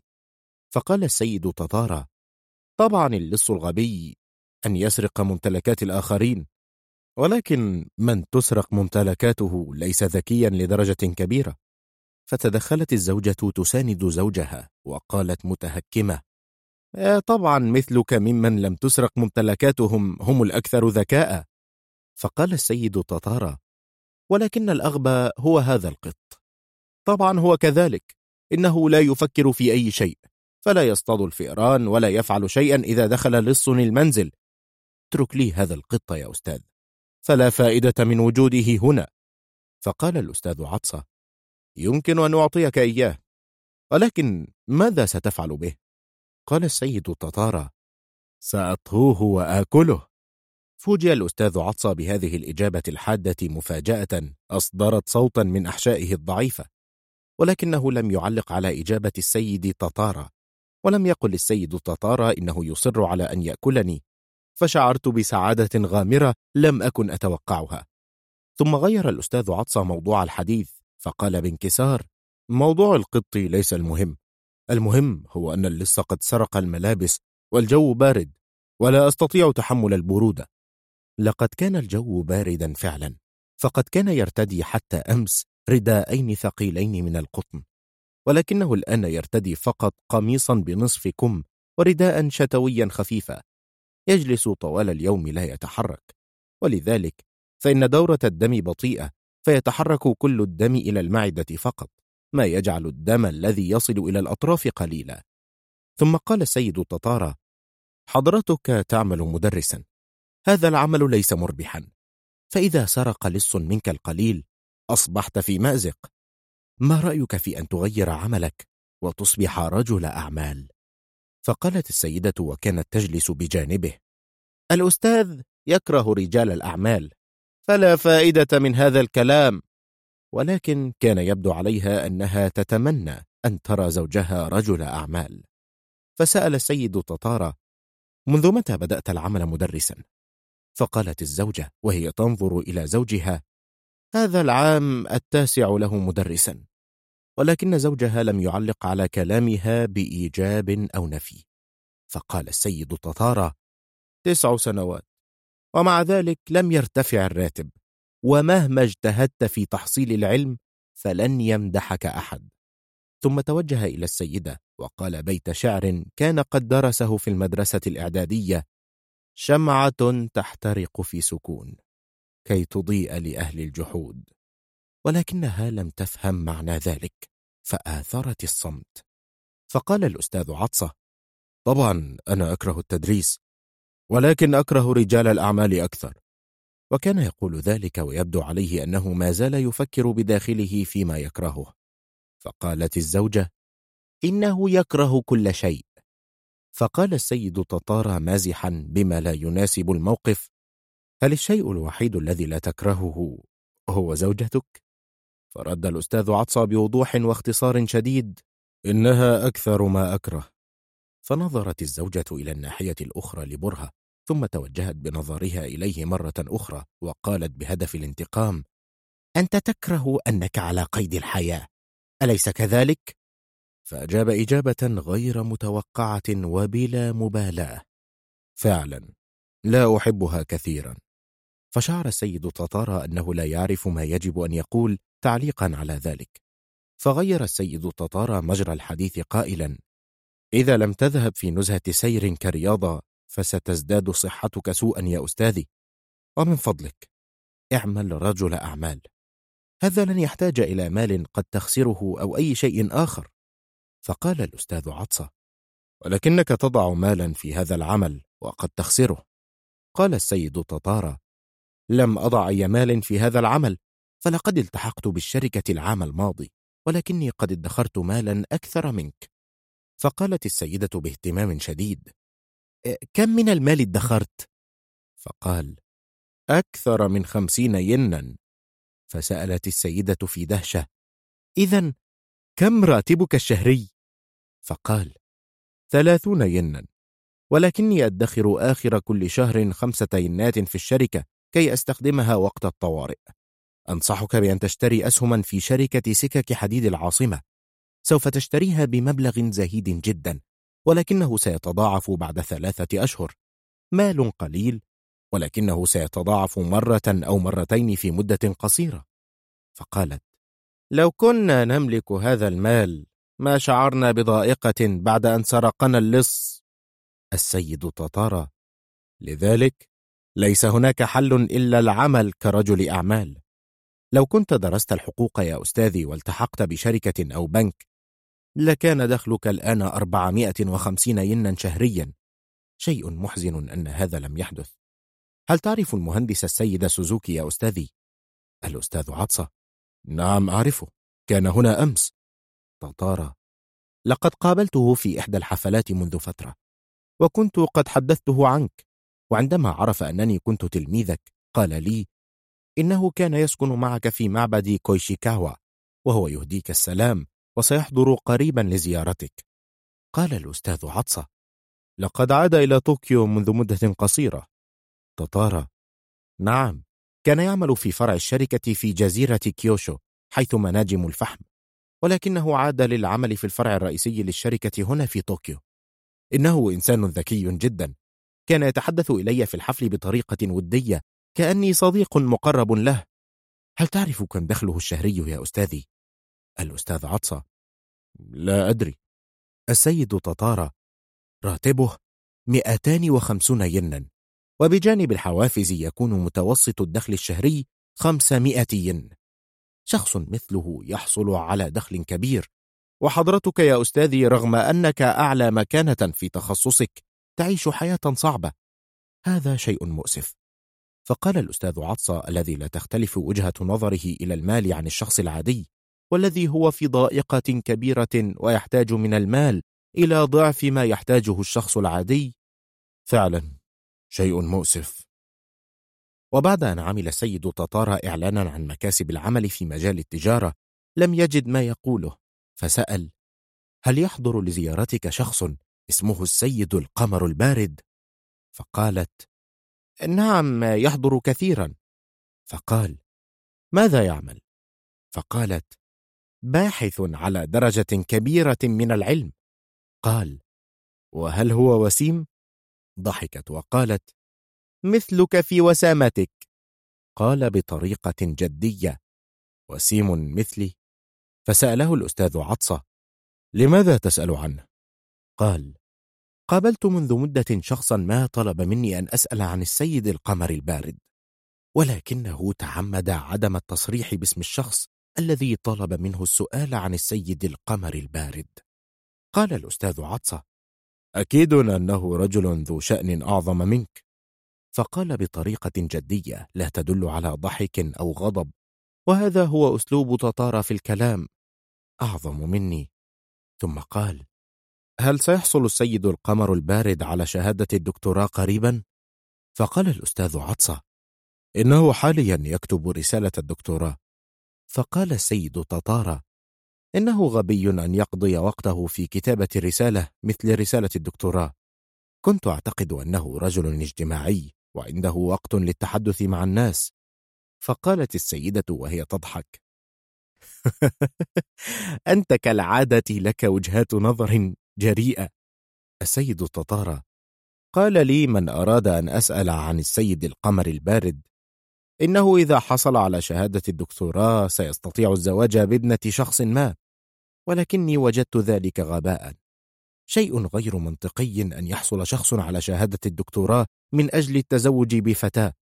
فقلت لذلك الشخص بدلا من أن يجهدوا أنفسهم في حل تلك المشكلات كي يستطيعوا أن يزوجوها بالسيد القمر البارد فليزوجوني بها ولتنتهي هنا مشكلتهم. فقال الأستاذ عطسة لمن قلت ذلك؟ قال السيد تطارة الرجل الذي طلب مني أن أسأل عن السيد القمر البارد قال الأستاذ عطسة هل هو السيد سوزوكي؟ قال تطارة لا أستطيع التصريح باسمه الآن إنه شخص له مقام عال فقالت زوجة الأستاذ عطسة أنت يا تطارة تستأسد علينا وتصبح فأرا أمام ذلك الرجل لماذا حضرت إلى منزلنا؟ حضرت تستعرض علينا قوتك ولكنك أمام شخص مثل سوزوكي تصبح صغيرا ومنكسرا. فقال طبعا إذا لم أفعل ذلك فسأكون في خطر بالغ. وإذا بالأستاذ عطسة فجأة يقول هيا نذهب في نزهة يتطارى كان الأستاذ عطسة يشعر بالبرودة فقد كان يرتدي رداء واحدا فقط. فاعتقد أنه إن تحرك فسيشعر بالدفء ولذلك اقترح مشروع هذا القرار الذي ليست له سابقة. وطبعا لم يكن أمام تطارى إلا أن يقبل ما يقوله أستاذه. السيد تطارى هيا نذهب. هل تحب أن نذهب إلى منطقة أوينو؟ أو نذهب إلى منطقة إيموزاكا ونأكل حلوى هناك. أنصحك يا سيدتي بأن تذهبي إلى هناك وتأكلي الحلوى. إنها ناعمة ورخيصة ويمكن أن تحتسي الخمر هناك أيضا. وبينما كان يتحدث في أشياء سخيفة كان الأستاذ عطسة قد ارتدى قبعته ونزل إلى باب الخروج. أما أنا فسوف أرتاح قليلا. فلا أهمية لمعرفة ماذا فعل الأستاذ عطسة والسيد تطارا في حديقة أوينو وكم عدد أطباق الحلوى التي تناولاها في منطقة إيموزاكا. كما أنني لا شجاعة لدي كي أتلصص عليهما. ولذلك سأختصر الكلام عن ذلك وأستغل ذلك الوقت في الراحة. جميع المخلوقات لها حق من الخالق أن تحصل على راحة. جميع المخلوقات في هذه الدنيا يجب أن تحصل على راحة كي تقوم بما يجب أن تقوم به كمخلوقات. فلو قال الإله إنه خلقنا لنعمل لا لنرتاح فسأجيبه قائلا خلقنا من أجل أن نعمل ولكي نعمل يجب أن نحصل على راحة. حتى شخص عنيد مثل سيد منزل أحيانا يحصل على إجازة في أيام ليست أيام إجازة أسبوعية كي يرتاح ويجدد نشاطه. وبخصوصي أنا أعمل ليلا ونهارا وأتحمل كثيرا من الكراهية والإهانة ورغم أنني قط أحتاج طبعا إلى راحة أكثر من الأستاذ عطسة. ولكن عندما نعتني السيد تطار منذ قليل بأنني مخلوق ليست له قدرات وعديم الفائدة حتى في أوقات العمل جعلني ذلك أشعر بالضيق. شخص عادي لا يقوم إلا بأعمال يدوية مثل السيد تطارة ولا يقوم بأعمال يتخطى تأثيرها الحواس الخمس. إذا قام بتقييم الآخرين فسيسبب لهم مشكلات لأن نظرته لا تتخطى الأشياء المادية إلى أشياء معنوية. إذا لم نقطع ذيولنا ونتصبب عرقا لن يفهم أننا نعمل. يقال إن الراهب المسمى داروما كان يجلس للصلاة إلى أن تتعفن قدماه ولم يكن يتحرك حتى إذا شاهد حشرة تزحف وهي على وشك أذية عين أو فم الراهب الأكبر. وطبعا سكونه لا يعني أنه كان نائما أو ميتا بل كان يتعبد. كان يفكر في أن جميع الناس متساوون أمام الخالق. ويقال إن علماء الدين كانوا يبتكرون. طبعا لم تكن ابتكاراتهم أن يجلسوا في حجرة ويغلقوها ثم يزحفوا على الأرض وهم يفكرون في الصفاء الروحي بل كانوا يفكرون ضعف الشخص العادي كان يبدو عليهم من الخارج الهدوء والسكينة. ولكن العامة كانوا ينظرون إليهم على أنهم أحياء أموات مثل المصابين بمرض التخشب. أو أشياء لا نفع لها. وإذا تكلموا يرفعون أصواتهم بكلام سيء لا يريد سماعه أحد. المشكلة أن الناس العاديين ينظرون إلى ظواهر الأشياء ولا ينظرون إلى بواطنها.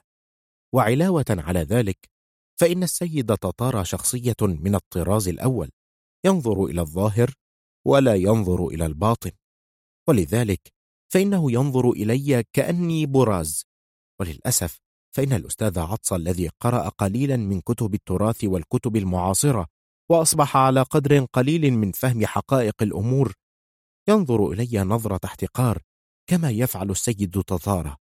لا يرفض بوضوح فكرة أن يحولني السيد تطارة إلى وجبة طاجن قطط. ولكن إذا فكرت بموضوعية فسأتفهم لماذا يحق لهما أن ينظرا إلي باحتقار. فهناك حكمة قديمة تقول لا يفهم العامة الكلام العميق. وإن مطالبة من له نظرة مادية إلى الأشياء بأن يفكر في الروحانيات لهي أمر مستحيل. كاستحالة أن تسأل راهبا أصلع أن يفرق شعر رأسه وأن تسأل سمكة تونة أن تلقي خطابا أو أن تسأل قطارا أن يخرج عن السكة الحديد أو أن تسأل الأستاذ عطسة أن يستقيل من عمله في التدريس أو أن تسأل السيد تطارة أن يكف عن التفكير في المال. جميعها أمور مستحيلة. القطط حيوانات أليفة. تقيم نفسها فترى أنها في مكانة مرتفعة مقارنة ببقية الحيوانات. ولكن يجب عليها أن تتعامل مع بقية الكائنات بطريقة دبلوماسية إلى حد ما. والأستاذ عطسة وزوجته والخادمة والسيد تطارة لا يقدرونني مثلما أقدرهم أنا. وهذا شيء مؤسف لا حيلة لي فيه. ولكن أن يصل الأمر إلى نتيجة غامضة مثل أن يقوموا بنزع فرائي وبيعه لمتجر العود الموسيقي أو تقطيع لحم وتقديمه كطعام للسيد تطارة فهو أمر خطير لا يمكن السكوت عليه حتى لا يحدث فعلا. أنا أملك عقلا قد خلقه الإله لأفكر به والقطط حيوانات موجودة منذ قديم الأزل. وهذا يعني أن وجودها شيء مهم جدا كما يقول المثل ابن الأغنياء لا يعرض نفسه للأخطار وبالتالي فإن من يفتخر بتميزه الكبير عن الآخرين يجعل الناس يحسدونه ويكرهونه. ولذلك يجب ألا يشعر أنه مميز عن الآخرين وأن يصلح أحواله. وذلك مثيل أن نضع في حديقة حيوان نمرا عظيما بجانب خنزير عفن. أو أن نضع إوزة ضخمة بجانب دجاجة صغيرة في القفص نفسه. فهذا يعني أننا نساوي بينهما ووضع العادي في المكانة نفسها مع المتميز تحقير من شأن المتميز وبالتالي أن يطلبوا مني صيد الفئران تقليل من شأني بأن يجعلوني على قدم المساواة مع أي قط عادي. عموما تحت هذا الضغط أنا مضطر إلى أن أقرر اصطياد فأر. منذ فترة كانت هناك حرب كبيرة بين اليابان وروسيا وبما أنني قط ياباني فأنا أناصر اليابان ولو كنت أستطيع تكوين فرقة من القطط بأنواعها كافة وخربشة الجنود الروس بأظفارنا لفعلت. ونظرا إلى صحة الجيدة وحيوية الكبيرة لو كانت لدي أدنى نية لصيد فأر أو اثنين لفعلت وأنا نائم دون بذل أدنى مجهود. وقديما سأل شخص حكيما كيف أصل إلى معرفة بواطن الأمور؟ فقال له الحكيم راقب جيدا كما يراقب القط الفأر. وهذا يعني أن من جد وجد. كما يوجد مثل يقول المرأة التي تدعي المعرفة تفشل في التجارة ولكن ليس هناك مثل بعد يقول القط الذي يدعي المقدرة يفشل في صيد الفئران وبالتالي لا نستطيع أن نقول إن قطا ذكيا مثلي يفشل في صيد فأر أيعقل أنني لا أستطيع صيد فأر؟ أيعقل أنني أفشل في صيد فأر؟ إن سبب عدم صيد فئرانا حتى الآن هو أنني لا أريد أن أصطادها جاء ليل اليوم من فصل الربيع مثلما جاء ليل أمس إذ تساقطت أزهار شجرة الكرز كلما هبت الرياح. ودخلت المطبخ من الأماكن الممزقة في الحواجز الورقية التي تفصل بين المطبخ والحديقة وطفت فوق إناء الماء. فبدا لونها أبيض بفعل من عكس عليها من ضوء خافت للمصباح. وبما أنني قررت أن أقوم الليلة بعمل كبير سيدهش الجميع دهشة شديدة. فقد بدأت في تفقد المكان الذي ستدور فيه رحى المعركة ودرس تضاريسه بتركيز شديد. وأما موقع المعركة فليس كبيرا. نحو ثلاثة عشر مترا مربعا. ثلاثة أمتار مربعة تحتوي على أحواض الغسيل في المطبخ وثلاثة أمتار أخرى لوضع زجاجات الخمر. ويوجد فرن عظيم لا يتناسب مع هذا المنزل الفقير وغلاية كبيرة مصنوعة من النحاس الأحمر اللامع لغلي الماء وخلفها مساحة ستين سنتيمترا مربعا من الألواح الخشبية حيث يوضع إناء الطعام الخاص بي. وبالقرب من حجرة المعيشة يوجد أدراج بمساحة 180 سنتيمترا مربعا لوضع أواني طعام خشبية صغيرة.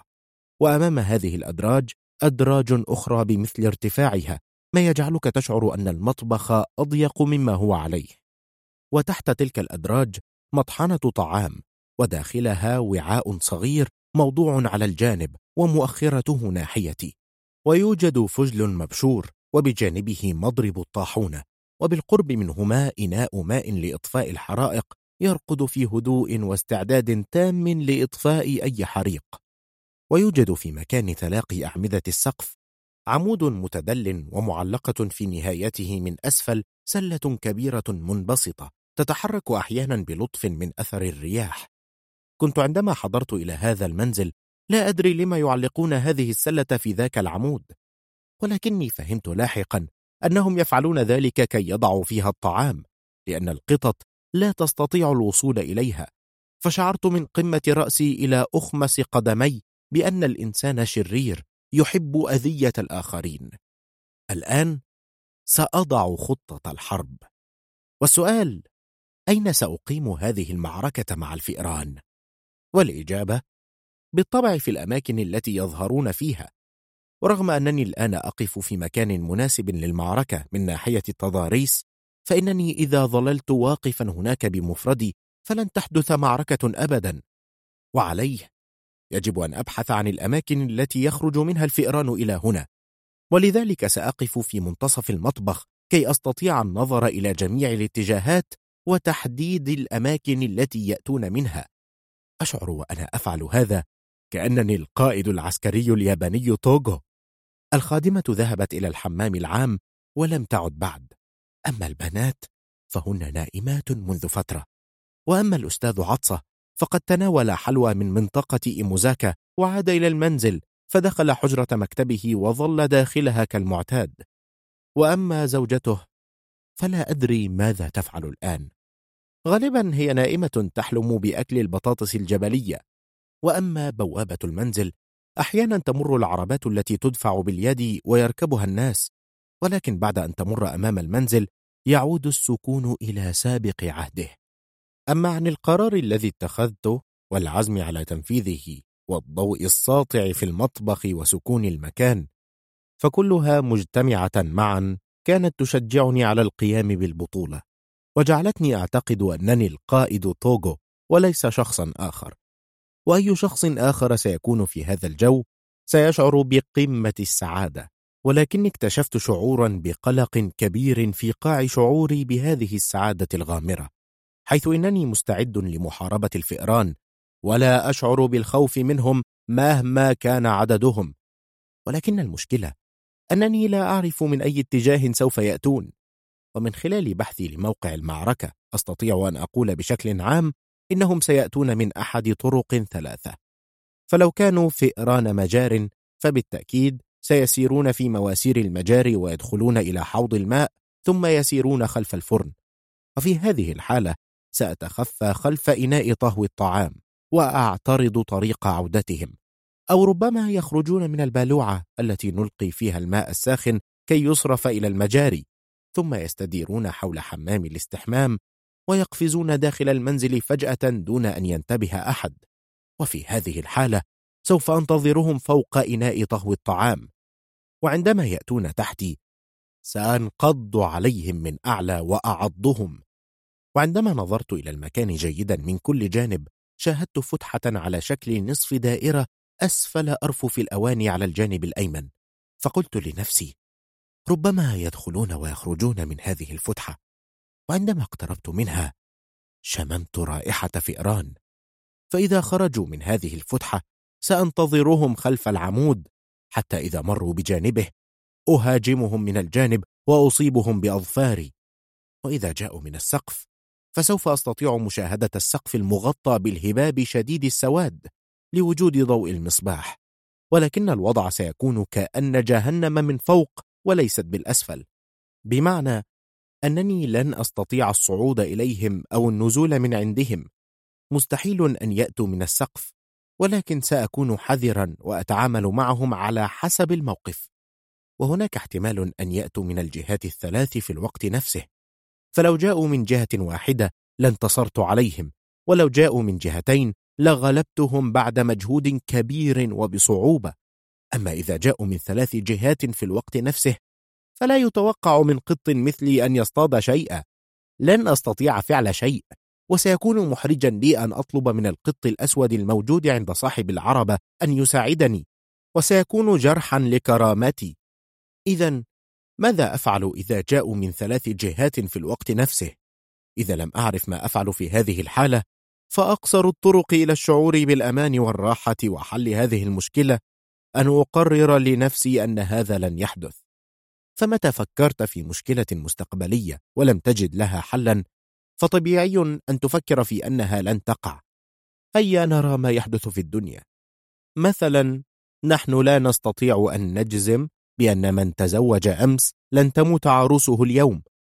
ولكن العريس يزين قاعة العرس بنباتات تمر حنة التي ترمز لطول العمر ووجهه لا يبدو عليه أي قلق فهو يتخيل أنهما سيعيشان حياة مديدة في سعادة وسيفعلون هذا وذاك دون أن يقلق.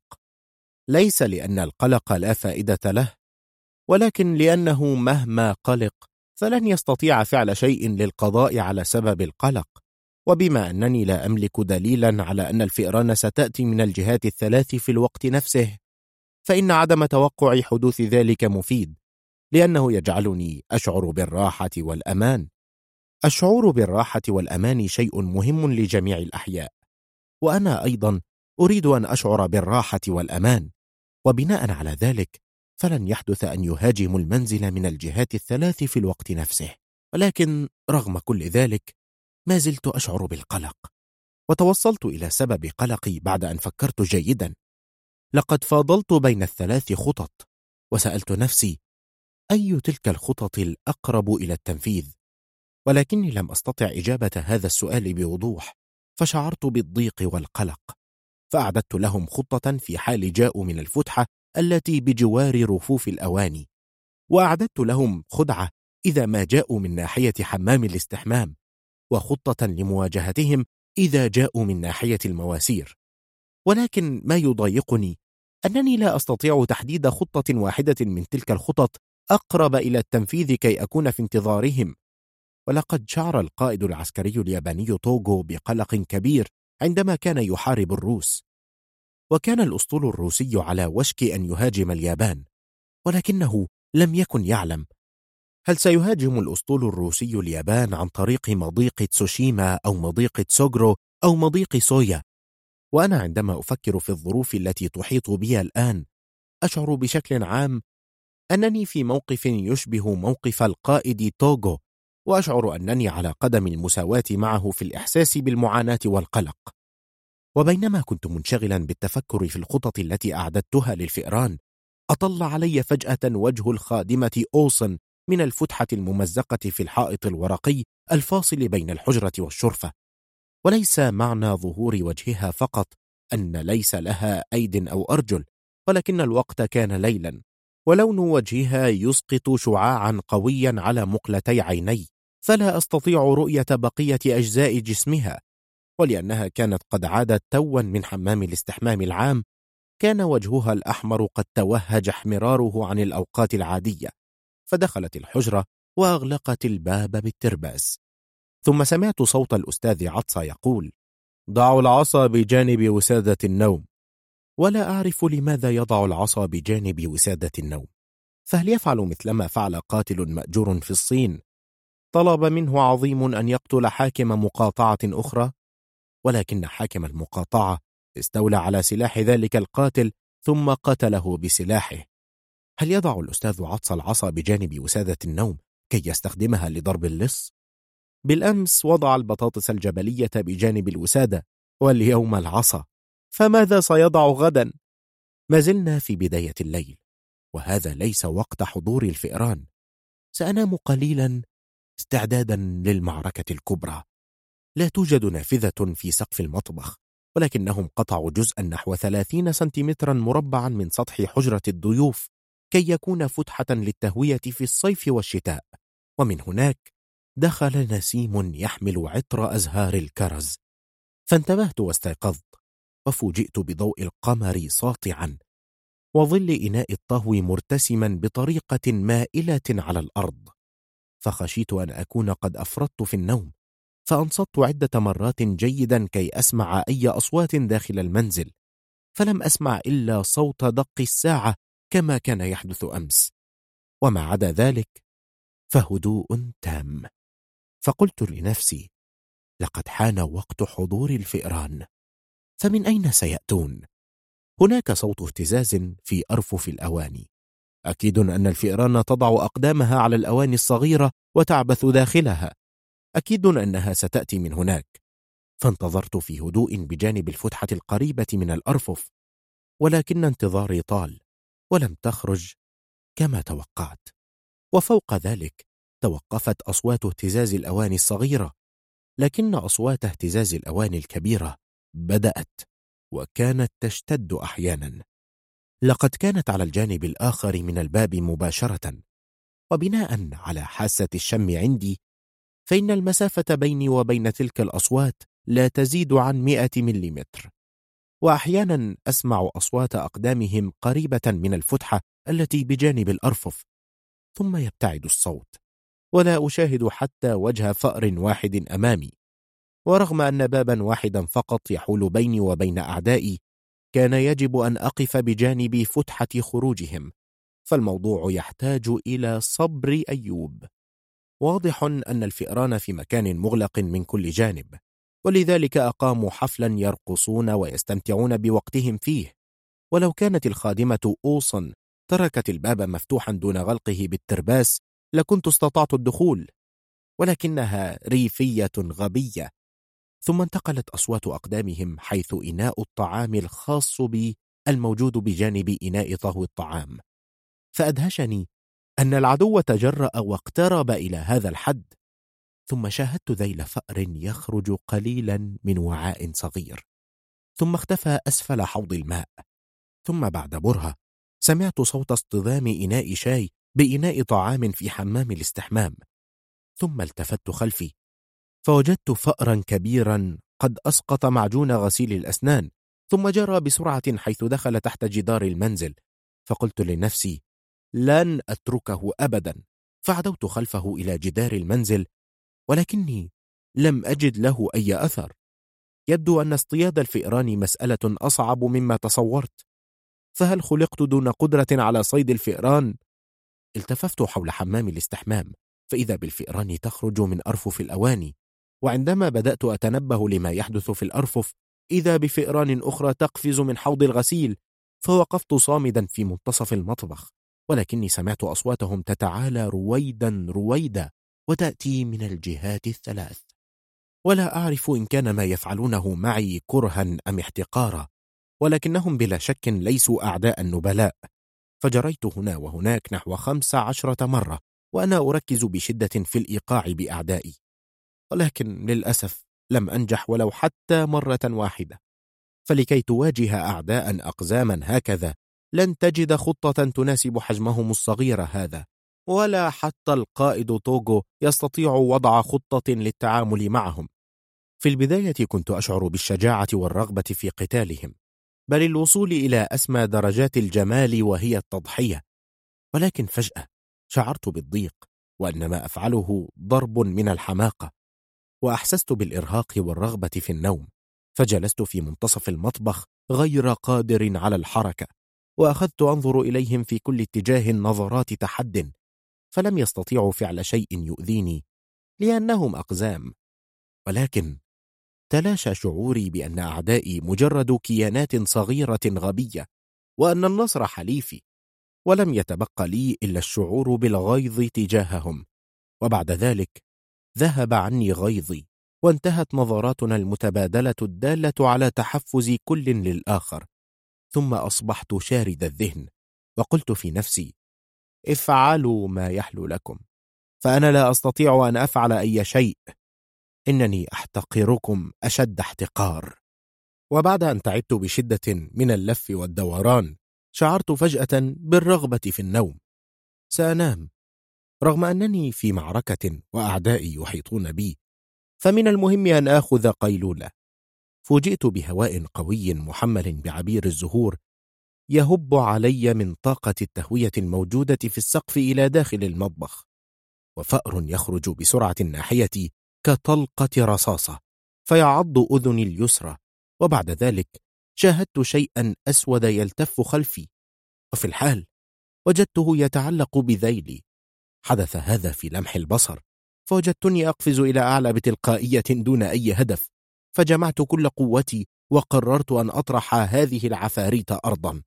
ولكن أحدهم كان يقبض على أذني بأسنانه ففقد توازنه فسقط على أحد جانبي وجهي ودون توقع دخلت مؤخرة ذيله الناعم كالمطاط في فمي فضغطت على ذيله بكل قوة وحركته يمينا ويسارا كي أقطعه فانفصل ذيله عالقا بين أسنان الأمامية وفر الفأر مصطدما بحائط مغطى بصحيفة قديمة وسقطت أنا على ظهري فوق لوح خشبي وحين كنت على وشك الوقوف تحسست أنفي فوجدته دائريا كالكرة كأنه ضرب بشدة ثم وقفت في رعب على حافة رف معلق بحيث كان هو يقف على أرفف الأواني ينظر إلي من أعلى وأنا أقف أسفله على لوح أنظر إليه لأعلى. المسافة بيني وبينه 150 سنتيمترا وضوء القمر يسقط أفقيا على شكل حزام طويل. فاستجمعت قواي في رجلي الأماميتين وقررت أن أقفز لأرفف الأواني. فاستقطعت التعلق بهما في حافة الأرفف ولكن الرجلين الخلفيتين لم تصلا إليها فأصبحت معلقا في الهواء. والشيء الأسود الذي كان ممسكا بذيلي ظل قابضا عليه بقوة ولا يريد أن يتركه. أنا في خطر. حاولت التقدم إلى الأمام اعتمادا على قدمي الأماميتين ولكن ما يحمله ذيلي من وزن حال دون ذلك. وإذا ما استمر هذا الوضع عدة دقائق فسوف أتزحلق وأسقط. صرت في خطر كبير. صرير أظفاري وأنا أحاول التشبث بالأرفف يسمع هناك وهناك. حاولت مرارا وتكرارا أن أظل ممسكا بحافة الأرفف بأظفار قدمي اليسرى. ولكني فشلت بامتياز فانزلقت قدمي اليسرى عن حافة الأرفف وظللت متعلقا بقدمي اليمنى فقط. فجعل جسمي يدور حولي بفعل ثقله وثقل الشيء الأسود المعلق بذيلي. وإذا بالعفريت الذي كان يجلس فوق الأرفف ينظر إلي بتنمر دون حراك ثم إذا به يقفز على جبهتي كحجر يسقط من أعلى الأرفف. أوشكت أظفاري أن تنفصل عن حافة الأرفف وأصبحنا نحن الثلاثة على وشك أن نسقط قاطعين ضوء القمر رأسيا.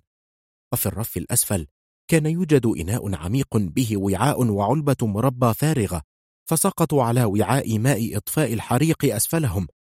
فانزلق نصفهم في داخل وعاء ماء والباقي على أحد الرفوف متسببين في ضجة أرعبتني لحد الموت. لص! أجفلنا صوت جهوري أجش. يصيح بذلك كان صوت الأستاذ عطسة الذي قفز من حجرة النوم إلى المطبخ ممسكا بيده مصباحا وبالأخرى عصا وفي عينيه بريق حاد يدل على انتفاضته فجأة من النعاس بينما كنت أنا قابعا في صمت بجانب إناء طعامي بعدما هرب الفئران واختفوا في أرفف أواني الطعام صاح الأستاذ عطسة وهو ينظر حوله قائلا من هنا؟ من الذي أصدر تلك الأصوات العالية؟ وقد مال القمر ناحية الغرب وتضاءل مسقط ضوئه الأبيض في المطبخ إلى النصف. الجو حار لدرجة أن القطط لا تستطيع تحمله. ويقال إن الكاتب الإنجليزي سيدني سميث قال ذات يوم أريد أن أنزع جلدي ولحمي وأظل فقط بعظامي كي لا أشعر بحرارة الجو.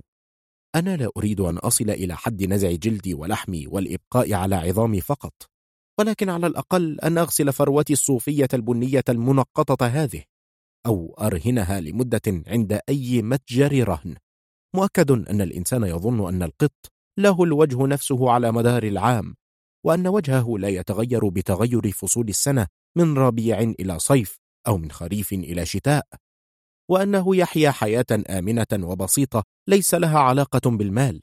ولكن على الرغم من أننا قطط نشعر جيدا بالحرارة والبرودة وعلى كل حال طبيعي أن أرغب في الاستحمام بالحمام وأن أغطي كامل جسمي بالماء الدافئ ولكن ليس بيدي حيلة. فإن تجفيف فروتي الصوفية هذه بعد وضع مياه دافئة عليها ليس أمرا هينا ولذلك ليس أمامي إلا أن أتحمل رائحة عرقي. فرغم بلوغ هذا العمر لم يسبق لي أن دخلت حمام استحمام كي أستحم. وأحيانا أرغب في استعمال مروحة يد كي تخفف الحرارة عني. ولكن للأسف لا أستطيع الإمساك بها وحين أفكر في قدرة البشر على فعل مثل تلك الأشياء أدرك كم أن البشر يعيشون في إسراف وتبذير فهم يطهون الطعام الذي يمكن تناوله طازجا وأحيانا يقلونه أو يخللونه ويضعون عليه ما يحبون من مكسبات طعم وأشياء أخرى. ورغم أن ما يفعلونه مرهق وغير مفيد يشعرون بالسعادة به. والشيء نفسه يقال عن الملابس فإذا كان القطط ولدوا وهم يرتدون رداء فروا واحدا مدى الحياة فإن البشر يختلفون عنهم في هذا فيستطيعون أن يحيوا دون وضع كثير من الملابس فوق جلودهم فإنهم يلبسون صوف الماعز وحرير دود القز وحتى نباتات القطن إنهم يعيشون عالة على الماعز ودود القز والقطن ويسعنا أن نقول إنه إسراف وتبذير قائم على نقص العقل. لن أتمادى في الحديث عن الملابس والمأكولات أكثر من هذا ولكني لا أستطيع أن أفهم لماذا يتمادى البشر في فعل مثل تلك الأشياء وخاصة فعل ما ليس له فائدة أو يسبب ضررا مباشرا لحياتهم. فأولا بخصوص شعر الرأس فإنه ينمو من تلقاء نفسه وعليه فإن أفضل طريقة للتعامل معه هو تركه على وضعه كما هو فذلك أسهل وأنفع للشخص ولكن البشر يغيرون شكل شعورهم إلى أشكال كثيرة ومختلفة وليس لها فائدة. مثلا من يطلق على نفسه راهب دائما يحلق شعر رأسه تماما ولكن عندما يكون الجو حارا يضع مظلة أعلى رأسه وعندما يكون الجو باردا يلف رأسه بغطاء وبما أنه يفعل ذلك فليس هناك فائدة من حلق شعر رأسه. وبجانب ذلك هناك بشر يستخدمون أداة مثل المنشار يقال عنها مشط ويفرقون شعر رؤوسهم في الوسط وتبدو عليهم السعادة لفعل ذلك. وهناك من لا يفعلون ذلك بل يفرقونه بطريقة صناعية من جانب الرأس إلى اليمين واليسار وبعضهم يطيل الفرق إلى أن يصل إلى مؤخرة الرأس. وبجانب ذلك هناك من يحلق تماما شعر الجزء العلوي من رأسه ويترك شعر الجانب الأيمن والأيسر طويلا فيبدو رأسه كإطار مربع الشكل مثل مشتل محاط بسور من أشجار الأرز. وهناك من يقص شعره كي يصبح طوله تسعة مليمترات أو ستة أو ثلاثة. وربما يظهر إنسان معجزة يحلق شعره حتى قفاه وبحيث يكون طول الشعر غائرا ثلاثة مليمترات. أو غائرا ستة مليمترات المهم لماذا يعذب الإنسان نفسه بفعل هذه الأشياء عديمة النفع؟ ما الذي يريد الوصول إليه من فعل هذا؟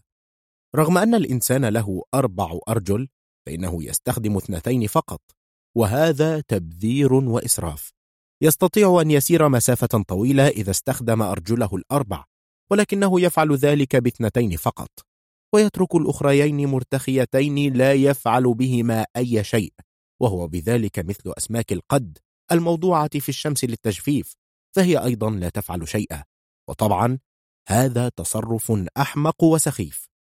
وعندما ننظر إلى ما سبق يتضح أن الإنسان عنده وقت فراغ أطول من القطط بكثير وأنه مخلوق ممل فهو يستخدم وقت فراغه في التفكير في اللهو كي يستمتع. ولكن الغريب في هذا أنه عندما يجتمع هنا وهناك مع الآخرين دائما يدعي الانشغال الشديد. وليس هذا فقط بل دائما يتسرع في فعل كل شيء ويتصنع أن الانشغال سوف يقتله. وعندما يرون القطط يقولون نتمنى أن ننعم أحيانا بوقت فراغ مثل القطط ولكن إذا كانوا يريدون فعل ذلك فليفعلوه. لم يطلب منهم أحد أن ينشغلوا ويتسرعوا هكذا. هم الذين يحملون أنفسهم ما لا طاقة لهم به ثم يقولون إنهم مشغولون ومرهقون. إنهم مثل من يوقد نارا كبيرة ثم يصيح ضيقا الجو حار حار. فإذا جاء يوم نفكر فيه نحن القطط في عشرين نوعا من قص الشعر فبالطبع لن ننعم براحة مثلما نحن الآن. إن أراد الإنسان الشعور بالراحة فيكفيه أن يرتدي رداء صوف واحدا طوال العام حتى في الصيف مثلما نرتدي نحن فروا واحدا ولكنه سيشعر بقليل من الحرارة آه، في الحقيقة سيشعر بحرارة شديدة ووسط هذا الجو الحار لا أستطيع الاستمتاع بالقيلولة التي أنعم بها دائما ماذا أفعل عوضا عن ذلك؟ لقد كنت ألاحظ المجتمع البشري منذ فترة ولكني تركت ذلك. ولذلك فكرت أن أعود إلى ملاحظة جميع تصرفات المجتمع البشري بما في ذلك التصرفات الصغيرة. ولكن للأسف فإن الأستاذ عطسة له شخصية قريبة من شخصية القطط. ينام القيلولة مثلما أفعل أنا وبعد أن يحصل على الإجازة الصيفية لا يفعل أي عمل يدل على أنه إنسان. ومهما حاولت أن ألاحظ تصرفاته فإنني أتراجع عن فعل ذلك كل مرة. وفي مثل هذا الوقت إذا جاء البروفيسور الفشار فسوف يدور الكلام حول معدة الأستاذ عطسة الحساسة وبالتالي تبتعد تصرفات الأستاذ عطسة عن تصرفات القطط. ولذلك تمنيت أن يأتي البروفيسور الفشار وحينئذ سمعت صوت شخص ما يبدو أنه يغتسل وللماء صوت كأنه يسقط بقوة. ليس هذا فقط بل سمعته يصيح من حين لآخر بصوت مرتفع. هذا يكفي. أشعر براحة. المزيد من فضلك. ويصل صدى صوته إلى كل أرجاء المنزل. ولا يوجد إلا شخص واحد يأتي إلى المنزل فيتحدث بصوت عال وبطريقة غير لائقة. طبعا إنه البروفيسور الفشار. أخيرا حضر وبالتالي سوف يمر نصف اليوم دون إنتاج. كان البروفيسور الفشار يتصبب عرقا فدخل حجرة الضيوف كالعادة وهو يسير كأنه في منزله. ثم قال بصوت عال موجها كلامه لزوجة الأستاذ عطسة وهو يضع قبعته فوق الحصيرة. ماذا حدث للأستاذ عطسة يا سيدتي؟ وكانت زوجة الأستاذ عطسة في الحجرة المجاورة لحجرة الضيوف مستغرقة في النوم بجانب صندوق أدوات الحياكة. ويبدو عليها الاستمتاع حين انتفضت على صوت كنباح كلب أو ما شابه يخترق طبلة أذنها. فقامت مفزوعة وجاهدت لفتح عينيها ثم اتجهت صوب حجرة الضيوف فوجدت البروفيسور الفشار مرتديا معطفا من الكتان وجالسا في المكان الذي أعجبه يروح على نفسه بمروحة يد. فقالت البروفيسور حضرتك شرفت؟ ثم أردفت بسرعة. لم يخبرني أحد بتشريف حضرتك لنا. وانحنت احتراما له بينما كان العرق يتصبب من مقدم أنفها. فقال لقد حضرت توا وقد صبت الخادمة أوصا بعض الماء على رأسي فشعرت أنني قد عدت إلى الحياة مرة أخرى. يا له من حر شديد. فقالت وما زال العرق يتصبب من على أنفها رغم أنني لم أخرج من المنزل لعدة أيام ولم أبذل مجهودا شاقا في أي شيء فإنني أشعر بالحرارة لدرجة أنني أتصبب عرقا من تلقاء نفسي. لكن يبدو عليك أنك بصحة جيدة أليس كذلك؟ فقال نعم نعم شكرا على سؤالك عني.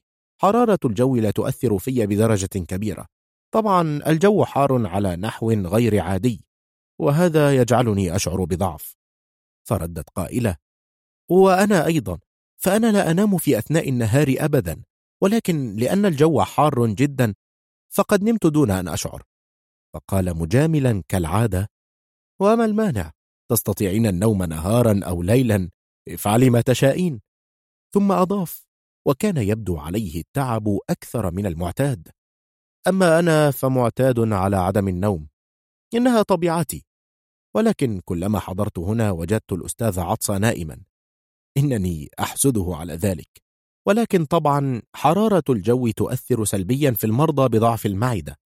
حتى الشخص الذي يتمتع بالصحة يشعر اليوم بالإرهاق والضعف والنعاس من شدة الحرارة لدرجة أنه لا يستطيع أن يرفع رأسه وبالطبع لا يستطيع أن يخلع الرأس من مكانه ويضعه جانبا. ثم قال طبعا لا تستطيعين الجلوس يا سيدتي كي تعتني بشعر رأسك لأنه كثيف وبالتالي ثقيل فطبيعي أن تشعري برغبة في النوم. هنا انتبهت الزوجة إلى أنها حضرت إلى حجرة الضيوف دون أن تصفف شعرها فشعرت بالخجل من تنبهه إلى ذلك وتحدثه عنه فضحكت قائلة قلت ما يحرج؟ ثم تطرق البروفيسور الفشار إلى موضوع غريب فقال دون خجل لقد حاولت أن أقلي بيضا أمس على السطح يا سيدتي. فقالت كيف تقلي بيضا على السطح؟ فقال لقد كان السطح ساخنا جدا فقررت أن أستفيد منه فوضعت سمنا ثم كسرت البيض عليه. فقالت أحقا فعلت هذا؟ فقال ولكن حرارة الشمس لم تكن كما توقعت. لم ينضج حتى إلى نصف مقلي. فنزلت إلى أسفل وبدأت أقرأ الصحيفة وإذا بضيف يأتي فنسيت البيض. ولكني تذكرته اليوم صباحا فصعدت إلى السطح متوقعا أن يكون نضج. فقالت وهل نضج؟ قال لا لم ينضج بل سال على السطح. فقالت بدهشة شديدة يا لها من خسارة. ثم قال ولكن الغريب أن الجو لم يكن حارا في منتصف الصيف ثم أصبح حارا جدا ونحن الآن في نهايته. فقالت فعلا هذا كلام صحيح. سابقا كنت أشعر بالبرودة عندما أرتدي رداء واحدا ولكن منذ أمس الأول أصبح الجو حارا فجأة. فقال كل شيء يسير على نحو عادي ولكن الجو فقط الذي يسير إلى الخلف. أو ربما الأحداث ستحدث بطريقة عكسية من الحاضر إلى الماضي. فقالت ماذا تقول؟ لم أفهم جيدا ما تقصد. فقال لا شيء كلام ليس له معنى عميق كي تحاولي فهمه. ثم استمر في كلامه الغريب فقال أقصد أن المناخ يسير بطريقة عكسية مثل بقرة هرقل ولكن كما هو متوقع فإن زوجة الأستاذ عطسة لم تفهم ما يقول ولكنها علقت على كلامه فقط بكلمة شيء عجيب ولم تسأل أكثر من ذلك خوفا من أن يحرجها ولا يجيب سؤالها كما فعل منذ قليل ولكن البروفيسور الفشار شعر بالضيق من أنها لم تسأله فقد كان يهدف من ذلك الكلام إلى أن تسأله ولذلك قال هل تعرفين قصة بقرة هرقل؟ فقالت لا أعرف شيئا عنها. قال لا تعرفين عنها شيئا؟ إذا سأحدثك عنها.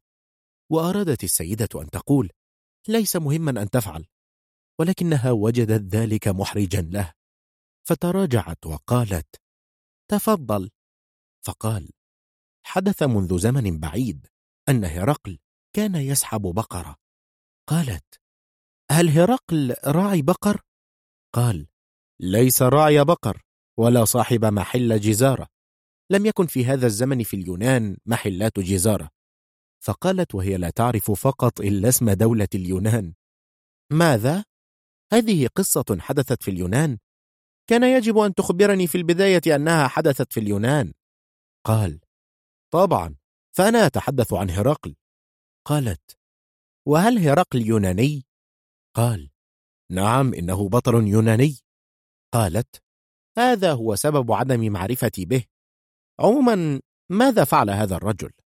قال هذا الرجل نام كما كنت تنامين نوما عميقا. قالت هذا كلام محرج. قال وفي أثناء نومه جاء فولكان. قالت من فولكان هذا؟ قال إنه حداد. وقد سرق ابنه البقرة. سحب البقرة من ذيلها وهرب بها وعندما استيقظ هرقل أخذ يبحث عنها وينادي أين بقري؟ أين البقرة؟ وكان طبيعيا ألا يعرف فإن ابن الحداد لم يسحبها من الأمام بحيث تسير إلى الأمام بل سحبها من الخلف فكانت تسير بطريقة عكسية إلى الخلف فرغم أنه ابن حداد نجح نجاحا باهرا في أن يجعلها تسير قدما بمؤخرتها قال هذا ثم نسي موضوع الكلام عن الجو. وما لبث أن قال كيف حال زوجك؟ أعتقد أنه ينام قيلولته كالعادة. كلمة القيلولة ترد كثيرا في شعر الشعراء الصينيين وتعني في اللغة الصينية الجمال الخلاب. ولكن منذ بدأ زوجك ينام القيلولة كل يوم مثل الواجب المدرسي أصبح معناها العامة. لقد حولها من عادة نستمتع بها في أوقات معينة إلى عادة يومية ماذا أقول؟ إن القيلولة موت قصير كل يوم من فضلك هل أيقظته لي؟ فوافقته السيدة وقالت نعم نوم القيلولة دائما يسبب مشكلات أولا يؤدي إلى سوء الصحة كما أنه تناول الغداء الآن ثم وقفت وهمت بالذهاب ولكن البروفيسور الفشار قال لقد تحدثت عن طعام الغداء. للعلم أنا لم أتناوله بعد. قال ذلك ببرود رغم أن أحدا لم يدعه إلى تناوله. فقالت أنا آسفة نسيت أنه وقت الغداء ولم أدعك لتناوله. عموما ليس عندي الآن طعام فاخر. ما أستطيع تقديمه لك الآن طبق أرز في شاي فقال إن كان الأمر كذلك فلن أستطيع تناول أرز في الشاي. فقالت معتذرة للأسف ليس عندنا ما تريد تناوله. فشعر أنه قال ما لم يجب قوله. فقال محاولا إصلاح ما أفسده لا مشكلة في أرز في شاي أو في ماء ساخن ولكن عندما كنت أسير إلى هنا طلبت من أحد المطاعم أن يبعث لي وجبة غداء فاخر إلى هنا. فقالت حقا؟ وحقا قد تدل على الدهشة أو الضيق أو الشعور بالسعادة لأنه حل المشكلة. وهنا في هذا الموقف تدل على هذه المعاني الثلاثة مجتمعة. وبسبب ضوضاء مرتفعة فجأة خرج الأستاذ عطسة من حجرة مكتبته وجاء إلى حجرة الضيوف وهو في حالة دوار لأنه كان على وشك أن ينام القيلولة. ولكن أزعج بتلك الضوضاء فلم يستطع النوم. كان يتثاءب ويبدو على وجهه الضيق فقال أنت دائما مزعج. لقد كنت على وشك نوم قيلولة جميلة فأفسدتها أنت. فحي البروفيسور الفشار الأستاذ عطسة بطريقة لا ندري معها من هو الأستاذ عطسة ومن هو الضيف. فقال يبدو أنك استيقظت من غفوتك. آسف أنني قطعت عليك وقت نومك المقدس. ولكن أحيانا من الأفضل ألا تنام القيلولة. هيا تفضل. اجلس. فجلس الأستاذ عطسة في صمت وأخرج سيجارة من علبة السجائر وأشعلها وبدأ يسحب نفسا تلو الآخر دون توقف وفجأة وقعت عيناه على قبعة ملقاة في زاوية الحجرة وكانت قبعة البروفيسور الفشار فإذا به يسأله هل اشتريت قبعة؟ فقال البروفيسور الفشار في الحال ما رأيك فيها؟ ثم وضعها بافتخار أمام الأستاذ عطسة وزوجته فأخذت السيدة تتحسسها وتقول إنها جميلة فتحاتها صغيرة وملمسها ناعم. فقال البروفيسور الفشار هذه القبعة ممتازة يمكن أن تفعلي ما تشائين فيها. ثم قبض يده وضرب جانب القبعة المسماة قبعة بنما فانبعج ذلك الجزء إلى الداخل على هيئة قبضته. فدهشت السيدة لأن القبعة لم يصبها أي تلف وقالت غير معقول. ثم وضع يده في داخلها وسحب الجزء الداخلي فأصبحت مدببة. ثم ضغط على إطار القبعة من الناحيتين فأصبحت مستوية كفطيرة مفرودة بمضرب. ثم لفها من أحد الأطراف إلى الطرف الآخر فصارت ملتفة مثل الحصيرة. ثم وضعها في جيبه متباهيا ما رأيك؟ فانبهرت السيدة بما قدمه البروفيسور الفشار من عرض بالقبعة كأنه ساحر عظيم. وقالت شيء لا يصدقه عقل. فشعر البروفيسور الفشار بالزهو من هذا الإعجاب فأدخل يده في كمه الأيسر وأخرج منه القبعة التي كان قد وضعها في كمه الأيمن. ثم قال لم يصب القبعة أي ضرر. ثم فردها وأرجعها إلى شكلها الطبيعي. ثم وضع إصبعه السبابة في داخلها وأخذ يديرها. واعتقدت الزوجة أنه بذلك قد أنهى عرضه لكن العرض لم ينتهي بعد. فقد ألقى القبعة خلفه وجلس بقوة فوقها. فبدأ القلق على وجه الأستاذ عطسة وقال هل أنت متأكد أن القبعة لم يصبها أي ضرر؟ قالت السيدة وهي تشعر أيضا بالقلق محذرة البروفيسور الفشار. إنها قبعة جميلة. أخشى أن تكون قد أتلفتها بما فعلت. أرجو أن تتوقف عما تفعله فيها كي لا تضر بها. خسارة أن تفسدها. فأراد مالك القبعة أن يبهرهما أكثر فقال لا يصيبها أي ضرر. بالتأكيد شيء مبهر. ثم أخرجها من تحت مؤخرته ووضعها على رأسه كما هي عندما كانت تحت مؤخرته. فعادت إلى شكلها الأصلي المناسب للوضع على الرأس. شيء عجيب. فبدأ على السيدة التعجب وقالت إنها قبعة قوية جدا. أنا مدهوشة من عدم إصابتها بأي ضرر. فقال البروفيسور وهو يرتدي القبعة ردا عليها لا يوجد ما يسبب كل هذه الدهشة. إنه أمر عادي. إنها مصنوعة لكي لا يصيبها أي ضرر مهما انثنت. فقالت الزوجة ناصحة زوجها اشتري أنت أيضا واحدة مثلها. فقال البروفيسور الفشار ولكنه يملك قبعة عظيمة مصنوعة من أعواد القمح أليس كذلك؟ فقالت ولكن البنات دسن عليها سهوا فتلفت. فقال البروفيسور الفشار شيء محزن أن يحدث ذلك. فقالت لزوجها أعتقد أنك يجب أن تشتري قبعة قوية مثل هذه ورغم أنها لا تعرف ثمنها ظلت تنصح زوجها كثيرا بأن يشتري مثلها. اشتري واحدة مثلها. اعمل بنصيحتي. ثم أخرج البروفيسور الفشار من جيبه علبة حمراء داخلها مقص وأراها للسيدة قائلا نكتفي بهذا القدر بخصوص قبعة بنما.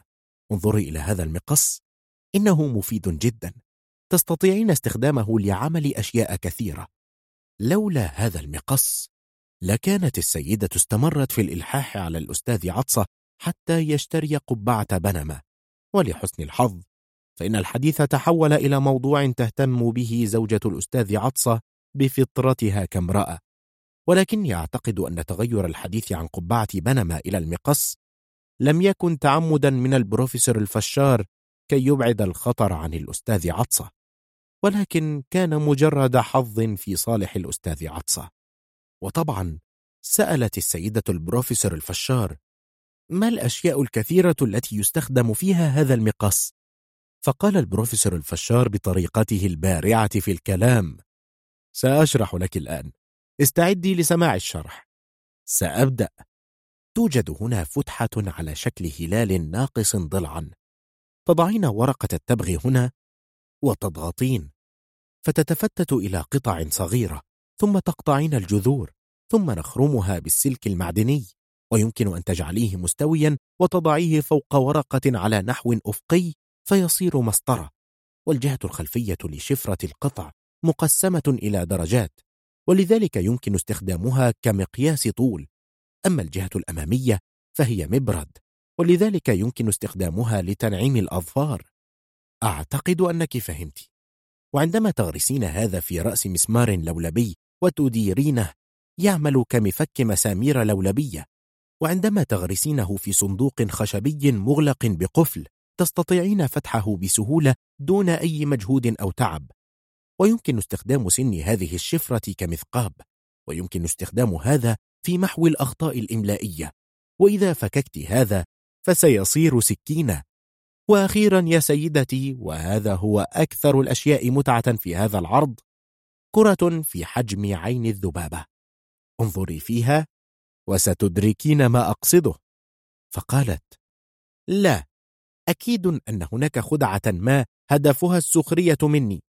فعرض عليها أن تأخذ المقص قائلا شيء مؤسف أنك لا تثقين بي. تعتقدين أنني أخدعك؟ انظري من فضلك. ترفضين النظر؟ انظري ولو حتى قليلا. فأخذت السيدة المقص وهي تشك في نواياه. ثم وضعت عينها على الكرة التي بحجم الذبابة وحدقت بتركيز. وحينئذ قال البروفيسور الفشار ماذا شاهدت؟ قالت أرى لونا أسود فقط. فقال ليس لونا أسود. وجهي الكرة ناحية الحائط. ارفعيها قليلا ناحية الضوء. أكيد سترين شيئا ما في داخل الكرة. قالت شيء عجيب. أرى صورة. لماذا وضعوا صورة صغيرة في مكان كهذا؟ قال هذا هو الشيء الممتع في الموضوع. وقد ظل الحديث متراوحا بين البروفيسور الفشار والسيدة فقط. حينئذ أراد الأستاذ عطسة فجأة أن يرى الصورة فقال أعطيني المقص كي أرى أنا أيضا. ولكنها ظلت واضعة عينها على المقص تشاهد الصورة ثم قالت إنها جميلة فعلا فتاة عارية جميلة. ثم ظلت تشاهدها لا تريد أن تترك المقص. فقال الأستاذ عطسة ألم أقل لك أن تعطيني المقص كي أشاهد؟ فقالت انتظر شعرها جميل يصل إلى خصرها تنظر إلى أعلى وقامتها مرتفعة لدرجة مخيفة. ولكنها جميلة. وإذا بالأستاذ عطسة يصيح غضبا قلت لك دعيني أشاهد يعني دعيني أشاهد. فأعطته المقص وقالت آسفة لأني جعلتك تنتظر. تفضل خذ وقتك في المشاهدة. وحينئذ جاءت الخادمة من المطبخ وهي تحمل وجبتي شعرية مثلجة إلى حجرة الضيوف وتقول لقد حضر ما طلبته من المطعم يا أستاذ عطسة. قال البروفيسور الفشار للسيدة هذا هو طعامي الفاخر سأدفع ثمنه من مالي. آسف لأنني سأسبب لك إزعاجا بتناوله هنا. ثم أحنى رأسه لها احتراما وبدأ عليها أنها شعرت بارتباك في الرد على ما قال لأنها لم تفهم هل يتكلم بجد أم يسخر. فأجابت إجابة مختصرة وقالت تفضل تناول وحينئذ كان الأستاذ عطسة قد انتهى من النظر في كرة المقص ثم قال كيف تأكل شعرية مثلجة في هذا الجو الحار؟ هذا يسبب تسمما فقال البروفيسور الفشار وهو يكشف الغطاء عن علبة الطعام ماذا تقول؟ لا أحد يصاب بتسمم من تناول طعام يحبه ثم وضع البهارات على الحساء وقلبه جيدا ثم قال اثنان لا أحبهما الشعرية القديمة والإنسان الغبي. فبدأ على الأستاذ عطس القلق وقال للبروفيسور محذرا لقد أفرطت في الشطة في حسائك. فقال البروفيسور الفشار الشعرية لا تؤكل إلا بالحساء والشطة. أكيد أنك تكره الشعيرية. قال الأستاذ عطسة أنا أحب المكرونة الإسباكيتي فقال البروفيسور الفشار سائقو البعير والحمالون يحبون المكرونة الإسباكيتي إنني أشعر بالأسف الشديد على من لا يميز المذاق الرائع للشعيرية أكثر من شعوري بالأسف على أي شخص آخر. ثم وضع الأعواد المصنوعة من خشب الأرز في الشعيرية وأمسك بها كمية كبيرة ورفعها إلى أعلى قليلا. ثم قال هناك طرق عدة مختلفة لتناول الشعيرية يا سيدتي. المبتدئ في تناول الشعيرية يضع الشعيرية في الحساء ثم يرفعها إلى فمه ويأكلها وهو يحدث أصواتا. ولكن طريقة الأكل هذه لا تجعل الإنسان يشعر بمذاقها الرائع والصواب أن نمسكها بالعودين ونرفعها هكذا. ثم رفع الشعيرية بالعودين قليلا في الهواء ثم نظر إلى أسفل فوجد بعضها ما زال في قاع العلبة متشابكا ببعضه وكان يعتقد أنه رفعها جميعا. ثم قال إنها طويلة جدا يا سيدتي أليس كذلك؟ ونظر إليها منتظرا أن توافقه الرأي فقالت نعم طويلة جدا. قالت هذا وهي مدهوشة من طولها. ثم رفع الشعيرية بالعودين عاليا إلى أن ابتعدت عن العلبة وقال لقد أخذت ثلث الشعيرية وسأضعها في الحساء ثم أبتلعها. لن أمضغها سوف أشفطها. فإن مضغتها فلن أشعر بمذاقها الرائع. سوف تنزلق في حلقي. وهذا هو سر روعة مذاقها.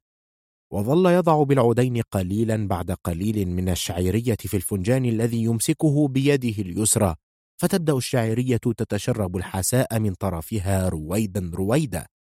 وطبقا لنظرية أرشميدس فإن كمية الحساء التي شربتها الشعيرية تؤدي إلى انخفاض منسوب الحساء في الفنجان. ولكن في الأصل يشغل الحساء 80% من الفنجان وعندما يصل ربع ما يحمله العودان من شعيرية إلى الحساء سيكون الفنجان قد امتلأ إلى الحافة. وعندما ينزل الشعيرية إلى الفنجان إلى أن تصبح المسافة بين العودين والفنجان 15 سنتيمترا يتوقف ولا يحرك يده. ومن الطبيعي ألا يحرك يده لأنه لو أنزل مزيدا من الشعيرية في الفنجان سيطفو الحساء ويسقط من الفنجان. وهنا يتردد البروفيسور الفشار في رفع الشعيرية إلى فمه ثم يستجمع قوته ويرفعها مرة واحدة. وفي الحال يشفطها مصدرا صوتا وتتحرك تفاحة آدم مرة أو مرتين صعودا ونزولا. وبعد ذلك تختفي الشعيرية التي كان يمسكها بالعودين تماما. وعندما نظرت جيدا إلى وجهه وجدت قطرة أو قطرتين من الدموع تسيل من عينيه إلى خديه. وللآن لا أعرف إن كان بسبب الشطة التي وضعها في الحساء أم حدث كسر في بعض عظام فمه عندما كان يبتلع الشعيرية بهذه الطريقة. وحينئذ قال الأستاذ عطسة مادحا البروفيسور الفشار عظيم استطعت أن تبتلع كل هذه الكمية الكبيرة مرة واحدة. ومدحته السيدة أيضا مدحا كبيرا وقالت رائع! ودون أن ينطق البروفيسور الفشار بكلمة وضع العودين وضرب على صدره مرة أو مرتين ثم قال الصواب أن تؤكل الشعيرية في ثلاث مرات ونصف ملء الفم أو أربع مرات أما أكثر من هذا فلن تكون لذيذة. ثم مسح فمه بمنديل وأخذ نفسا للراحة وفجأة جاء السيد القمر البارد وكان مظهره غريبا لا تفسير له يرتدي قبعة شتوية رغم أن الجو حار جدا وعلى ساقيه غبار شديد. فقال البروفيسور الفشار وهو يتناول الجزء الأخير من الشعيرية ويشعر بالحرج من أن يتناول غداءه وسط الجميع موجها كلامه للسيد القمر البارد. سعيد لأنك جئت أيها الشاب الوسيم ولكن أرجو ألا تشعر بالضيق لأنني لا أستطيع تحيتك كما يجب لأنني أتناول الغداء. ولم يتناول الباقي من الشعيرية بالطريقة نفسها ولكنه أخرج منديلا فاستخدمه ثم أخذ شهيقا. ثم تناول الباقي من الشعيرية بسرعة دون استعراض طريقة أكل ليست لها أهمية. وحينئذ قال الأستاذ عطسى للسيد القمر البارد هل أوشكت على الانتهاء من كتابة بحث الدكتوراه؟ وإذا بالبروفيسور الفشار يقول الآنسة ثريا تنتظرك على أحر من الجمر. انتهي من البحث بسرعة. وإذا بالسيد القمر البارد يضحك بطريقة سيئة ويقول بطريقة تبدو جدية ولكنها في الواقع لا تعبر عن شيء جاد. إنها جريمة أن أتركها تنتظر هكذا. ولذلك أريد أن أنتهي من البحث بسرعة كي تستريح. ولكن ما باليد حيلة. مشكلة البحث مشكلة كبيرة تحتاج إلى وقت ومجهود شاق. فرد البروفيسور الفشار عليه بأسلوبه قائلا نعم هذا صحيح مشكلة البحث كبيرة ولذلك لن يحدث ما تريده أم منخار أفضل شيء تفعله أم منخار أن تركز في استنشاق هواء كثير من خلال منخارها وكان أكثرهم جدية في الحديث الأستاذ عطسة الذي سأل ذكرني بعنوان بحث الدكتوراه الخاص بك. ماذا كان العنوان؟ فقال السيد القمر البارد تأثير الأشعة فوق البنفسجية على حركة إلكترونات مقلة عين الضفدع. فقال البروفيسور الفشار رائع هذا هو القمر البارد الذي أعرفه يجتهد في نحت مقلة عين الضفدع. ما رأيك يا أستاذ عطسة في أن نخبر السيد أبو الدهب بذلك قبل أن ينتهي القمر البارد من بحثه؟ فتجاهل الأستاذ عطسة سؤاله ثم قال للسيد القمر البارد هذا بحث يحتاج إلى مجهود شاق جدا. فقال القمر البارد نعم موضوع البحث صعب جدا لأن تركيب عدسة مقلة عين الضفدع معقد جدا فيجب أن أجري تجارب كثيرة وقبل كل ذلك يجب أن أصنع مقلة عين زجاجية ثم أستخدمها لإجراء التجارب. فقال الأستاذ عطسة إذا ذهبت إلى متجر زجاج سيصنع لك واحدة لماذا لم تذهب إلى متجر زجاج؟ فرفع السيد القمر البارد رأسه مدهوشا وقال في الأصل الدوائر والخطوط المستقيمة تتبع علم الهندسة. مقلة عين الضفدعة تحتوي على دوائر وخطوط مستقيمة ولا يوجد في الطبيعة ما يشبهها تماما. وبالتالي لا يستطيع تاجر الزجاج أن يصنع مثلها. فتدخل البروفيسور الفشار وقال إذا كانت غير موجودة ولا يمكن صناعتها فاترك هذا الموضوع واختر موضوعا آخر لبحث الدكتوراه. فقال القمر البارد أولا يجب أن أصنع مقلة زجاجية مثل مقلة عين الضفدعة وبالفعل بدأت أصنعها. فسأله الأستاذ عطسة دون سبب واضح وهل انتهيت من صناعتها؟ قال انتهيت من صناعتها. ثم فكر فرأى أن رده غير واضح فاسترسل قائلا صناعتها صعبة جدا. عندما أنحت الجانب المواجه لي أشعر أنه أطول من الجانب الآخر بكثير. فأنحت الجانب الآخر فأشعر أنه أصبح أطول من الجانب الآخر. وبعد بذل مجهود شديد تصورت أنني نحتها كما يجب. ولكني اكتشفت أن شكلها صار بيضاويا. بعد ذلك نحت الأجزاء الطويلة ولكن وجدت المنتصف أصبح غير دائري. في البداية كان مثل حجم التفاحة ثم بالنحت أصبحت صغيرة مثل حجم ثمرة الفراولة وعندما نحت أكثر لتصير دائرية صارت في حجم حبة الفول ولكن لم يصر شكلها دائريا تماما.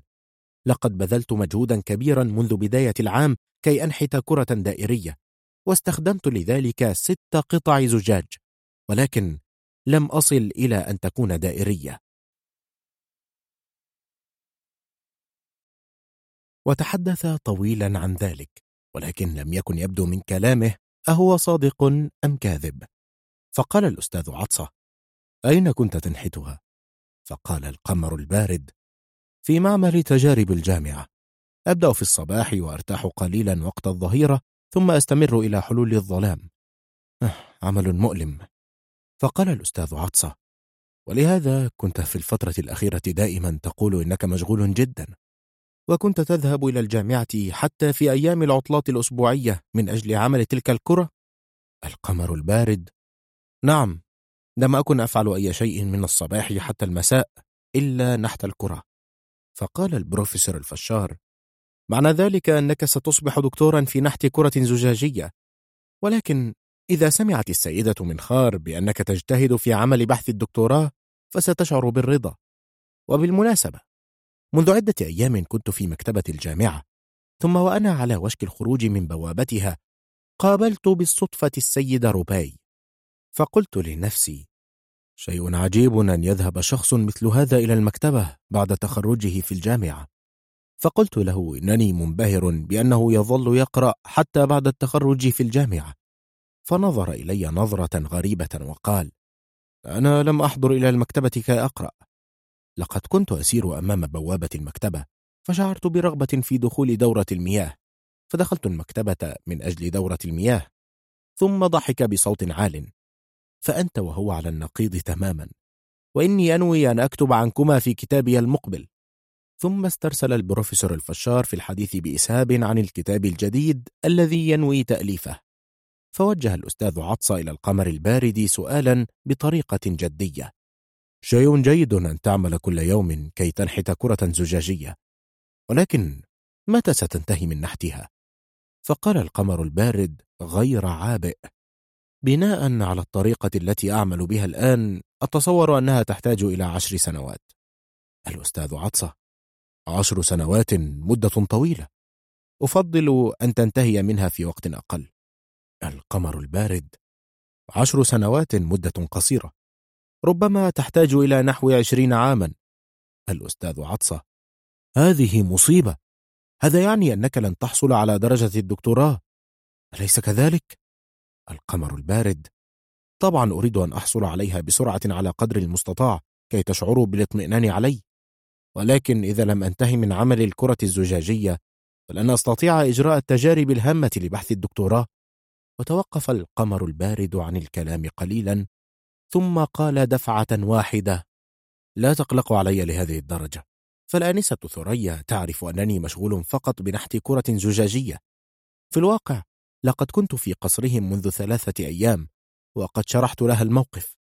فتدخلت زوجة الأستاذ عطسة التي كانت تسمع حديث ثلاثتهم بغير اهتمام كبير. وسألت القمر البارد فجأة بطريقة تدل على أن لديها شكوكا. ولكن ألم تكن عائلة أبو الدهب بكاملها في مدينة أويسو منذ الشهر الماضي؟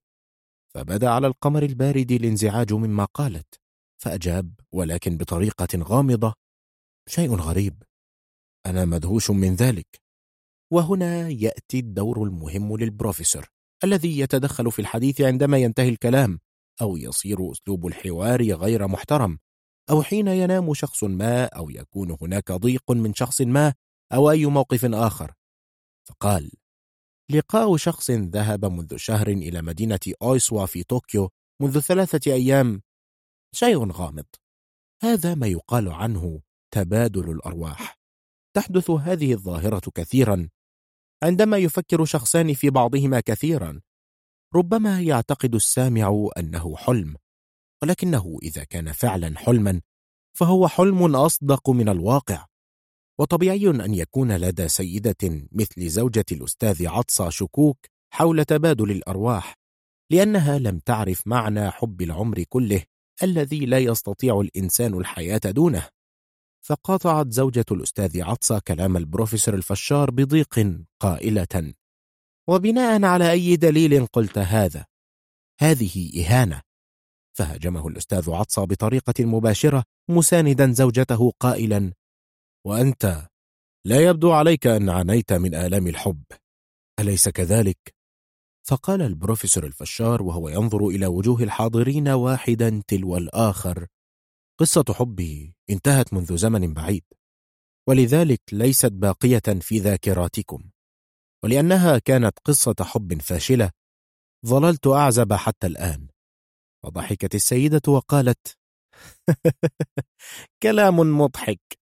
فقال الأستاذ عطسة وهو ينظر إلى حديقة المنزل أنت تستخف بنا. فقال القمر البارد وهو يبتسم بخبث أريد أن أسمع حديث الذكريات هذا كي أتعلم منه. فقال البروفيسور الفشار إن قصة حبي أيضا غامضة ولو كان مؤلف قصص الأشباح المشهور لافكاديو هيرن حيا لأعجبته ولكن للأسف لقد مات. ولذلك ليس لدي حماس قوي لسردها.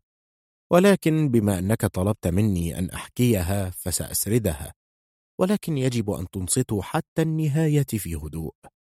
وبعد أن شدد على الإنصات بهدوء دخل في موضوع الحكاية.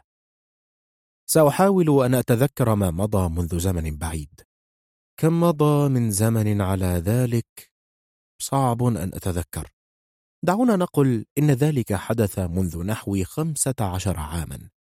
فسخر الأستاذ عطى منه قائلا كلام غير معقول. فقالت الزوجة بطريقة باردة ذاكرتك سيئة جدا. أما السيد القمر البارد فجلس صامتا محافظا على وعده بعدم الكلام ولكن بدا عليه أنه سيبادر بأسئلته فور أن ينتهي البروفيسور الفشار من السرد. فاستكمل البروفيسور الفشار حدث هذا في موسم الشتاء حين كنت في محافظة نيغاتا فقاطعه الأستاذ عطسة قائلا ما هذه الأماكن الغريبة التي تتحدث عنها؟ وإذا بالسيدة تقول لزوجها في حدة لا تتكلم وأنصت الموضوع مشوق فتابع حل ظلام الليل ولم أستطع رؤية الطريق وشعرت بالجوع ولم تكن بيدي حيلة إلا أن أطرق باب منزل في منتصف ممر جبلي. فشرحت لهم ظروفي وطلبت منهم أن يسمحوا لي بالمبيت في منزلهم. وإذا بفتاة تحمل شمعة وتقول ليس هناك مشكلة أن تمكث في منزلنا. تفضل بالدخول. فنظرت إلى وجهها. فشعرت بأنني أنتفض. ومنذ لحظتها عرفت جمال الحب. فقالت السيدة مستحيل أن تكون هناك فتاة جميلة هكذا وسط جبل. فقال سواء كان جبلا أو بحرا المهم أنها جميلة لدرجة أنني أريدك أن تشاهديها يا سيدتي. كانت قد جدلت شعرها إلى أعلى رأسها بطريقة ساحرة. فتأثرت السيدة جدا بما قال فردت ألهذه الدرجة كانت جميلة؟ فاسترسل البروفيسور الفشار. وعندما دخلت وجدت موقدا في وسط حجرة واسعة وحول الموقد جلست الفتاة وجدها وجدتها وأنا ثم قالوا لي أكيد أنت جائع. فقلت لهم أن يعدوا لي أي طعام بسرعة فإذا بالجد يقول أنت ضيف ويجب إكرامك ولذلك صنته لك أرزا بالثعابين. وكان هذا الكلام بداية قصة فشل حبي. ولذلك أرجو أن تنصتوا لي جيدا فقال القمر البارد سننصت جيدا ولكن لا توجد ثعابين في محافظة نيغاتا في فصل الشتاء أليس كذلك؟ فقال البروفيسور الفشار ملاحظة ذكية ولكن نحن نتحدث عن قصة حب رومانسية ولذلك ليس مهما الدخول في تفصيلات فلسفية مثل هذه مثلا الروائي والشاعر الياباني إيزومي يقول في إحدى قصصه وكانت سرطانات البحر تخرج من بين الثلوج ومع هذا لم يعلق أحد على ذلك. فقال القمر البارد أمم عندك حق. ثم عاد إلى الإنصات دون كلام مرة أخرى. قال البروفيسور الفشار في تلك الفترة كنت أتناول كثيرا من الأطعمة الغريبة مثل الجراد والضفادع الحمراء وحلزون البزاق لدرجة الشعور بالملل من تناولها.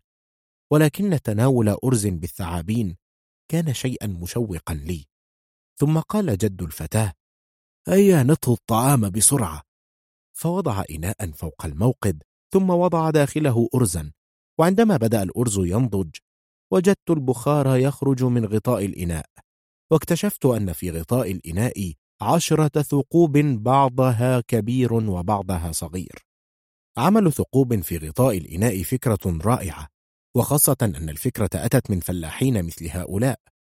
وقام جد الفتاة فجأة وذهب إلى مكان ما ثم عاد وتحت إبطه سلة كبيرة يحتضنها ثم وضعها بجانب الموقد بطريقة عادية. فنظرت داخل تلك السلة فشاهدت الثعابين. كانت طويلة وملتفة بعضها حول بعض بسبب برودة الجو. فعقدت السيدة حاجبيها وقالت كف عن هذا الكلام أشعر بضيق منه. فقال البروفيسور الفشار لماذا؟ هذا الكلام السبب في فشل قصة حبي ولذلك لا أستطيع التوقف عن سرده. ثم رفع جد الفتاة غطاء السلة بيده اليسرى وأمسك بالثعابين المتكتلة كتلة واحدة بيده اليمنى ووضعها بكتلته هذه داخل الإناء. ثم وضع الغطاء فوق الإناء بسرعة فشعرت أنني لا أستطيع التنفس من الدهشة. فشعرت السيدة بالرعب الشديد وقالت كيف؟ هذا مثير للغثيان. فقال البروفيسور الفشار تحملي قليلا سوف تفشل قصة حبي بعد قليل. وبعد مرور نحو دقيقة فوجئت بثعبان يطل برأسه من أحد ثقوب غطاء الإناء ثم تبعته بقية الثعابين تخرج برؤوسها من كل الثقوب. وصار غطاء الإناء مليئا برؤوس الثعابين. فقالت الزوجة لماذا تخرج برؤوسها من الثقوب؟ فقال البروفيسور الفشار لأن الحرارة داخل الإناء شديدة فتحاول الهرب منها بالخروج من الثقوب. وحينئذ قال جد الفتاة هذا يكفي هيا نجذبها. فقالت جدة الفتاة نعم هيا. ثم قالت الفتاة نعم سأفعل. فأمسكت برأس كل ثعبان وجذبت رأسه. فإذا بعظام الثعبان فقط تخرج ويبقى داخل الإناء لحمه. فقال السيد القمر البارد ضاحكا ثعابين مخلية من العظام. فرد البروفيسور الفشار بالفعل كما تقول ثعابين مخلية. عمل بارع ومهارة فائقة. ثم أزاحت غطاء الإناء وقلبت لحم الثعابين والأرز بملعقة كبيرة. ثم قالت هيا تفضلوا تناولوا الطعام.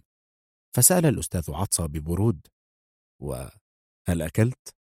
فبدأ على وجه السيدة الضيق الشديد وقالت بغضب كفوا عن هذا الكلام أشعر بالغثيان ولن أستطيع تناول أي طعام اليوم. فقال البروفيسور الفشار أنت تقولين ذلك يا سيدتي لأنك لم تأكلي الأرز بالثعابين. أنصحك بأن تأكليها مرة ولن تستطيعي نسيان مذاقها طوال العمر. فقالت لا لا يمكن. أنا آكل أرزا بثعابين؟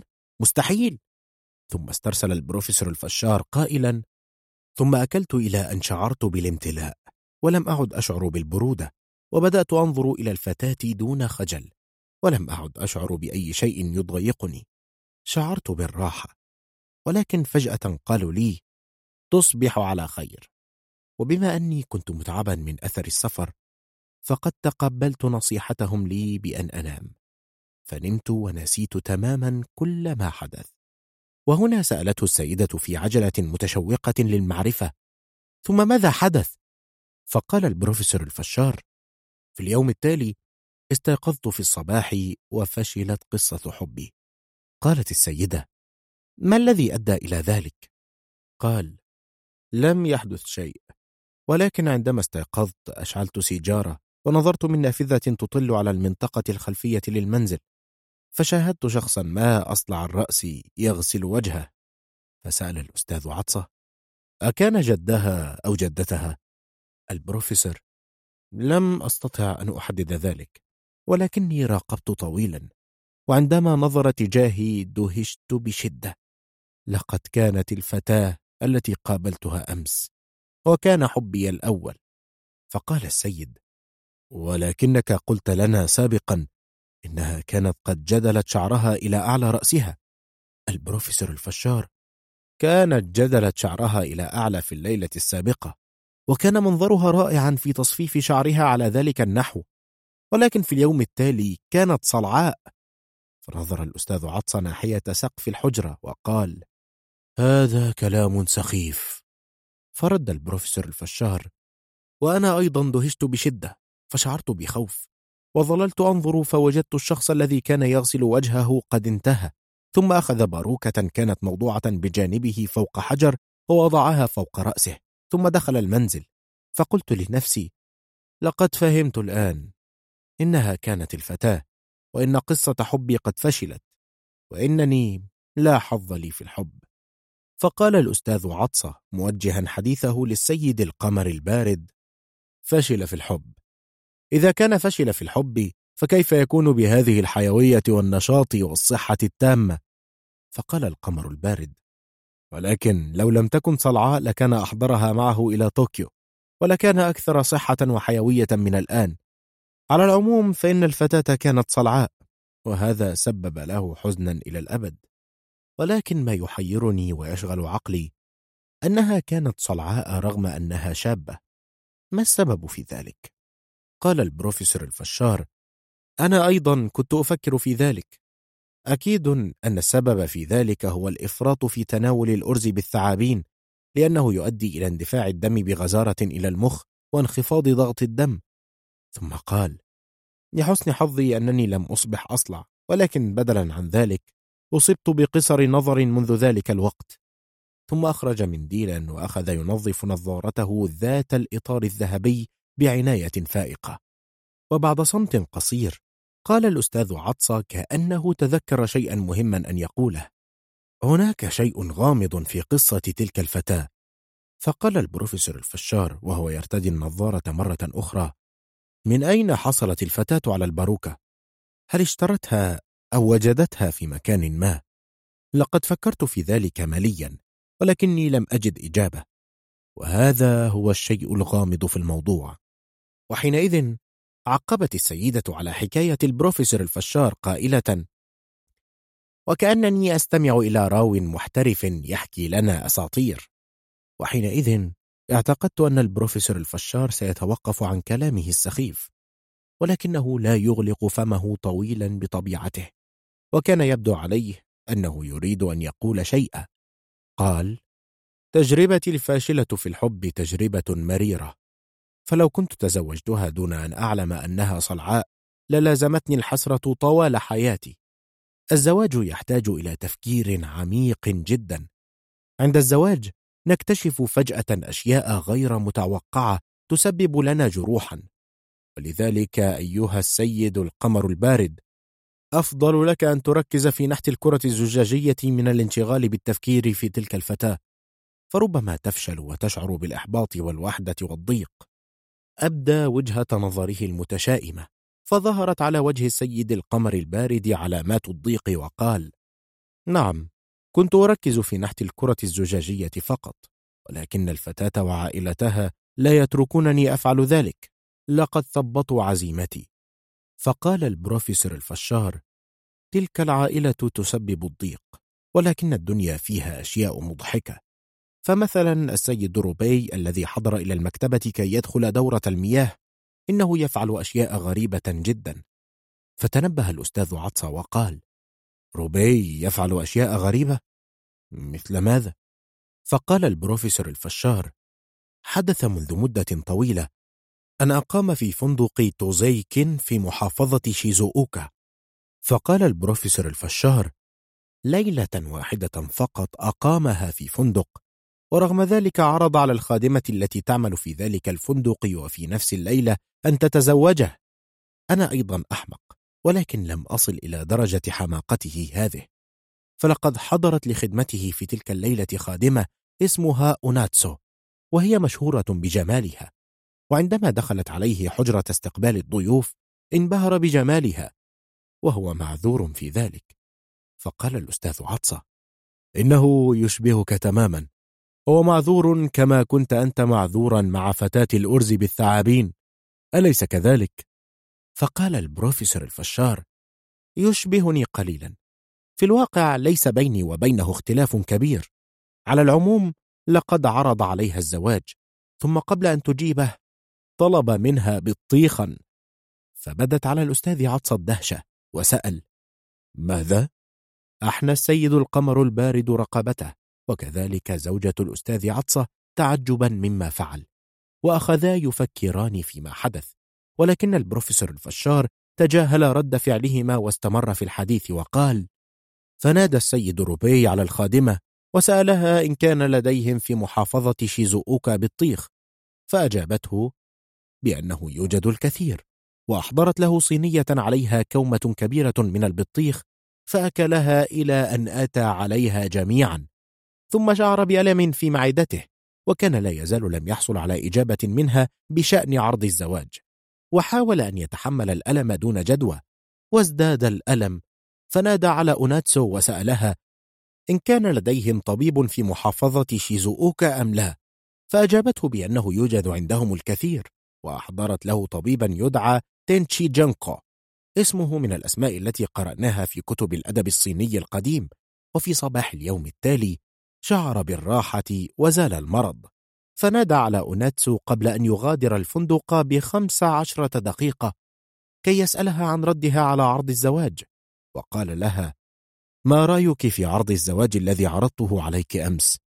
فضحكت وقالت تستطيع أن تجد في محافظة شيزووكا بطيخا وكذلك تجد فيها طبيبا ولكن لن تجد فيها زوجة من معرفة ليلة واحدة قضيتها فيها ثم ذهبت ولم يستطع رؤية وجهها مرة أخرى بعد ذلك. وفشل السيد روبي في الحب مثله. وأصبح لا يأتي إلى المكتبة إلا كي يستخدم دورة المياه. وعندما نفكر بعمق في هذا نجد أن النساء شريرات. فإذا بالأستاذ عطسة يقول فعلا النساء شريرات. لقد قرأت سيناريو للشاعر الفرنسي ألفريد دي وأحد شخصياته شاعر روماني يقول الغبار أخف من الريشة والرياح أخف من الغبار والمرأة أخف من الرياح. ثم أضاف بعزيمة وإصرار نظرته ثاقبة. فعلا المرأة خفيفة لا فائدة منها. فشعرت السيدة بالضيق مما قال فقالت أنت قلت إن المرأة خفيفة. ولكن شيء سيء أن يكون الرجل ثقيلا. قال الأستاذ عطسة. ثقيل. ماذا تعنين؟ قالت. ثقيل. تعني ثقيلا. مثلك أنت. فقال. لماذا تقولين إنني ثقيل؟ قالت. لأنك هكذا. ومن هنا بدأ نقاش غريب بينهما. واستمع البروفيسور الفشار بشغف إلى محادثتهما ثم فتح فمه وقال احمر وجهكما إلى درجة كبيرة وهاجم كل منكما الآخر. وهذا يوضح حقيقة العلاقة بينكما. أكيد أن أزواج زمان كانوا مملين. خرج كلامه غامضا لا تدري إن كان انتقادا لهما أم مدحا. ثم توقف عن الكلام عنهما واستمر في شرحه المستفيض بأسلوبه المعتاد. في الزمن الماضي لم تكن تجرؤ زوجة على معارضة زوجها ولكن شخصا مثلي لن يشعر بالرضا إن كانت زوجته خرساء. أريدها أن تكون مثلك وتقول لي أنت ثقيل. إن كنت سأتزوج فلأتزوج واحدة تتشاجر معي أحيانا كي لا أشعر بالملل. أمي كانت دائما حين تتحدث إلى أبي لا تقول سوى نعم وحاضر وعاشت معه عشرين عاما لم تخرج قط إلا إلى المعبد لزيارة قبور أجدادنا لدرجة أنها حفظت أسماء أجدادنا جميعا وهذا شيء سخيف. وفي فترة طفولتي لم يكن ولد يستطيع أن يقابل بنتا أو يتبادل معها خطابات أو يكتب فيها شعرا كما يفعل السيد القمر البارد الآن. فحنى السيد القمر البارد رأسه وقال زمن طفولتكم كان صعبا جدا. واسترسل البروفيسور الفشار. فعلا كان وقتا صعبا ولكن لا يعني هذا أن وضع البنات وقتها كان أفضل من وضعهن الآن. يقول الناس كثيرا إن وضع طالبات هذه الأيام سيء لكن وضع طالبات زمان كان أسوأ. أليس كذلك يا سيدتي؟ فقالت السيدة حقا هكذا. فقال البروفيسور الفشار نعم حقيقة أنا لا أمزح. شيء مؤسف. ولكن عندي دليلا على صحة كلامي. يا أستاذ عطسة وأنت أيضا أيها السيد القمر البارد. ربما تتذكران عندما كان عمرنا خمسة أو ست سنوات كانوا يضعون البنات الصغيرات على ميزان ويطوفون بهن في الشوارع يبيعونهن مثلما يبيعون القرع. أليس كذلك؟ قال الأستاذ عطسة. أنا لا أتذكر ذلك.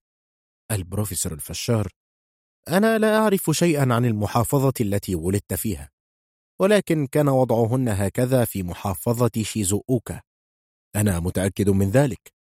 فقالت السيدة بصوت منخفض مستحيل. فسأل السيد القمر البارد بنبرة تشي بالشك في صحة كلام البروفيسور الفشار. هل كان ذلك يحدث فعلا؟ البروفيسور الفشار. نعم حقيقة. لقد حدد جدي مرة ثمن طفلة. وكنت أنا وقتها في سن السادسة وكنت أنا وأبي نتمشى من منطقة أوبورا ميتشي إلى منطقة توريتشو فسمعنا صوتا عاليا يقول بنات للبيع بنات للبيع. وعندما وصلنا إلى زاوية الحي الثاني قابلنا البائع الذي يبيعهن أمام متجر ملابس يابانية اسمها إيسيجن. وعرض مدخل المتجر ثمانية عشر مترا وله مخزن كبير بخمسة أبواب. وهو أكبر متجر ملابس في محافظة شيزوؤوكا وعندما تذهب إلى محافظة شيزوؤوكا المرة المقبلة مر عليه وشاهده. فواضح أنه ما زال الأكبر حتى الآن. مبنى عظيم ومدير المتجر اسمه جيمبي وملامح وجهه مثل ملامح شخص ماتت أمه منذ ثلاثة أيام ويجلس في مكان دفع الفواتير. وبجانبه شاب عادي في سن الرابعة والعشرين اسمه هاتسو. ووجهه شاحب مثل وجه الراهب أونشوريشي الذي كان يصوم واحدا وعشرين يوما متتاليا ولا يتناول إلا الحساء. وبجانبه يجلس السيد تشودون منكفئا على الآلة الحاسبة ويبدو على وجهه الهم كأنه فقد منزله في حريق ليلة أمس. وبجانب السيد تشودون فقاطعه الأستاذ عطسة قائلا أنت تقص علينا قصة بائع البنات الصغيرات؟ أم متجر الملابس؟ فقال البروفيسور الفشار حقا لقد نسيت. كنت أتحدث عن بائع البنات الصغيرات. في الواقع هناك حكاية عجيبة عن إسيج ولكني سوف أؤجل سردها إلى مرة أخرى وأتحدث اليوم عن بائع البنات الصغيرات فقط. فقال الأستاذ عطسة ويستحسن تأجيل الحديث عن بائع البنات الصغيرات أيضا إلى مرة أخرى. فقال البروفيسور الفشار لماذا؟ إن كلامي مرجع مهم لعمل مقارنة بين وضع المرأة في القرن العشرين ووضعها في بداية عصر ميجي عام 1868 ميلادية ولذلك لن أترك الحديث عنه عندما وصلت مع أبي إلى متجر إسيجن شاهد بائع البنات أبي فقال له ألا تشتري ما تبقى عندي من البنات؟ سأبيعك إياهما بثمن زهيد وكان يحمل على كتفه عصا وفي كل طرف منها سلة كبيرة. فوضع العصا على الأرض ومسح عرقه. فشاهدنا في كل سلة طفلة صغيرة وكلتاهما في سن الثانية. فقال أبي لذاك البائع لو كان الثمن رخيصا فسوف أشتريهما ولكن ألا توجد غيرهما؟ فقال البائع نعم لقد بعت كل من كن عندي اليوم ولم تتبقى إلا هاتان. اختر التي تعجبك. ثم أمسكهما بكلتا يديه كما يمسك القرع ورفعهما إلى وجه أبي فنظر والدي على رأسيهما وقال يبدو أنهما جيدتان. ثم بدأ الكلام عن السعر بعد ذلك فقال أبي هل أنت متأكد أنهما جيدتان؟ فقال البائع نعم لا شك أن البنت التي في السلة الأمامية جيدة. لأني أراها وأنا أسير بها. ولكن البنت التي في السلة الخلفية لا أستطيع أن أحدد أنها جيدة لأنه ليس لي عينان في قفاي أشاهدها بهما في أثناء السير. فربما يكون فيها شرخ وإن كنت تريد أن تشتريها فسأخفض سعرها جدا. وما زالت تلك المحادثة بين البائع وأبي عالقة في ذهني بقوة حتى الآن رغم أنني كنت طفلا صغيرا وقتها. ولكني تعلمت منها أنه يجب أن أكون دائم الحذر من النساء. ولكن الآن عام 1905 لا يوجد أحمق يسير في الطرقات ويبيع البنات. ولا نسمع شخصا يقول إن الفتاة التي يحملها خلفه فيها عيب لأنه لا يستطيع النظر إليها باستمرار في أثناء السير في الطريق. ولذلك أنا أعتقد أن وضع المرأة ارتفع جدا بفضل تأثير حضارة الدول الغربية. ألا تتفق معي في الرأي أيها السيد القمر البارد؟ وقبل أن يجيب القمر البارد سؤال البروفيسور الفشار تنحنح بعظمة ثم تحدث بصوت منخفض قائلا بنات هذه الأيام عند الذهاب إلى المدرسة أو العودة منها وفي الحفلات الموسيقية والحفلات الخيرية وحفلات تناول الطعام والشراب يسرن يعرضن أنفسهن على الجميع ويقولن اشترونا من فضلكم. لم تعد هناك حاجة لأن يباعن بمهانة مثلما كان يفعل بائع البنات الصغيرات الذي كان يقلد بائع الخضروات. عندما يبيع خضارا متبقيا بسعر رخيص قبل أن يفسد. وهذا يدل على أنه عندما تزيد درجة استقلالية الإنسان فطبيعي أن يفعل ذلك. وعندما يشعر كبار السن بقلق شديد من تصرفات الشباب فإنهم يشكون ويقولون هذا بسبب كذا وكذا. ولكن في الواقع هذا بسبب تطور الحياة. أنا وأمثالي نرى أن التطور شيء جميل ولذلك نشعر بالسعادة منه. فإن المشتري الآن ليس في حاجة إلى أن يتأكد من حسن البضاعة بطريقة وضيعة مثل النقر على الرأس والسؤال عما إن كانت البضاعة جيدة أم لا وهذا شيء جيد. وسنتجنب متاعب فعل هذا في العالم المعقد الذي نعيشه الآن. وستتجنب الفتاة أن تصبح في سن الخمسين أو الستين دون أن تكون في منزل الزوجية ويكون لها زوج. السيد القمر البارد أحد شباب القرن العشرين منفتح جدا على فكر ذلك القرن وكان يتحدث إلى البروفيسور الفشار وهو يدخن سيجارة وينفخ الدخان في وجهه ولكن البروفيسور الفشار ليس بالرجل الذي يغضب من تصرف كهذا من شاب؟ قال البروفيسور الفشار. كما تقول فعلا بنات مدارس هذه الأيام عندهن ثقة كبيرة في أنفسهن ويفتخرن بحالهن إلى أقصى درجة. يرين أنهن لسن أقل من الذكور في شيء. وهذا أمر جيد جدا. فعلى سبيل المثال بنات المدارس المجاورة لي بنات عظيمات يرتدين الزي الرياضي الغربي ويتدربن على العقلة شيء باهر. وكلما شاهدتهن من الطابق الثاني لمنزلي وهن يمارسن رياضة الجمباز تذكرت سيدات اليونان القديمة. فقال الأستاذ عطسة وهو يبتسم ببرود ثم أصبح الحديث عن اليونان. فقال البروفيسور الفشار لا مفر من ذلك فإن أي شيء له علاقة بالجمال بدأ من اليونان فإنها أصل جمال كل شيء. والعلاقة بين علماء علم الجمال واليونان علاقة لا تنفصل خاصة عندما أشاهد فتاة سوداء البشرة تلعب الجمباز بتركيز تام فأتذكر حكاية أجاميدي. أخذ يتحدث والفخر باد عليه بثقافته ومعرفته الواسعة فابتسم السيد القمر البارد كما يفعل دائما وقال ثم ظهر لنا أيضا اسم صعب لا نعرف عنه شيئا فقال البروفيسور الفشار أجاميدي امرأة عظيمة أنا معجب بها جدا. في ذلك الوقت كان ممنوعا بحكم القانون في أثينا أن تعمل المرأة قابلة داية وكان هذا أمرا غير منطقي. وشعرت أجاميدي بالضيق من ذلك. فقال الأستاذ عطسة الاسم الذي تتحدث عنه اسم من؟ فرد البروفيسور الفشار امرأة اسم امرأة. كانت تريد أن تصبح قابلة وقالت لنفسها شيء مشين أننا نحن النساء لا نستطيع أن نصبح قابلات. أليست هناك طريقة أصبح بها قابلة؟ يجب أن أفكر في طريقة كي أصبح قابلة. ثم أخذت تفكر ثلاثة أيام بلياليها في طريقة تصبح بها قابلة. وفي فجر ثالث يوم سمعت صوت طفل مولود حديثا يبكي فانشرح صدرها واهتدت إلى حيلة وقالت ها لقد وجدتها. ثم حلقت شعرها الطويل بسرعة ولبست رداء رجاليا وذهبت لحضور محاضرات الطبيب هيروفيلوس. ثم اجتهدت في تحصيل العلم منه إلى أن شعرت أنها أصبحت قادرة على إجراء عمليات الولادة بنجاح. فبدأت تعمل قابلة. والمدهش يا سيدتي أنها نجحت نجاحا كبيرا وذاع صيتها وأصبحت تقوم بعمليات التوليد هنا وهناك. الجميع يطلبها للتوليد.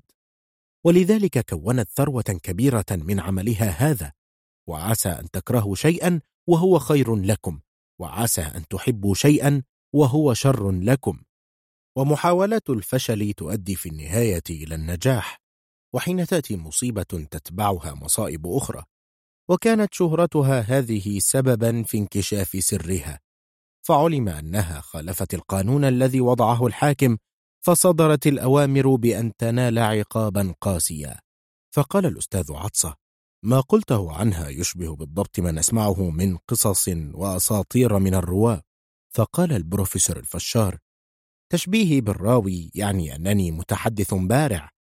وعلى كل حال فإن نساء أثينا وقعن على وثيقة للسلطات بطلب العفو عنها.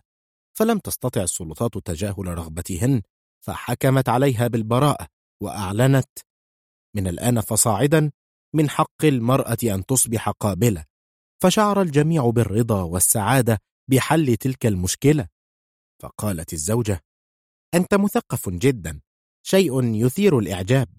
فقال البروفيسور الفشار نعم أنا ملم بأغلب الأمور. والأمر الوحيد الذي لا أعرفه جيدا بل أعلم القليل عنه فقط هو أنني أحمق. فانفرجت أسارير وجهها وضحكت وقالت كلامك مضحك. وحينئذ رن جرس بوابة المنزل كما اعتدنا منذ تم وضعه على البوابة. حينئذ قالت الزوجة يبدو أن هناك ضيفا آخر جاء. ثم انسحبت من حجرة الضيوف واتجهت إلى حجرة المعيشة. وفي الوقت الذي تركت فيه الزوجة حجرة الضيوف دخلها شخص معروف للجميع. لقد كان السيد رياح الشرق. وبحضور السيد رياح الشرق لا نستطيع أن نقول إن جميع العشاق قد تجمعوا. ولكن على الأقل نستطيع أن نقول إن عددا كافيا منهم قد تجمع كي لا أشعر بالملل. فإن قلت إنه عدد غير كاف فقد تبطرت. ولو كنت عشت في منزل آخر فلربما مت دون أن أعرف أن من بين البشر أساتذة عشاقا مثل هؤلاء. ولكن للأسف أصبحت منتميا إلى منزل عطسة ومضطرا إلى أن أكون تابعا له في كل الأوقات. ومع ذلك أشاهد وأنا مستلق على الأرض عمالقة مثل الأستاذ عطسة والبروفيسور الفشار والقمر البارد والسيدي رياح الشرق الذين لا مثيل لهم في طوكيو الواسعة. إن كل واحد منهم يساوي ألفا من أمثاله وإنها لفرصة لا تعوض أن أكون معهم. وبفضل ذلك نسيت حرارة الجو التي يسببها فرو الصوف الملاصق لجسمي وأستطيع أن أقضي نصف يوم في سعادة غامرة. ولذلك فأنا أشكرهم بشدة. وبما أن هؤلاء العظماء اجتمعوا فلن يمر الوقت ككل وقت. أكيد سيكون هناك شيء ما عظيم سيحدث. فانتظرت حدوث ذلك الشيء وأنا أراقبهم جالسا بجانب باب الحجرة. أحنى السيد رياح الشرق رأسه احتراما وقال لقد اشتقت إليكم كثيرا لم نتقابل منذ مدة طويلة. فنظرت إلى وجهه فوجدته جميلا كما شاهدته آخر مرة. وإذا حكمت عليه من وجهه فقط أستطيع أن أقول إنه يبدو مثل ممثل كومبارس يرتدي معطفا قطنيا منشى مثل الملابس الرسمية. كأنه تلميذ لمدرب السيف المشهور ساكاكي بارا وبالتالي فإنما يبدو عاديا في جسم السيد رياح الشرق كأي إنسان آخر هو ما بين كتفه إلى وسطه. وإذا بالبروفيسور الفشار يقول كأنه في منزله. شكرا على حضورك رغم الجو الحار. تفضل هنا. فقال السيد رياح الشرق. لم أقابلك منذ مدة طويلة. اشتقت إليك يا بروفيسور. فقال البروفيسور الفشار فعلا آخر مرة تقابلنا كان في الصالون الأدبي. طبعا أنت كنت تذهب كثيرا إلى الصالون الأدبي في الفترة الماضية. ألم تلعب دور المراكبي بعد ذلك؟ لقد كنت رائعا في ذلك الدور. لقد صفقت لك كثيرا ولكنك لم تنتبه إلي أنني صفقت لك وقتها كثيرا. فقال السيد رياح الشرق نعم لاحظت ذلك. بفضل تصفيقك تشجعت واستطعت تمثيل الدور والتجديف إلى نهاية الدور. فقال الأستاذ عطسة متى سيكون موعد الصالون الأدبي المقبل؟ رد عليه السيد رياح الشرق. سوف نأخذ شهري يوليو وأغسطس راحة ثم نتقابل في شهر سبتمبر وسوف يكون لقاء كبيرا. هل عندك فكرة جيدة تكون موضوعا للقاء المقبل؟ فقال الأستاذ عطسة ببرود. دعني أفكر. فإذا بالسيد القمر البارد يقول ما رأيك أيها السيد رياح الشرق أن تستخدم أحد مؤلفاتي؟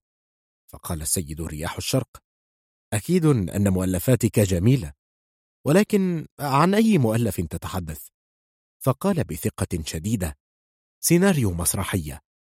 فشعر الثلاثة بصدمة ونظروا إلى وجهه بدهشة فقال السيد رياح الشرق متماشيا معه في الكلام هذا رائع. سيناريو مسرحية كوميدية أم تراجيدية؟ فقال القمر البارد ليست كوميدية وأيضا ليست تراجيدية. في هذه الأيام بعض الناس مهتم بمشاهدة المسرحيات القديمة والبعض الآخر بالمسرحيات الحديثة. ولذلك أنا أبدعت شيئا جديدا وأسميته المسرحية الشعرية. فقال السيد رياح الشرق مسرحية شعرية؟ وضح لي أكثر. فقال السيد القمر البارد مسرحية جذابة من شعر ياباني ولكني لن أقرض قصيدة مكونة من ثلاثة أبيات. البيت الأول خمس كلمات والبيت الثاني سبع كلمات والبيت الثالث خمس كلمات. ولكني سوف أقرض قصيدة من بيت واحد. وعندما سمع الأستاذ عطس والبروفيسور الفشار كلامه هذا شعرا بأنهما لا يستطيعان الرد عليه من فرط غرابته. فقال السيد رياح الشرق وما الجذاب في هذا؟ فرد السيد القمر البارد الجاذبية تأتي أصلا من الشعر فلا يكون طويلا أكثر من اللازم ولا يكون شعرا مستهجنا ستكون مسرحية من مشهد واحد فقط. قال السيد رياح الشرق جميل. ثم استمر القمر البارد فقال دعني أتحدث اولا عن التجهيزات. كلما كانت التجهيزات بسيطة كان أفضل. نضع في وسط المسرح شجرة صفصاف كبيرة ومن جذع تلك الشجرة يخرج فرع يتجه ناحية اليمين ونضع غرابا فوق ذلك الفرع. وهنا قال الأستاذ عطس في قلق كأنه يتحدث إلى نفسه وهل سيقف الغراب أم يطير؟ فقال السيد القمر البارد ماذا؟ لن يطير. سوف نربط ساقه في فرع الشجرة ونضع تحت فرع الشجرة حوض استحمام وفتاة جميلة تجلس عارية متجهة إلى جانب المسرح في الحوض وهي تستحم وتنظف جسمها. فقطعه البروفيسور الفشار. ولكن هذا انحطاط. اولا من التي ستوافق أن تفعل ذلك؟ السيد القمر البارد. سهل جدا الحصول عليها. سوف نستأجر فتاة من مدرسة الفنون الجميلة. فقال الأستاذ عطسة وهو كالعادة قلق أكيد أن الشرطة ستعارض ذلك بشدة. فقال القمر البارد بما أنه ليس عرضا تجاريا يهدف إلى الربح فليست هناك مشكلة. لو اعترضت الشرطة على ذلك ما كان يوجد في مدارس الفنون الجميلة سكيتش رسم عراه فقال الأستاذ عطسة ولكن ذلك في مدرسة الفنون كنوع من تعليم الرسم أما رؤية ذلك على المسرح فموضوع آخر. فقال القمر البارد بغضب شديد بما أنكم تعتقدون ذلك فإن اليابان لن تتقدم سواء في الرسم أو في التمثيل المسرحي إنها فنون بعضها مثل بعض. فقال السيد رياح الشرق دعونا من هذا الجدل قل لنا ماذا سنفعل بعد ذلك؟ وبدأ عليه أنه موافق على الفكرة ويريد الاستماع أكثر إلى مضمونها. فاستكمل القمر البارد حديثه. ثم يأتي الشاعر بطل المسرحية من الممر الذي وسط صالة الجمهور. يسير إلى خشبة المسرح وهو ممسك بعصا ويرتدي قبعة صيفية بيضاء ومعطفا صيفيا حريريا شفافا وحذاء خفيفا. ومظهره يبدو مثل رجال القوات البرية ولكنه شاعر. ويجب أن يسير ببطء وهو يفكر فقط في قرض الشعر ثم يصعد على خشبة المسرح ثم يتنبه إلى وجود شجرة السرو وتحتها فتاة بيضاء تستحم في حوض فيفكر في قرض الشعر ثم ينظر إلى أعلى الشجرة فيجد غرابا على فرعها الطويل فينظر للأسفل إلى الفتاة وهي تستحم فيشعر بالإعجاب من هذا المنظر وينتظر خمس عشرة ثانية. ثم يقول بطريقة إلقاء شعر وبصوت عال غراب يقع في غرام فتاة في حوض الاستحمام. ثم يدق جرس انتهاء المشهد وتنزل الستارة. ما رأيكم في هذا العرض الجذاب؟ ألم يعجبكم؟ وبدلا من أن تلعب أنت دور المراكبي تلعب دور الشاعر بطل المسرحية. أليس هذا أفضل لك كثيرا؟ فبدا على وجه السيد رياح الشرق أنه وجد الموضوع تافها فقال بجدية محتوى الموضوع أقل مما يجب. نحتاج إلى حادثة تبين المشاعر أكثر. وحتى الآن كان البروفيسور الفشار صامتا ولكنه لا يستطيع الصمت طويلا فقال إذا كان هذا فقط يطلق عليه مسرحية شعرية فهذا شيء سخيف. الناقد والشاعر والأديب اويدا بين يقول إن الشعر والكوميديا فنون سيئة وغير مفيدة. إن كلامه ممتاز. حاول أن تعرض هذه المسرحية وسوف ترى صحة كلامه. سوف يضحك عليك أويدا بين أولا أنا لا أفهم هل هذه مسرحية أم تهريج. كما أنها عمل سيء.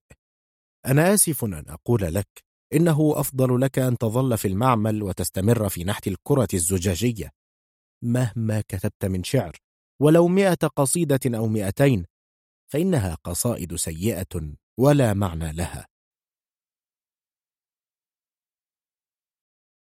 بدأ على وجه القمر البارد الغضب ثم دافع عن مسرحيته بصرف النظر عما إذا كانت كما يقولون أم لا فقال هل مسرحيتي سيئة لهذه الدرجة؟ أنا أعتقد أنها جيدة جدا.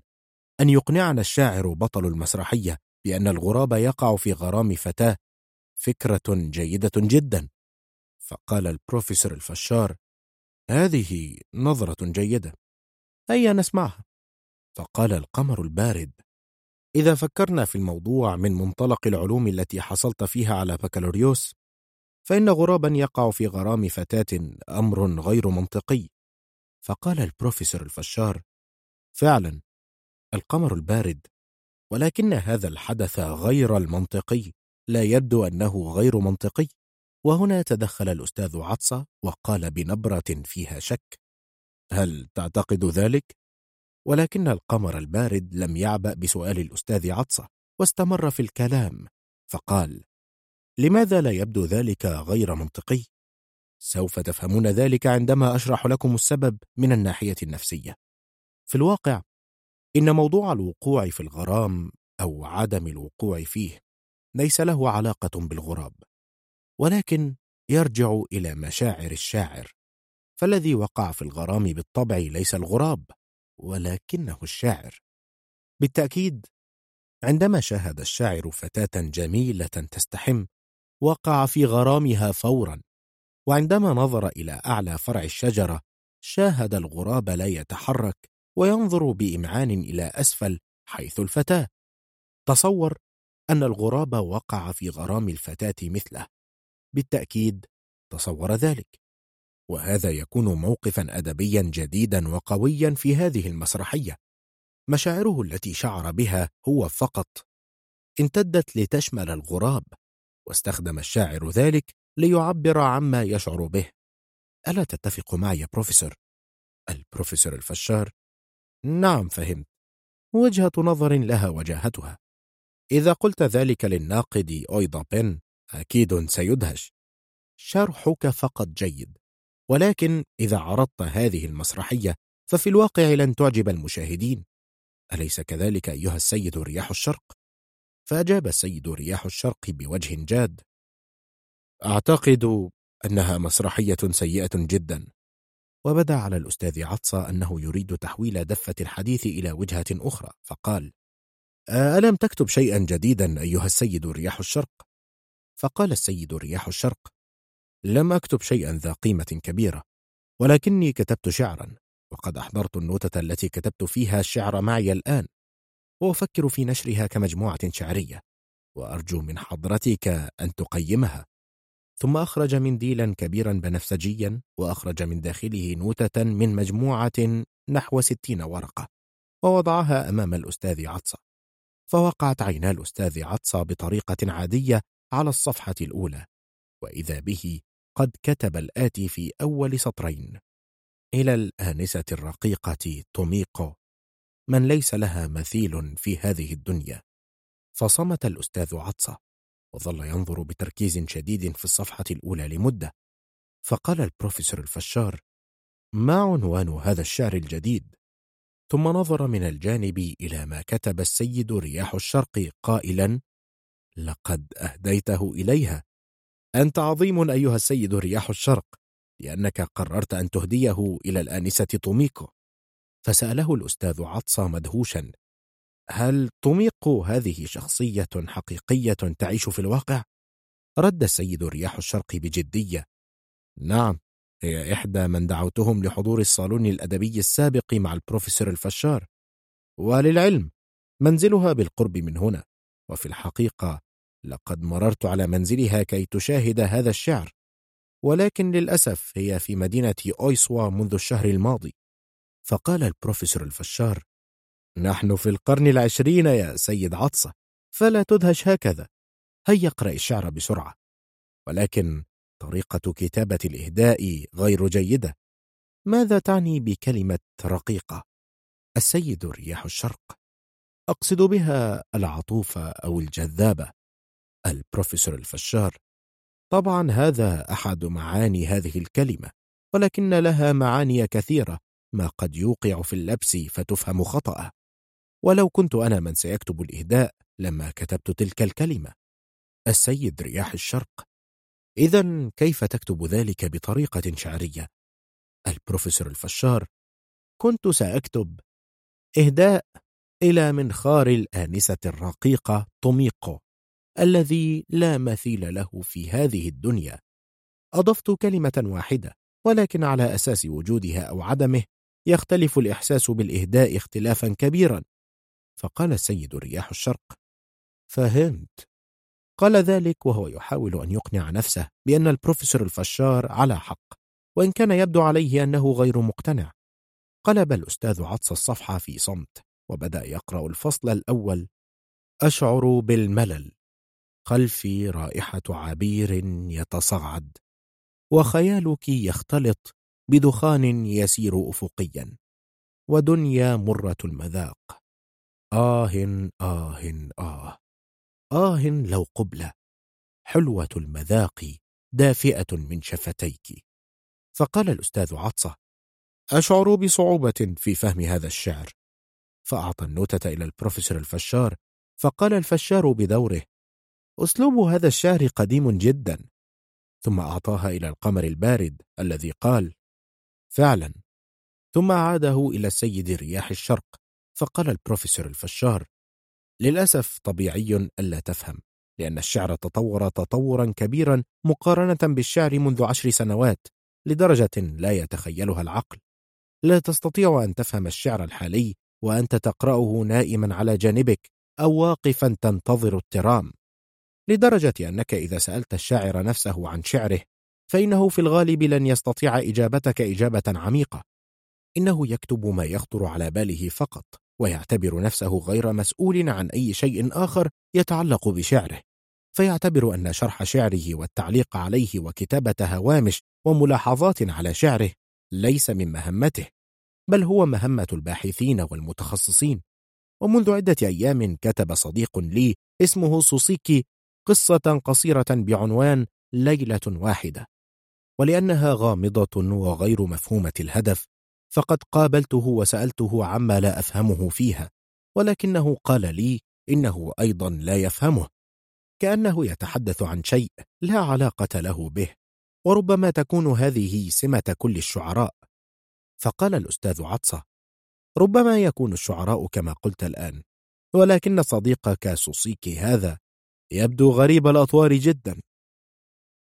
فوجه البروفيسور الفشار ضربة قاضية إلى سوسيكي إذ قال إنه غبي.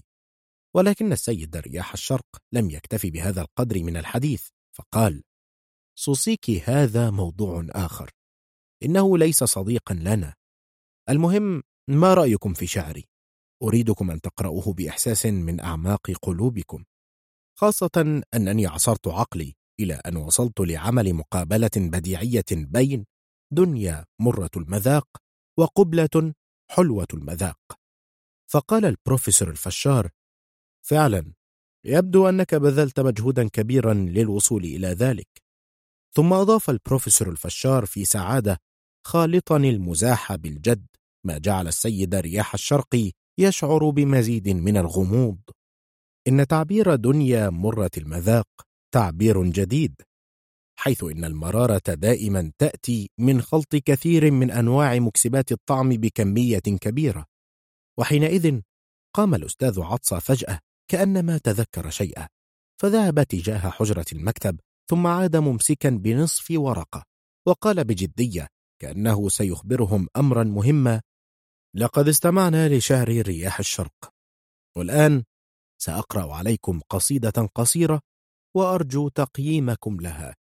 فقال السيد رياح الشرق إذا كانت في رثاء صديقك السيد تينينكوجي فقد أسمعتني إياها عدة مرات.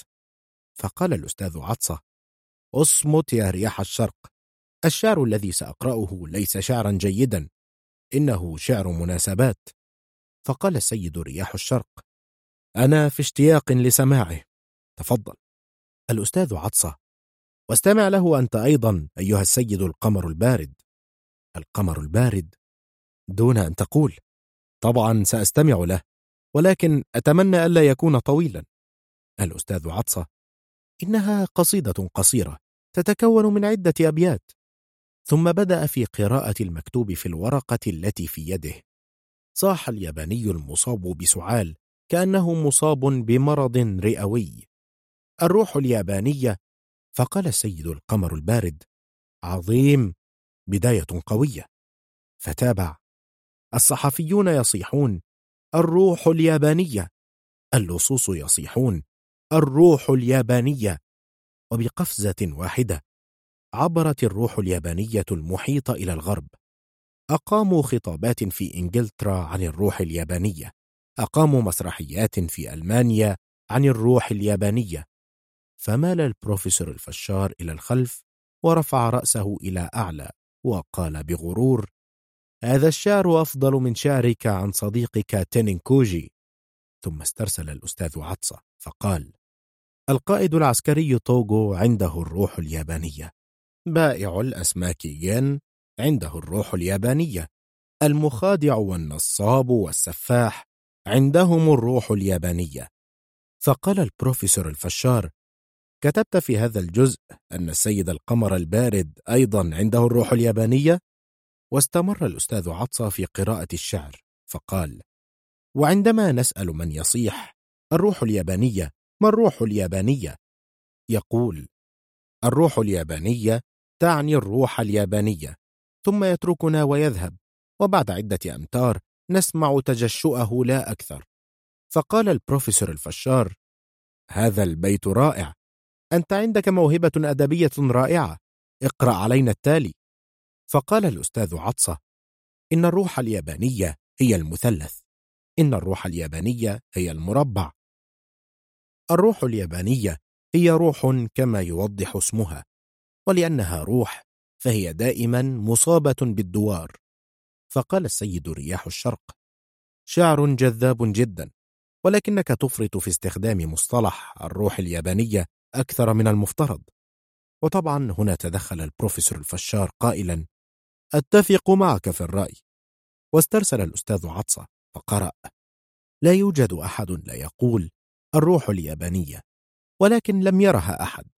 لا يوجد أحد لم يسمع بها ولكن لم يقابلها أحد. فهل الروح اليابانية روح إلهية لا توصف؟ هنا توقف الأستاذ عطس عن القراءة. إذانا بأنه أنهى المقطوعة الشعرية ولكن لأنها كانت أقصر بكثير من المتوقع. لم يفهموا ما أراد قوله بهذه الأبيات وتخيلوا أنها لم تنتهي. فانتظر ثلاثتهم أن يقرأ عليهم البقية وطال انتظارهم لكنه لم يقل لا إحم ولا دستور. لم ينطق بكلمة واحدة فقال السيد القمر البارد آه هذا كل شيء. فأجاب الأستاذ عطسة نعم. فشار الجميع أن إجابته بنعم إجابة أقصر من اللازم. كانوا يتوقعون مقطوعة أطول من ذلك أو إجابة طويلة توضح الأمر. والغريب في الموضوع أن البروفيسور الفشار لم يعلق تعليقا سلبيا على تلك القصيدة كما يفعل دائما بل نظر إلى الأستاذ عطسة وقال ما رأيك في أن تجمع قصائدك القصيرة في ديوان شعر وتهديه إلى من تريد؟ فقال الأستاذ عطسة دون جدية سأهديه إليك. فقال البروفيسور الفشار لا شكرا. ثم أمسك بالمقص الذي أبهر به زوجة الأستاذ عطسة وأخذ في قص أظفاره بسرعة وحينئذ وجه القمر البارد سؤالا إلى رياح الشرق. هل تعرف الآنسة ثريا؟ فقال السيد رياح الشرق نعم لقد دعوتها إلى صالون أدبي في هذا الربيع. ومنذ ذلك الحين تقاربت مشاعرنا وأصبحنا على علاقة عميقة. وعندما تظهر أمام عيني أشعر بانجذاب ناحيتها.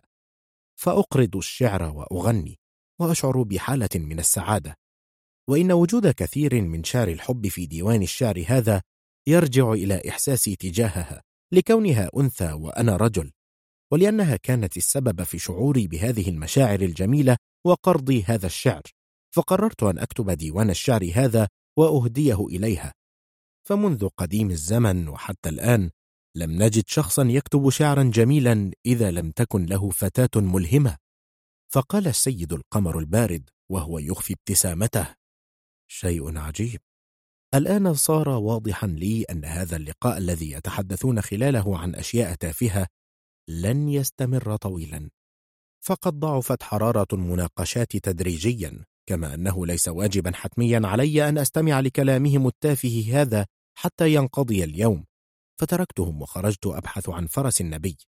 وكانت أشعة الشمس تأتي من غرب السماء فتسقط على الأوراق المرقطة لشجرة المظلة الصينية وتقف على جذعها حشرات الزيز تصدر أصواتا توحي بسقوط بعض الأمطار هذا المساء. منذ فترة بدأت أمارس الرياضة طبعا سوف يسخر الكثير مني ويقولون أول مرة نسمع عن قط يمارس رياضة ولكن ألم يكن الإنسان حتى فترة قريبة يرى أنه خلق كي يأكل وينام فقط؟ أتذكر أنه كان يسمي نفسه مفكرا فيجلس على وسادة ناعمة ويضع يده في جيبه ويدخن نرجيلة ويرفع رأسه إلى أعلى ينفخ الدخان لا يفعل شيئا. ويرى أن هذه هي عيشة الأكابر. ولقد بدأنا نحن البشر نطلب من بعضنا القيام بأشياء كثيرة وسخيفة مثل ممارسة الرياضة وشرب اللبن والاستحمام بماء بارد والغطس في البحر والذهاب في الصيف إلى منتجعات داخل الجبال حيث يمرحون ولا يعملون. ومنذ ذلك الحين انتقلت إلى اليابان من دول الغرب الأمراض الحديثة مثل الطاعون والأمراض الصدرية وأمراض ضعف الأعصاب. وبما أنني ولدت العام الماضي ومضى على مولدي عام واحد فقط لا أعلم شيئا عن الفترة التي بدأ فيها البشر يصابون بأمراض مثل تلك. ولكن مؤكد أن هذا حدث للإنسان دون وعي منه أو رغبة كذلك. ولكن نستطيع أن نقول إن حياة عام لقط تعادل عشرة أعوام عند الإنسان. فعمر القط أقصر من عمر الإنسان عدة مرات. ورغم أن حياة القط قصيرة فإنه من ناحية التفكير يتطور بسرعة كبيرة. ولذلك خطأ كبير أن نعتقد أن القط يسير مثل الإنسان في مراحل تطور تفكيره. فكما تلاحظون أولا رغم أن عمري عام واحد وعدة أشهر فإنني أفكر جيدا. ثانيا الابنة الثالثة للأستاذ عطسة عمرها ثلاث سنوات ولكن من ناحية عمرها العقلي فهي غبية لدرجة غير معقولة. فهي لا تعرف غير البكاء والتبول في أثناء الليل والتعلق بثدي أمها وبمقارنتها بي. أنا من تجرع قسوة الحياة وشرب من أحزانها. أقول إنها بلهاء. ولا يجب أن يدهش أحد منكم عندما أقول إنني أعرف جيدا تاريخ الرياضة والاستحمام في البحار والمنتجعات الطبيعية للعلاج الصحي. فإن تشكك أحد في كلامي فمؤكد أنه بهيمة. يستحق رجلين أخريين ومنذ زمن بعيد كان الإنسان بهيمة ولذلك فهو يتحدث كثيرا في هذه الأيام عن فوائد الرياضة والاستحمام في البحار معتقدا أنه اكتشف اكتشافا عظيما. ولكني أعلم تلك الأشياء جيدا منذ كنت طفلا في أحشاء أمي. أولا إذا سألنا لماذا السباحة في البحر سهلة فأجيب بأنك إذا ذهبت في أي وقت سواء ليلا أو نهارا تشاهد البحر فستعلم لماذا؟ وأنا لا أعلم كم عدد الأسماك الموجودة في هذا البحر الكبير ولكن لم أسمع قط عن سمكة مرضت وذهبت إلى الطبيب للعلاج. كل الأسماك تسبح في البحر وهي في كامل صحتها. فإذا مرضت السمكة لا يتحرك جسمها وإذا ماتت تصعد إلى سطح البحر. ولذلك يطلقون على موت الأسماك باللغة اليابانية الصعود. أما موت الطيور فيطلقون عليه السقوط وأما موت الإنسان فيطلقون عليه العودة. لو سألت أي شخص يركب البحر ويعبر المحيط الهندي هل شاهدت سمكة تموت؟ فأكيد سيجيبك بلا وطبيعي أن يجيب هكذا.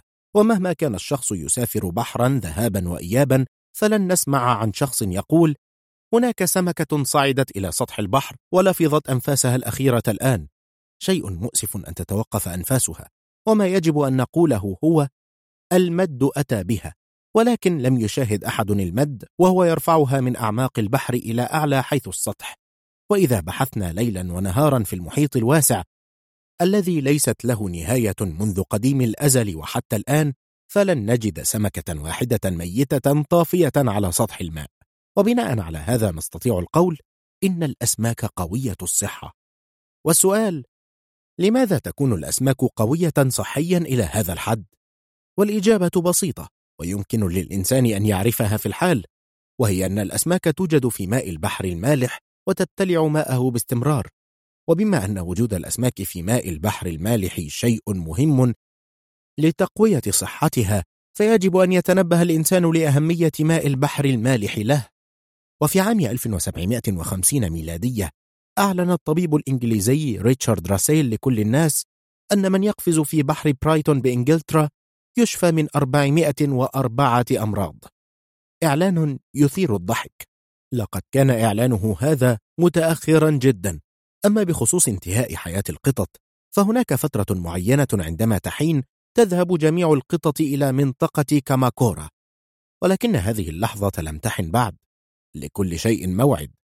وكما أن اليابانيين الذين عاشوا قبل عصر إصلاح ميجي من عام 1868 إلى عام 1912 ماتوا دون أن يستفيدوا من ماء البحر المالح فإن قطط هذه الأيام لن يستطيعوا نزول البحر عرايا. وكما يقول المثل في العجلة الندامة فمثلا القطط التي ذهبت اليوم لدخول مياه قناة تسوكيجي لن تستطيع العودة إلى منازلها بأمان. وطبقا لقانون التطور فإننا نعارض نحن القطط الاستخفاف بنا وعدم تقديرنا بمعنى أننا لن نذهب للاستحمام في البحر المالح إلا إذا قالوا عنا في حالة الموت صعدوا كما يقولون عن الأسماك وليس ماتوا كما يحدث الآن. ولقد قررت أن أفكر بجدية في ممارسة الرياضة والتخلي عن فكرة نزول البحر المالح. فنحن في القرن العشرين ومن لا يمارس رياضة في هذا القرن سيعتبره الناس فقيرا وتسوء سمعته بين الناس. فإن عدم ممارسة الرياضة في نظرهم ليس رغبة من الشخص بل عجزا منه. وما ضيق الوقت والانشغال إلا حجة كاذبة للتهرب من ممارستها.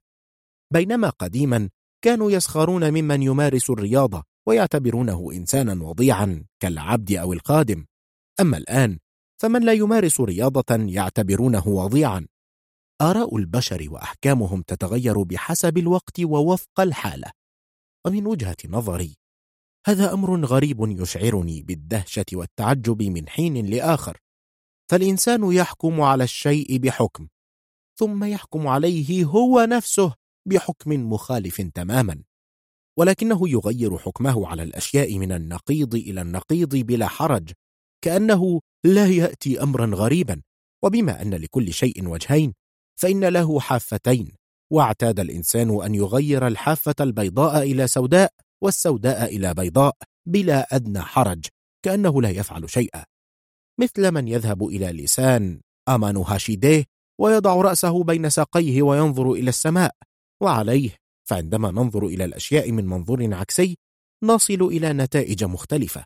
وبما أن النظر إلى أعمال شكسبير بالطريقة المعتادة منذ قديم الزمان شيء ممل فإذا لم يظهر شخص من حين لآخر ينظر إلى أعمال شكسبير بطريقة عكسية ويقول ما هذه الأعمال السيئة؟ فلن يتقدم عالم الفنون. ولذلك أصبح من كانوا يسخرون من ممارسة الرياضة هم أيضا يمارسون الرياضة ولم يعد شيئا غريبا أن تشاهد الفتيات يحملن مضارب التنس ويسرن ذهابا وإيابا في الشوارع وبالتالي لا يحق لأحد أن يسخر مني حين يسمع أنني أنوي ممارسة الرياضة.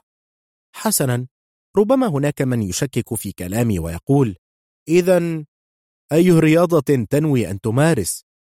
وأنا سأشرح لكم. فكما تعلمون وللأسف لا أستطيع الإمساك بالأشياء سواء كانت آلات أو معدات أو أي شيء آخر.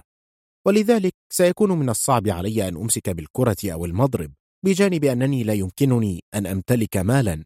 وبالتالي لا أستطيع أن أشتري أي معدات أو أدوات رياضية. وبناء على هذين السببين فإنني اخترت رياضة تندرج تحت ما يجب أن نسميه رياضات لا تحتاج إلى معدات. ولكن ربما ظننت أنني أقصد أن أمشي ببطء أو أخطف قطعة التونة. وأعدو بسرعة هاربا. ورياضة السير على أربع أرجل بطريقة حسابية والأخذ في الاعتبار الجاذبية الأرضية عند السير على الأرض موضوع سهل وليس جذابا لي. وإن ما يسمى رياضة مثل ما يفعله الأستاذ عطس من القراءة ببطء كلمة تتلوها كلمة. ما هي إلا تدنيس لقيمة الرياضة؟ وطبعا الرياضة لا تعني فقط ممارسة شيء فيه تنافس مثل التنافس مع القطط الأخرى للحصول على أسماك البنيت أو البحث عن أسماك السلمون. ولكن التنافس شيء مهم. فإذا لم يكن هناك تنافس فلن تكون هناك جاذبية لممارسة تلك الرياضة. وبالتالي سيكون هناك شعور بالملل وعدم الرغبة في فعلها. وإذا لم أختر ممارسة الرياضة التي تحتوي على منافسة فسوف أختار رياضة تتطلب مهارات فائقة. وعموما لقد فكرت في ممارسة رياضات كثيرة. فكرت في ممارسة رياضات مثل الصعود من النافذة الموجودة في أعلى المطبخ إلى سطح المنزل والوقوف بأرجل الأربع فوق سطح القرميد المنحوت على شكل زهرة الخوخ الياباني على قمة السطح الهرمي للمنزل والسير على عمود نشر الغسيل من بدايته إلى نهايته. ولكن ذلك لن ينجح لأن العمود من القيزران وسطحه أملس فلن تستطيع أظفاري التعلق به وبالتالي سأتزحلق. والقفز كثيرا فجأة خلف بنات الأستاذ عطسة رياضة مشوقة جدا. ولكن إذا مارستها كثيرا أسبب لنفسي أذى عظيما ولذلك يجب ألا أمارسها أكثر من ثلاث مرات شهريا.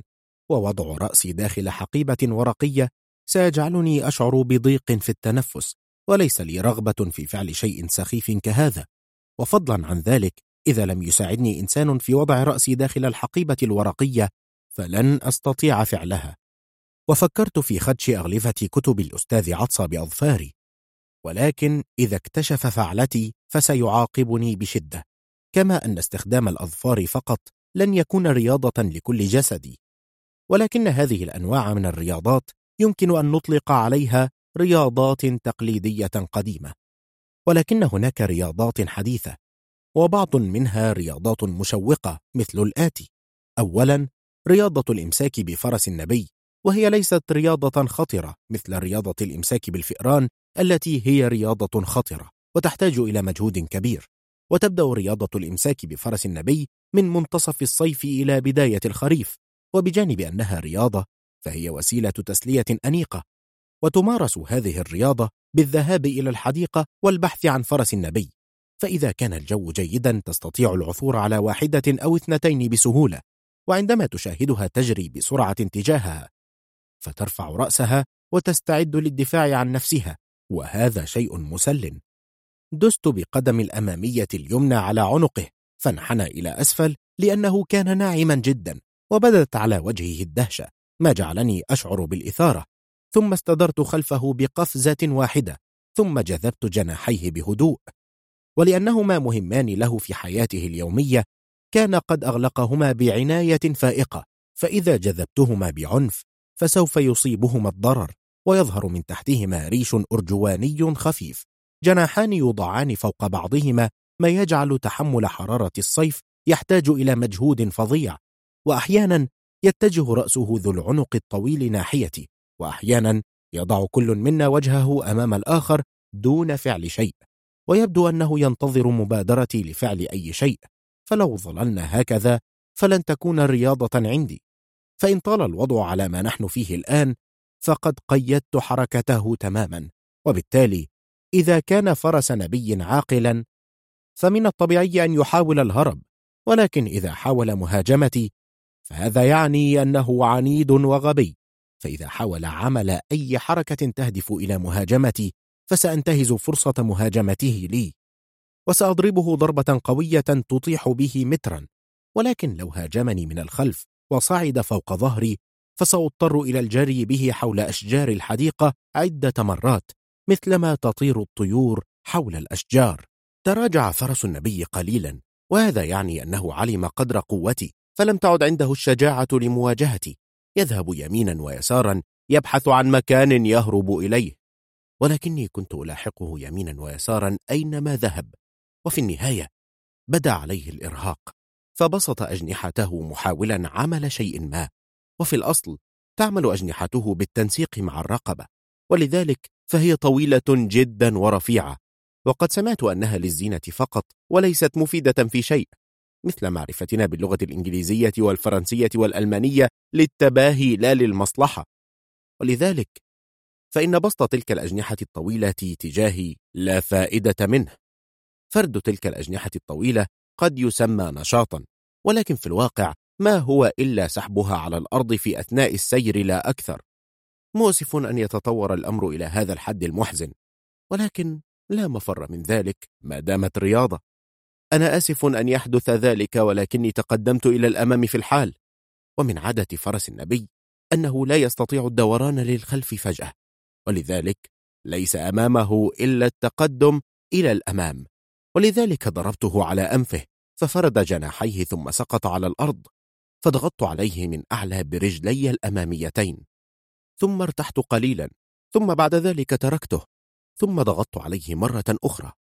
لقد استخدمت معه طريقة هجوم القائد العسكري الصيني كونغ مينغ وهي طريقة الكر سبع مرات والفر سبع مرات. وبعد أن أصبح لا يستطيع حراكا تماما وضعته في فمي آكله. لكن سرعان ما بصقته فسقط على الأرض لا يتحرك. فضربته بيدي فحاول أن يطير بكل ما يملك من قوة. فضغطت عليه بشدة. ولكني شعرت بالملل من الاستمرار في هذه المباراة. فقررت أن آكله مضغا بأسناني وليعلم من لم تسنح له فرصة أكل فرس النبي أن مذاقه ليس باللذيذ كما أنه يحتوي على قيمة غذائية قليلة جدا. وبجانب رياضة صيد فرس النبي هناك رياضة صيد حشرة الزيز وهذا لا يعني أن جميع حشرات الزيز متشابهة فكما يوجد بين البشر إنسان لصق وإنسان غتيت وإنسان جعجاع. يوجد زيز دهني وزيز يصيح مين مين؟ وزيز يصيح أوشي تسكو تسكو. ولكن الزيز الدهني يصعب الإمساك به وزيز مين مين يشعرني بالضيق لكونه غتيتا. والوحيد الذي أشعر بمتعة في اصطياده زيز أوشي تسكو تسكو إنه جعجاع يصيح دائما بصوت عال أوشي تسكو تسكو.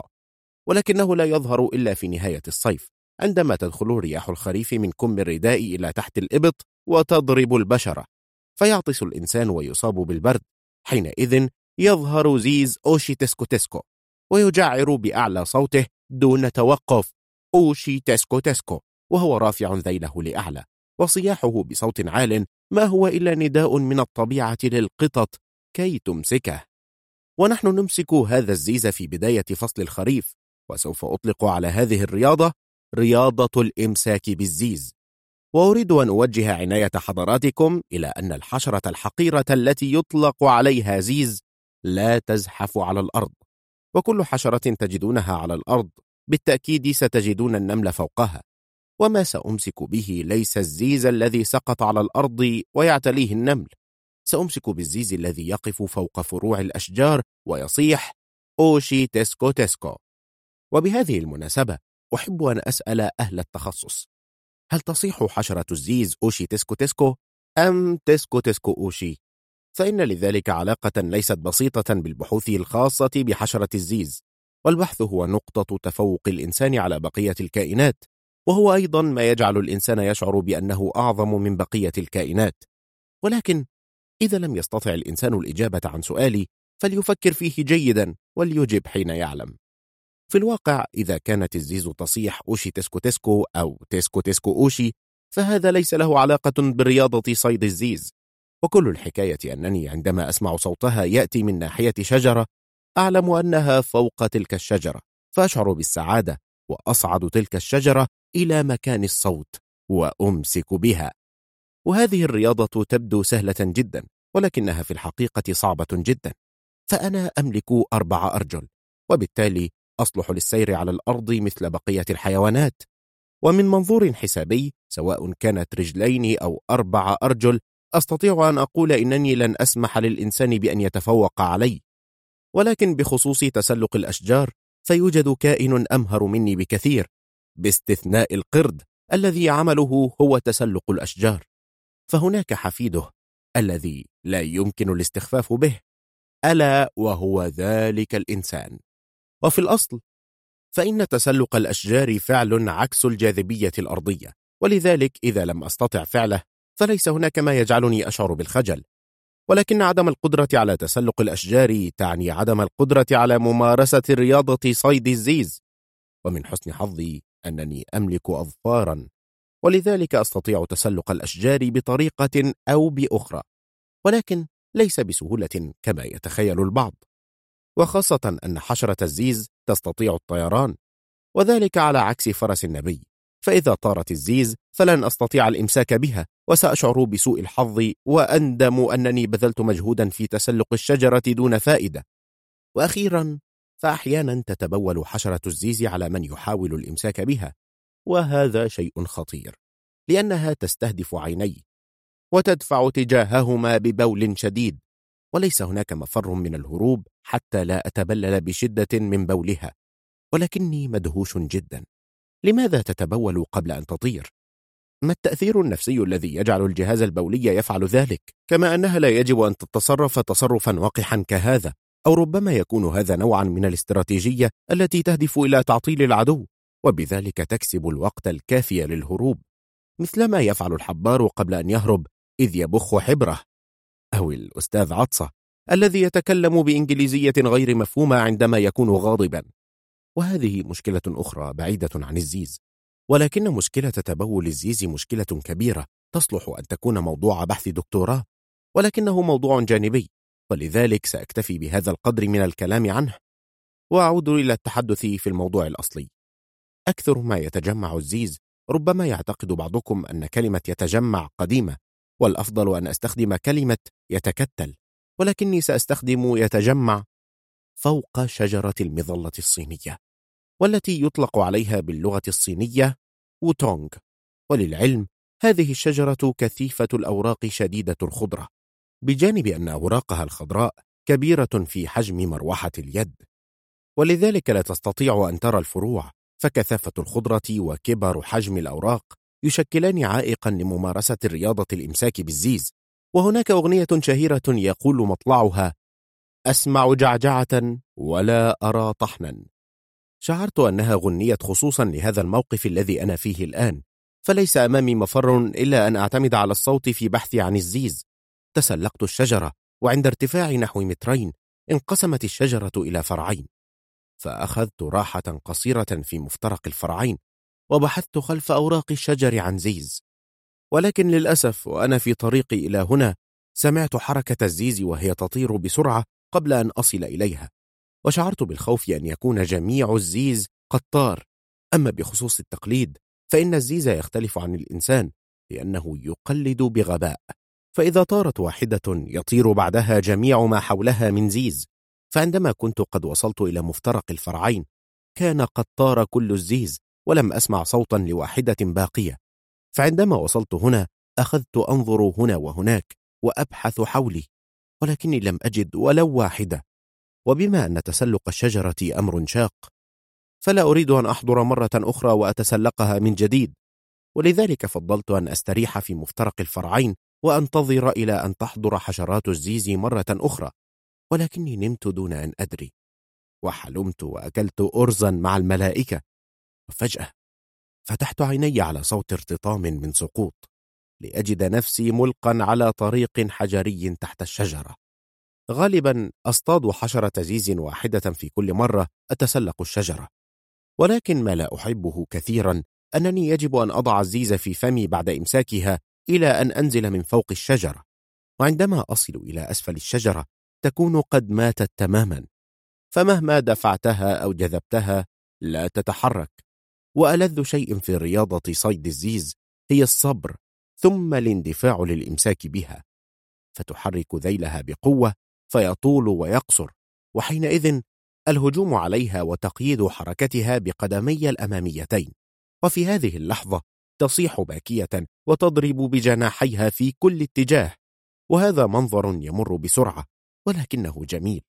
إنه أجمل منظر أشاهده في عالم الزيز. منظر يصعب التعبير عنه بالكلمة وكلما قيدت حشرة زيز عن الحركة شاهدت ذلك المشهد الدرامي الرائع. وعندما أكتفي من الاستمتاع بهذا المشهد أعتذر للزيز ثم أضعه في فمي وبعض الزيز يظل يؤدي هذا المشهد الرائع إلى أن يدخل فمي. والرياضة التالية لصيد الزيز هي رياضة التزحلق فوق أشجار الصنوبر وهذه الرياضة لا تحتاج إلى الكتابة بإسهاب عنها ولذلك سوف أختصر القول فيها.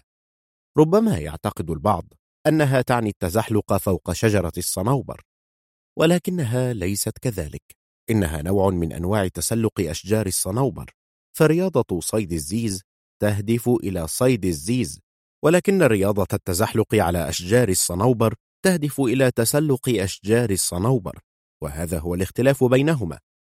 وتقول الأساطير إن الإمبراطور هوغو قد ذهب في زيارة إلى معبد ساميوجي في فصل الثلوج فاستخدم رهبان المعبد كثيرا جدا من فروع أشجار الصنوبر لتدفئة المكان له. ومنذ ذلك اليوم توقفت أفرع أشجار الصنوبر عن النمو وأصبحت جذوع تلك الأشجار ملساء. ولذلك ليست هناك شجرة جذعها أملس تصلح للتزحلق مثل شجرة الصنوبر.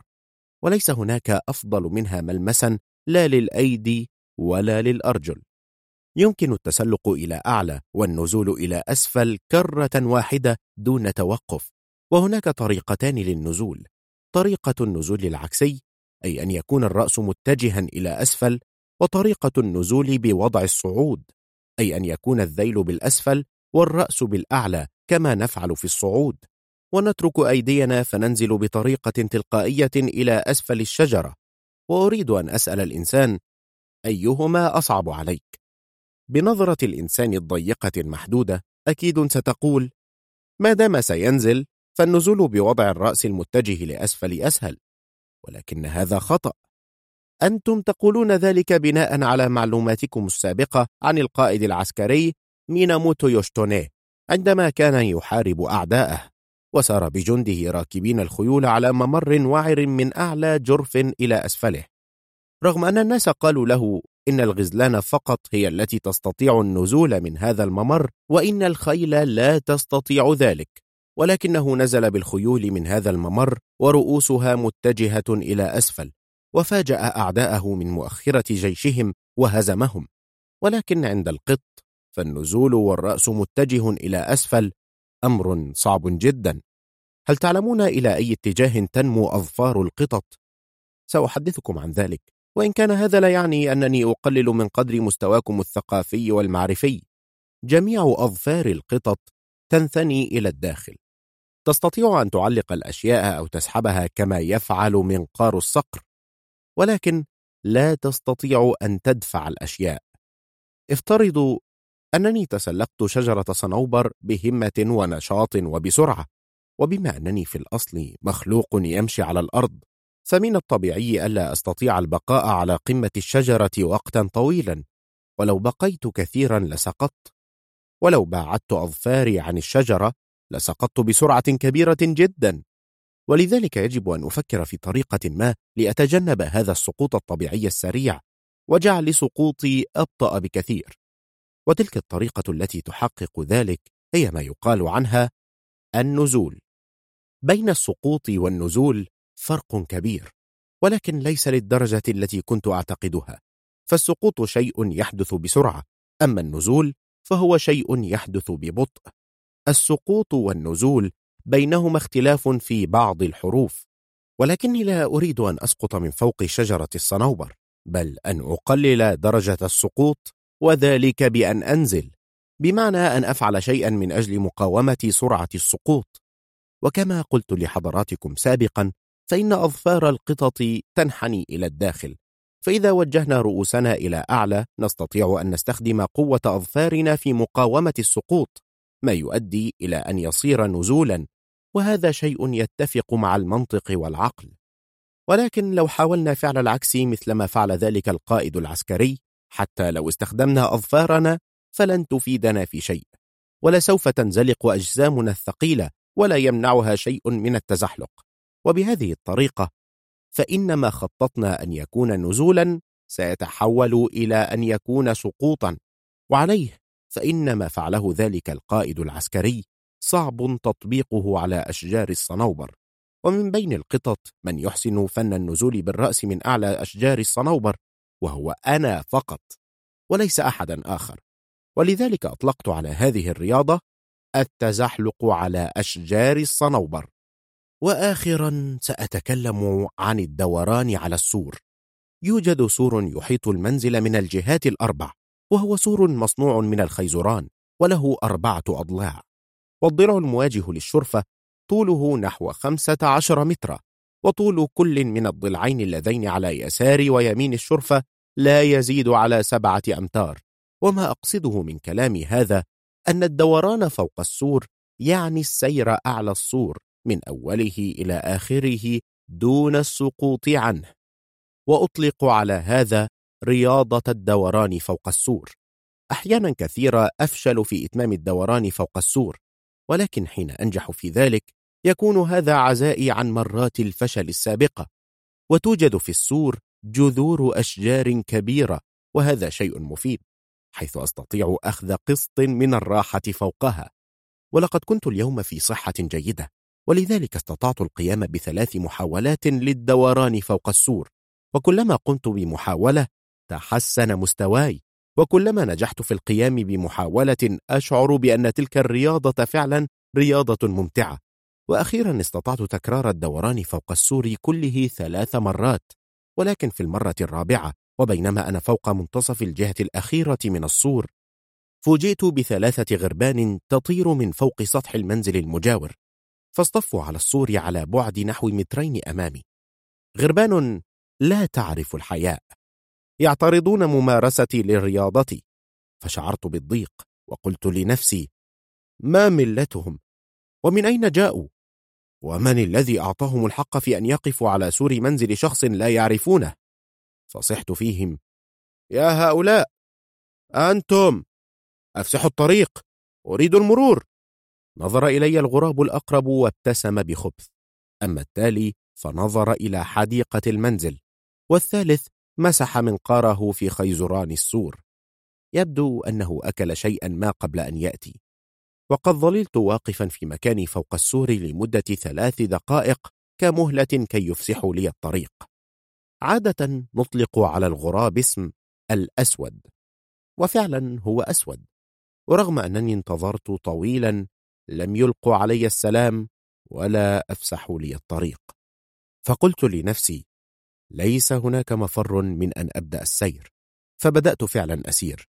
فإذا بالغراب القريب مني يبسط جناحيه ويرتفع قليلا فتصورت أنه خاف من قوتي فقرر أن يهرب.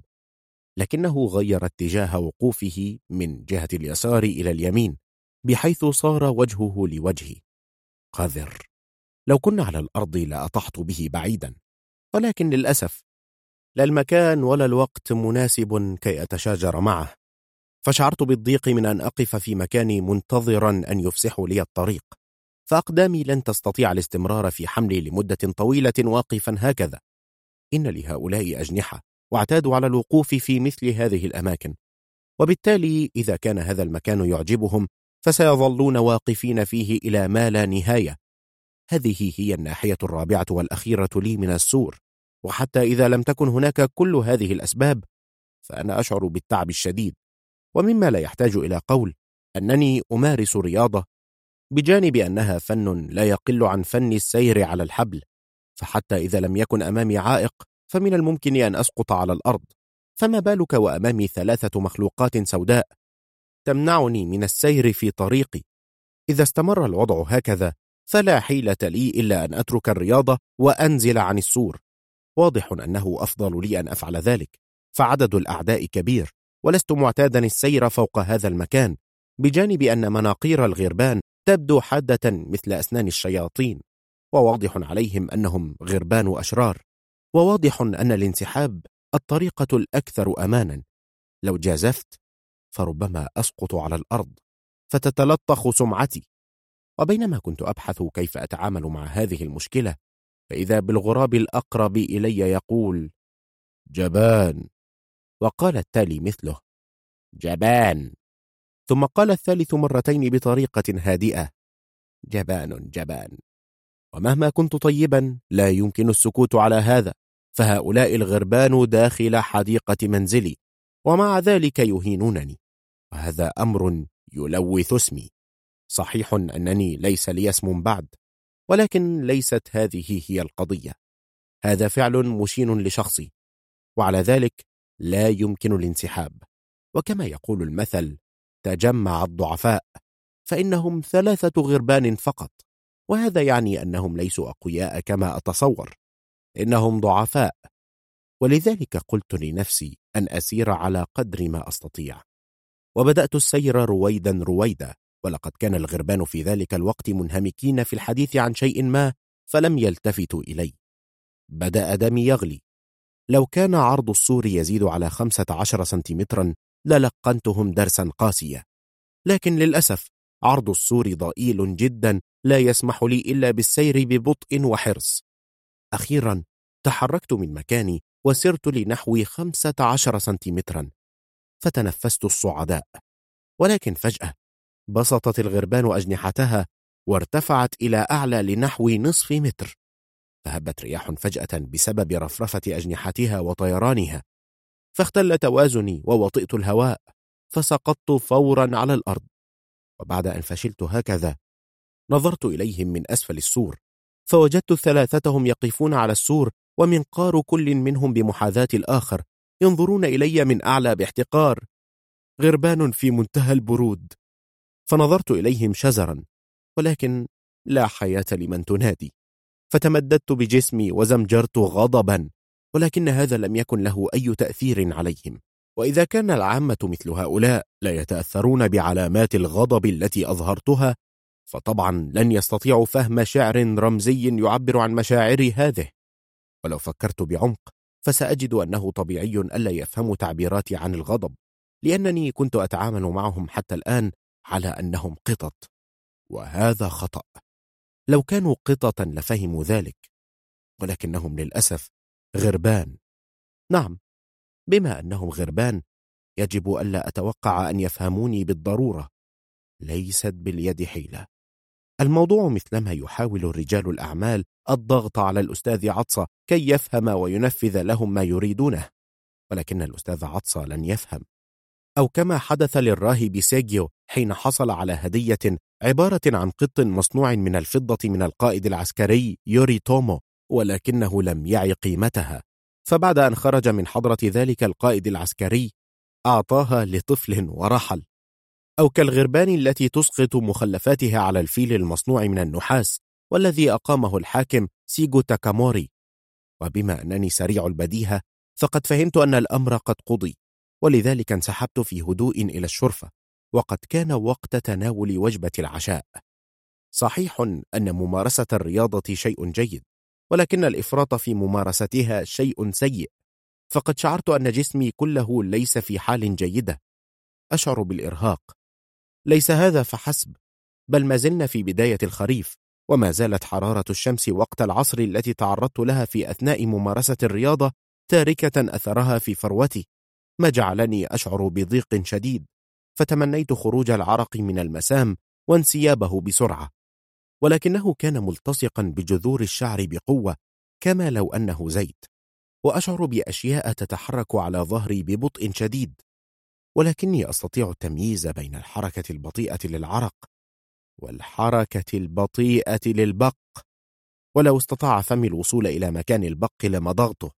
ولو كان في مكان تستطيع قدماي الوصول إليه لانتزعته. ولكنه موجود فوق منتصف سلسلة ظهري ما يعجزني عن فعل شيء. وفي هذه الحالة طبيعي للإنسان أن يحك ذلك المكان أو أن يستخدم لحاء شجرة الصنوبر ليحك به إلى أن يشعر بالاكتفاء. وإن لم يختر إحدى هاتين الطريقتين ما استطاع النوم في راحة. الإنسان غبي. عندما يستدعينا يصدر أصواتا يعتقد أننا نحبها.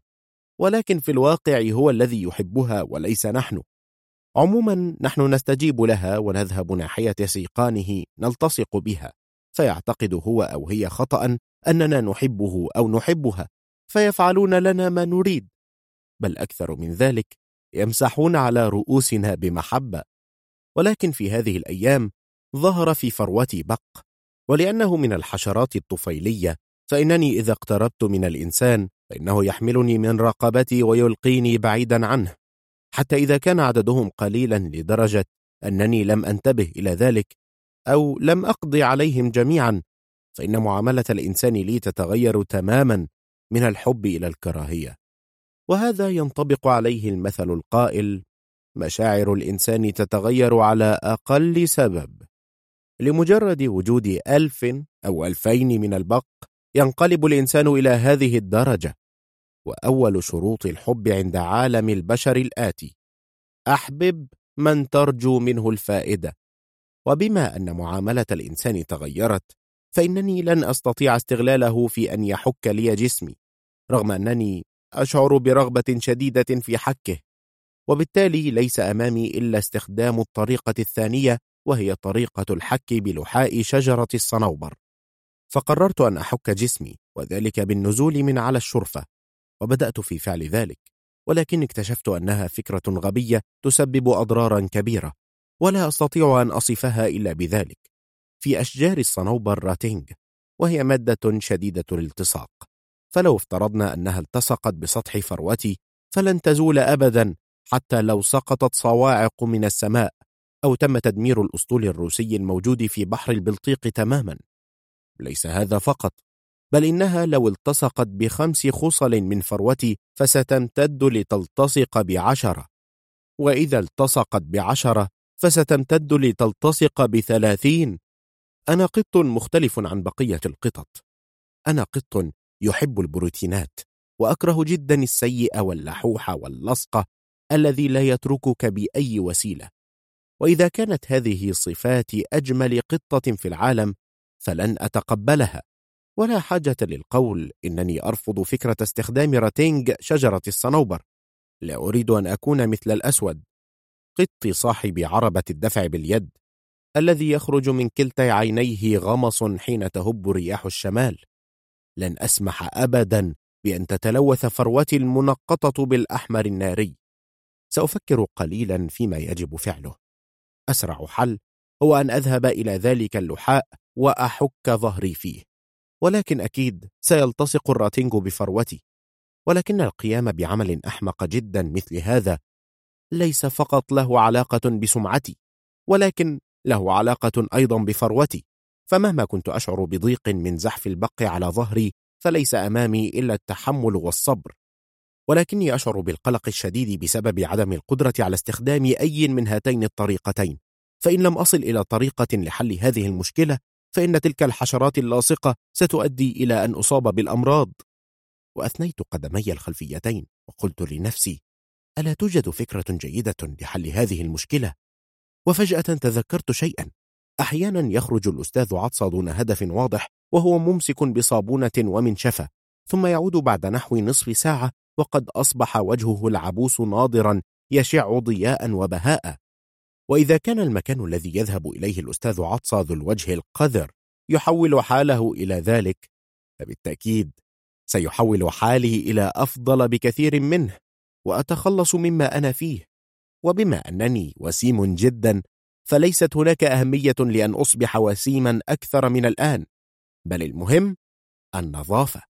لأني على سبيل الفرض الضئيل إذا مت بسبب المرض وأنا في عمر عام وعدة أشهر فسيكون هذا صدمة محزنة للبشرية. ولقد بحثت وعلمت أن المكان الذي يذهب إليه الأستاذ عطسة يسمى الحمام العام وهو مكان لقضاء وقت الفراغ. وعلى كل حال فإنه مكان قد بناه الإنسان. ولذلك مؤكد أنه مكان جميل وسوف أذهب إليه كتجربة.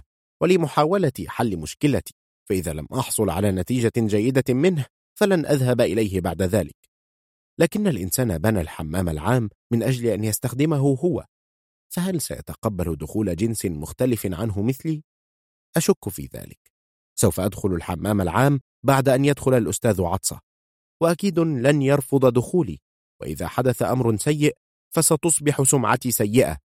وعموما لا ضرر في أن أذهب وأشاهد الحمام أولا. فإذا وجدته مكانا جيدا فسأحمل منشفة وأذهب للدخول. وبناء على ما توصلت إليه من تفكير كما هو واضح أعلاه فقد خرجت متجها إلى الحمام العام وأنا أسير ببطء. اتجهت إلى اليسار فدخلت طريقا جانبيا ضيقا فشاهدت بعيدا أشياء مرتفعة جدا مثل الخيزران يخرج من فوهتها دخان. وكانت هذه هي مداخن الحمام العام. فتسللت ودخلت من الباب الخلفي فورا. ربما يقول البعض إن الدخول خفية من الباب الخلفي يعني أنك جبان أو عديم الخبرة. ولكن من يقولون ذلك لا يستطيعون الدخول إلا من الباب الأمامي. وهؤلاء يشعرون بالغيرة مني لأنني أستطيع الدخول من الباب الخلفي. ومنذ قديم الزمان كان الذكي هو من يدخل من الباب الخلفي خلسة. وهذا مكتوب في كتاب أسلوب تربية الجنتلمان الجزء الثاني الفصل الأول صفحة خمسة. وفي الصفحة التالية مكتوب وصية الجنتلمان تقول إن الباب الخلفي باب لمعرفة النفس والأخلاق وبما أنني قط من القرن العشرين فإنني قد تعلمت ذلك. وعلى هذا يجب ألا ينظر إلي أحد باحتقار. وعندما دخلت من الباب الخلفي متسللا وجدت طرقة على يسارها كومة كبيرة من أشجار الصنوبر مقطعة إلى أجزاء. كل جزء نحو ثلاثين سنتيمترا على شكل جبل وبجانبها كومة فحم كبيرة على شكل هضبة. وقد يسأل سائل لماذا أعواد الصنوبر على شكل جبل والفحم على شكل هضبة؟ فأقول له هذا ليست له دلالة للتفرقة بين هذا وذاك لا أكثر. البشر أكلوا الأرز وأكلوا الطيور وأكلوا الأسماك وأكلوا الحيوانات وأكلوا أشياء سيئة كثيرة ودخنوا السجائر. لقد انحدروا انحدارا كبيرا. إني لأشفق عليهم. وفي نهاية الطرقة كان هناك باب مفتوح على مسافة نحو مترين. نظرت داخله فوجدت المكان خاليا وساكنا. ثم سمعت أصوات بشر تأتي من بعيد. فعرفت أن تلك الأصوات تأتي من داخل الحمام. فسرت في واد بين تل أعواد الصنوبر وتل الفحم. ثم بعد أن مررت منه اتجهت يسارا وسرت فوجدت على يميني نافذة زجاجية مرصوصا أمامها كثير من الأواني الدائرية بعضها فوق بعض على شكل هرمي. أكيد أنها وضعت فوق بعضها دون علمها وأنها تتحمل هذا الوضع دون رضاها. وفي الناحية الغربية للأواني كانت هناك طاولة بدا لي أنها ترحب بي وتقول تفضل كان ارتفاعها من سطح الأرض نحو متر. وهذا مناسب لي للوصول إلى أعلاها. فقفزت فوقها فصار الحمام تحت مستوى وجهي. ولو قلنا إن الممتع في الحياة أن تأكل شيئا لم تأكله من قبل أو أن تشاهد شيئا لم تشاهده من قبل فأنا أقول لكم أن تحضروا إلى هذا الحمام ثلاث مرات أسبوعيا وتقضوا فيه نحو نصف ساعة كما يفعل الأستاذ عطسة لهو شيء ممتع. وإذا كنتم مثلي لم تشاهدوا حماما عاما من قبل فأنصحكم بأن تشاهدوه بسرعة. يجب أن تشاهدوه مهما كلفكم الأمر. إن مشاهدته أهم من أن تلقي نظرة الوداع على أحد والديك وهو يحتضر. ربما يقول البعض إن الدنيا واسعة. ولكني أقول ليس هناك منظر نادر أكثر من هذا. وسوف تسألون ما المنظر النادر الذي تتحدث عنه؟ فأقول إنه منظر نادر جدا. لدرجة أنني أعجز عن وصفه. إن البشر الذين أشاهدهم من خلال زجاج النافذة داخل الحمام كثيرون ومشغولون بالتحدث بعضهم إلى بعض ولكنهم جميعا عرايا مثل القبائل البدائية الذين كانوا يعيشون في تايوان. إن كلا منهم آدم القرن العشرين. أما لو تحدثنا عن تاريخ الملابس فسنعرف أنه بناء على نوعية الملابس التي يرتديها الإنسان يتم تقييمه. ومن يريد معرفة تاريخ الملابس تفصيلا فليرجع إلى الكاتب الإسكتلندي توماس كارليل. وفي فترة القرن الثامن عشر وضع ريتشارد ناش قواعد صارمة لاستخدام العيون الساخنة الموجودة في مدينة باث في إنجلترا حيث قرر أنه على الرجال والنساء تغطية أجسامهم كاملة من الصدر إلى القدمين وهم داخل الحمام. ويقال إنه منذ ستين عاما وفي مدينة أخرى في إنجلترا تم إنشاء مدرسة فنون. ولأنها مدرسة فنون كانت تشتري لوحات وتماثيل عارية مقلدة وسكتشات رسم ووضعتها إدارة المدرسة هنا وهناك في المدرسة ولم تكن هناك مشكلة تجاه ذلك. ولكن عندما قررت إدارة المدرسة عمل حفل افتتاح للمدرسة حدثت مشكلة كبيرة خصوصا لإدارة المدرسة حيث إن إدارة المدرسة كان يجب أن تدعو فتيات المدينة لحضور حفل الافتتاح ولكن فتيات المجتمع الراقي في ذلك الوقت كنا يعتقدن أن الرجال حيوانات ترتدي ملابس ولا يعتقدن أن بشرتهم مثل بشرة القرود كنا يعتقدن أن الإنسان دون ملابس مثل الفيل دون خرطوم مثل المدرسة دون تلاميذ مثل الجيش دون جنود شجعان أي أن الإنسان يفتقد الشيء الأساسي الذي يجب أن يكون عليه إذا لم يكن يرتدي الملابس. إذا لم يكن يرتدي الملابس فهو ليس إنسانا بل حيوان. حتى عمل صور أو تماثيل شبيهة بالإنسان يكون شيئا جارحا لكرامة فتيات المجتمع الراقي. ولذلك أعلنت فتيات المجتمع الراقي رفضهن حضور الحفل. ولقد اعتقدت إدارة المدرسة أنهن لن يستطعن إبداء رفضهن ولكن لأن الرجال في الغرب والشرق يعتبرن السيدات أدوات زينة لا يستطعن القيام بالعمل البدني الشاق أو الاشتراك في حرب كجنود ولكن يجب حضورهن في احتفال افتتاح المدرسة كأدوات زينة. ذهبوا إلى متجر قماش واشتروا قماشا أسود يكفي لعمل ملابس لخمسة وثلاثين شخصا ووضعوها على التماثيل وصور البشر الموجودة هنا وهناك في المدرسة ولزيادة الاطمئنان وضعوا القماش الأسود فوق التماثيل والصور من أعلى إلى أسفل كي تحجب رؤية حتى الوجوه. حجبوها عن الرؤية وبذلك استطاعوا أخيرا إقامة حفل الافتتاح دون مشكلة. وهذه الحكاية تشير إلى أي مدى تكون الملابس شيئا مهما للإنسان. وفي هذه الأيام ظهر أساتذة رسم يشجعون بشدة على رسم العراة ولكن هذا خطأ. من وجهة نظري أنا القط الذي لم يكن عاريا أبدا منذ ولادته حتى الآن. إن هذا خطأ جسيم والتعري كان عادة أهل اليونان وروما وقد تم استخدام التعري في فن عصر النهضة وكانت له شعبية كبيرة وذلك لأن أهل اليونان وروما كانوا معتادين على رؤية العرايا. ولم يفكروا في أن ذلك سيكون له تأثير على الأخلاقيات. يمكن أن يسير الشخص في اليابان وهو عار ولكن شمال أوروبا مكان بارد. فإذا سار شخص عاريا في ألمانيا أو إنجلترا يموت من البرد ولذلك يجب أن يرتدي ملابس كي لا يموت. وإذا ارتدى جميع البشر ملابس أصبحوا حيوانات مرتدية ملابس. وبعد أن يصبح الشخص حيوانا مرتديا ملابس لو خلع فجأة تلك الملابس لن يعد إنسانا بل حيوانا بريا. ولذلك فإن الأوروبيين وخاصة من هم من شمال أوروبا يعدون الصور العارية والتماثيل العارية لبشر هي صور وتماثيل لحيوانات برية. حيوانات أقل رتبة من القطط لأن القطط ترتدي فراء. جميل ليس عندي مشكلة أن ترى الإنسان العاري جميلا. ولكن يجب أن تراه جميلا كبهيمة. وسأجد من يقول لي وهل سبق لك أن شاهدت الزي الرسمي للمرأة الغربية؟ وسأجيبه قائلا أنا قط ولذلك لم يسبق لي أن شاهدته. ولكني سمعت أن ذلك الزي يظهر صدورهن وأكتافهن وأذرعهن ومع ذلك يطلقون عليه الزي الرسمي. شيء غير مقبول. فحتى القرن الرابع عشر لم يكن يرتدين مثل تلك الملابس المضحكة خارج المنزل. كن يرتدين ملابس عادية مثل ما ترتديه النساء العاديات. ولكن لماذا صرن يرتدين ملابس مثل هذه؟ تشبه ملابس لاعبات سيرك الدرجة الثالثة. سؤال إجابته تحتاج إلى حديث آخر معقد. ولذلك سأتجنب الإجابة عنه.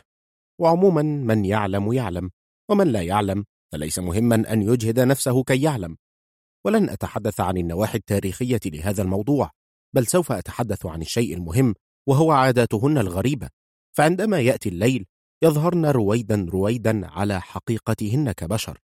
ولكن عندما تشرق الشمس تعتدل أكتافهن وتتغطى صدورهن تماما فلا يظهر منها أي جزء. ليس هذا فحسب بل إنهن يعتقدن أنه عار شديد أن يظهر من أجسادهن ولو حتى ظفر من أظفار أقدامهن. وعلى هذا فإذا فكرنا في زيهن الرسمي فسنجد أنهن يستخدمنه بطريقة حمقاء. إن ارتداء زي رسمي عار هكذا ما هو إلا نتيجة اتفاق بين مجموعة حمقى. وإذا لم يكن هذا كلاما مقنعا فليظهرن أكتافهن وصدورهن وأذرعهن في أثناء النهار. الكلام نفسه يقال لمن يؤمنون بالتعري. فلو كانوا يعتقدون أن التعري شيء جيد وجب أن يعروا بناتهم ويعروا أنفسهم. وليسيروا عرايا في الحديقة العامة أوينو. ألا يستطيعون؟ بالطبع يستطيعون ولكن لأن الأوروبيين لا يفعلون ذلك لن يفعلوا. ألسنا في هذه الأيام يرتدين هنا ذلك الزي الرسمي غير المنطقي على الإطلاق ويذهبن به إلى الفندق الإمبراطوري؟ ولو سألتهن عن السبب في فعل ذلك فلن يجدن إجابة. أكيد أنهن يفعلن ذلك لمجرد أن الأوروبيات يفعلن ذلك. لمجرد أن أوروبا متقدمة فإنهن يضغطن على أنفسهن ويقلدنهن حتى لو كان ما تفعله الأوروبيات ضربا من الحماقة. إنه إذعان وخضوع للقوي. ألا يشعرن بأن ما يفعلنه لا يليق؟ وإذا دافع أحد عنهن قائلا ما باليد حيلة. فسأقول له إذا لا يجب أن نقول إن اليابانيين عظماء والكلام ليس فقط عن الزي. ولكن عن العلم أيضا ولكن الكلام عن العلم هنا سيكون خروجا عن الموضوع ولذلك لن أتحدث عنه. وهكذا يتضح أن الملابس شيء مهم للإنسان والعلاقة بين الإنسان والملابس علاقة حتمية لدرجة أننا نستطيع أن نقول إنه لا إنسان دون ملابس ولا ملابس دون إنسان. بل لدرجة أنني أريد أن أقول إن بقاء الإنسان ليس قائما على وجود اللحم أو العظام أو الدم. بل قائم أساسا على وجود الملابس. لذلك فإن رؤية إنسان عار لا تعطي شعورا بأنه إنسان. فإذا شاهدت إنسانا عاريا فسوف تشعر وكأنك قابلت صدفة عفريتة. فلو تحولنا جميعا لعفاريت واختفت العفاريت الأصلية فلن يكون هناك مشكلة. ولكن لو تحول الكثير من البشر إلى عرايا كالعفاريت فسوف تكون مشكلة كبيرة للبشرية. من قديم الزمن خلق الإنسان على أساس المساواة ثم جاء إلى الدنيا. ولذلك عندما يولد البشر يولدون جميعا عرايا تماما. فلو كان العري هو المساواة الطبيعية بين بني الإنسان منذ ولادتهم ولو كان الإنسان يشعر بالأمان في ظل المساواة لكان من المفروض أن يظل الإنسان حيا وهو عار تماما كما ولد. ولكن ربما قال أحد من ولدوا عراه إذا ظللنا عراة هكذا؟ فسيكون الجميع متشابهين ولن يكون هناك هدف ندرس ونبحث من أجله وبالتالي لن نشاهد نتائج من اجتهدوا فأنا أريد أن أكون ما أنا عليه لا أن أكون مثل غيري. أريد من جميع من يشاهدونني أن يعرفوا أنه أنا وليس شخصا آخر. أريد أن أضع شيئا مميزا على جسدي كي يعرفني على الفور من يشاهدني. وظل يفكر في شيء يميزه عن غيره لمدة عشر سنوات. وأخيرا اهتدى إلى اختراع لباس يواري العورة. فارتداه على الفور متفاخرا بأنه صنع شيئا عظيما. وهذا اللباس الذي يداري العورة هو أصل لباس سائقي العربة التي تجر باليد المستخدمة الآن. وإن استغراق الإنسان عشر سنوات كاملة كي يخترع لباسا يواري العورة لشيء غريب جدا. ولكننا نستطيع القول إننا إذا نظرنا إلى الملابس المستخدمة حاليا ورجعنا إلى الوراء ننظر إلى ما كان يرتديه الإنسان سابقا لعرفنا أن العصر القديم الذي كان يحيا فيه الإنسان كان عصر ظلام وأن اختراع لباس يواري العورة اختراع كبير لم يكن له مثيل في ذلك العصر. ويقال إن ديكارت استغرق عشرات السنوات كي يصل إلى الحقيقة التي قالها وهي أنا أفكر إذا أنا موجود. مع أن تلك الحقيقة يعرفها الآن الطفل ذو الثلاث سنوات فكل اختراع أو اكتشاف يحتاج إلى بذل مجهود شاق. ولذلك فإن اختراع اللباس الذي يواري العورة استغرق عشر سنوات تفكيرا ولكنه خسارة في سائق العربة. حسنا. وعندما تم اختراع اللباس الذي يواري العورة فإن أكثر من استفاد من ذلك سائق العربة التي تجر باليد. حيث إنه أصبح يسير في الطرق الرئيسة بلباسه وهو متفاخر ومتباه بنفسه. وهذا جعلني أشعر بالضيق منه. ولكن شخصا عاريا آخر مثل العفريت لم يرتضي الهزيمة فاخترع بعد ستة أعوام السترة القصيرة التي تغطي الجسم حتى الركبة وهي قطعة ملابس عديمة الفائدة. ولكن بدا اللباس الذي يواري العورة فقط للناس أقل قيمة من تلك السترة القصيرة. وعليه دخلنا في العصر الذهبي للسترة القصيرة حيث انتشرت بين أصحاب متاجر الخضروات والأدوية والملبوسات كلهم ارتدوا هذا الاختراع الكبير. ثم بعد عصر اللباس الذي يواري العورة وعصر السترة القصيرة التي تغطي الجسم إلى الركبة جاء عصر اللباس الذي يغطي النصف الأسفل من الجسم وهو التنورة أو السروال. وربما يقول البعض إن فكرة ارتداء سترة فوق تنورة غريبة إنها فكرة عفاريت ولكن ذلك كان زي المحاربين القدامى والآن أصبح الزي الرسمي لجميع رجال الدولة. وكي يظهر كل شخص أنه مختلف عن الآخر حدثت منافسة على صنع اختراع جديد حتى أن أحدهم اخترع سترة على مؤخرتها صورة تشبه مؤخرة طائر السنونو. وعندما سألنا عن سبب صنع السترة بهذا الشكل لم يكن هناك سبب منطقي لذلك كأن الفكرة خطرت لصانع السترة بالصدفة دون تفكير عميق. مجرد الرغبة في التفوق على الآخرين بعمل شيء مختلف عنهم وهذا أدى إلى ظهور أشكال كثيرة ومختلفة للسترات. وكل شخص يرتدي سترة مختلفة عن الآخر كي يقول له أنا لست مثلك أنا مختلف عنك. أنا أنا ولست أنت. ومن هذا المنطلق نستطيع التوصل إلى اكتشاف كبير وهو كما يقول المثل الطبع غلاب.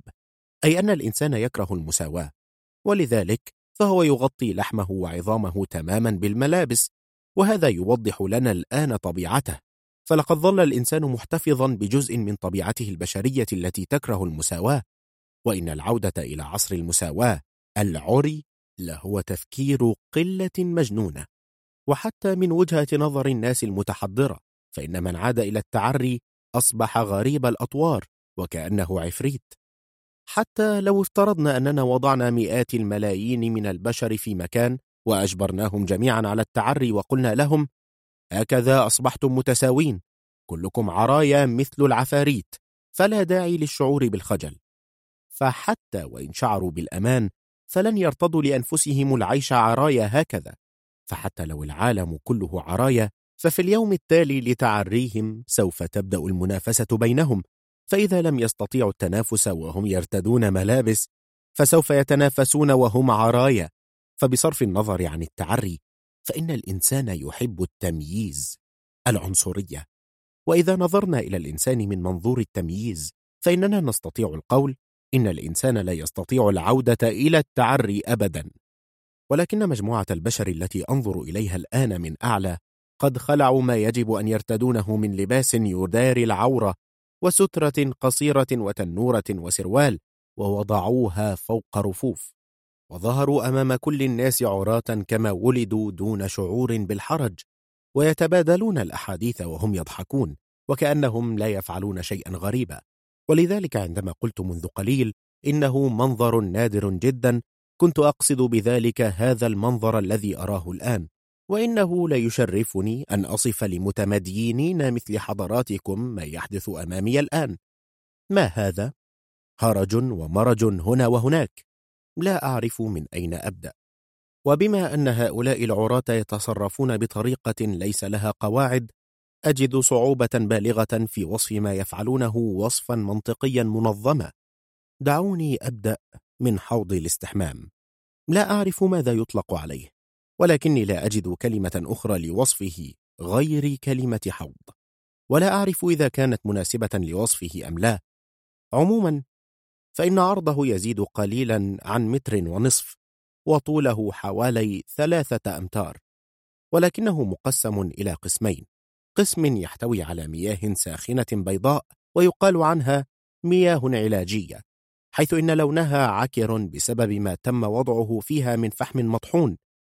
مياه غريبة تبدو عكرة وثقيلة لامتزاجها بزيت ولقد علمت أنه طبيعي أن يكون منظرها مقززا ويقال إن هذه المياه لا يتم تبديلها إلا مرة كل أسبوع والقسم الآخر مياه ساخنة عادية ولكني لو طلب مني أحد أن أقسم أنها مياه صافية فلن أفعل. ولو حكمنا عليها من لونها فسأقول إنها تبدو بوضوح مختلطة بماء أمطار من خزان مياه موضوع هناك. أما بالنسبة للعفاريت العرايا فسوف تجهدني محاولة وصفهم. ناحية خزان المياه يقف شابان بمواجهة بعضهما وكلاهما يصب ماء على بطنه ويبدو عليهما الاستمتاع بذلك. كلاهما له بقعة سوداء اللون كبيرة لدرجة لا يمكن وصفها وأحدهما قوي البنيان جدا. قال أحدهما وهو ينظف صدره بليفة أشعر بألم هنا يا سيد كين. هل تعرف ماذا يكون؟ فقال السيد كين ناصحا إياه بحماس إنها المعدة. إن أمراضها تؤدي إلى الموت. يجب أن تكون شديد الحذر تجاهها حتى لا تكون في خطر. فأشار الأول إلى الجهة اليسرى من صدره وقال ولكني أتكلم عن هنا. فقال السيد كين إنها المعدة الناحية اليمنى المعدة والناحية اليسرى الرئة. فقال السائل شيء غريب كنت أعتقد المعدة هنا. ثم طرق على منطقة الوسط وحينئذ قال السيد كين أكيد مرض في المعدة. وهناك شاب في الخامسة والعشرين ذو لحية خفيفة قفز في حوض الاستحمام فطفى على سطح المياه الصابون والقاذورات التي كانت ملتصقة بجسمه فتلألأ سطح الماء كمشهد ذرات حديد في ماء صافي.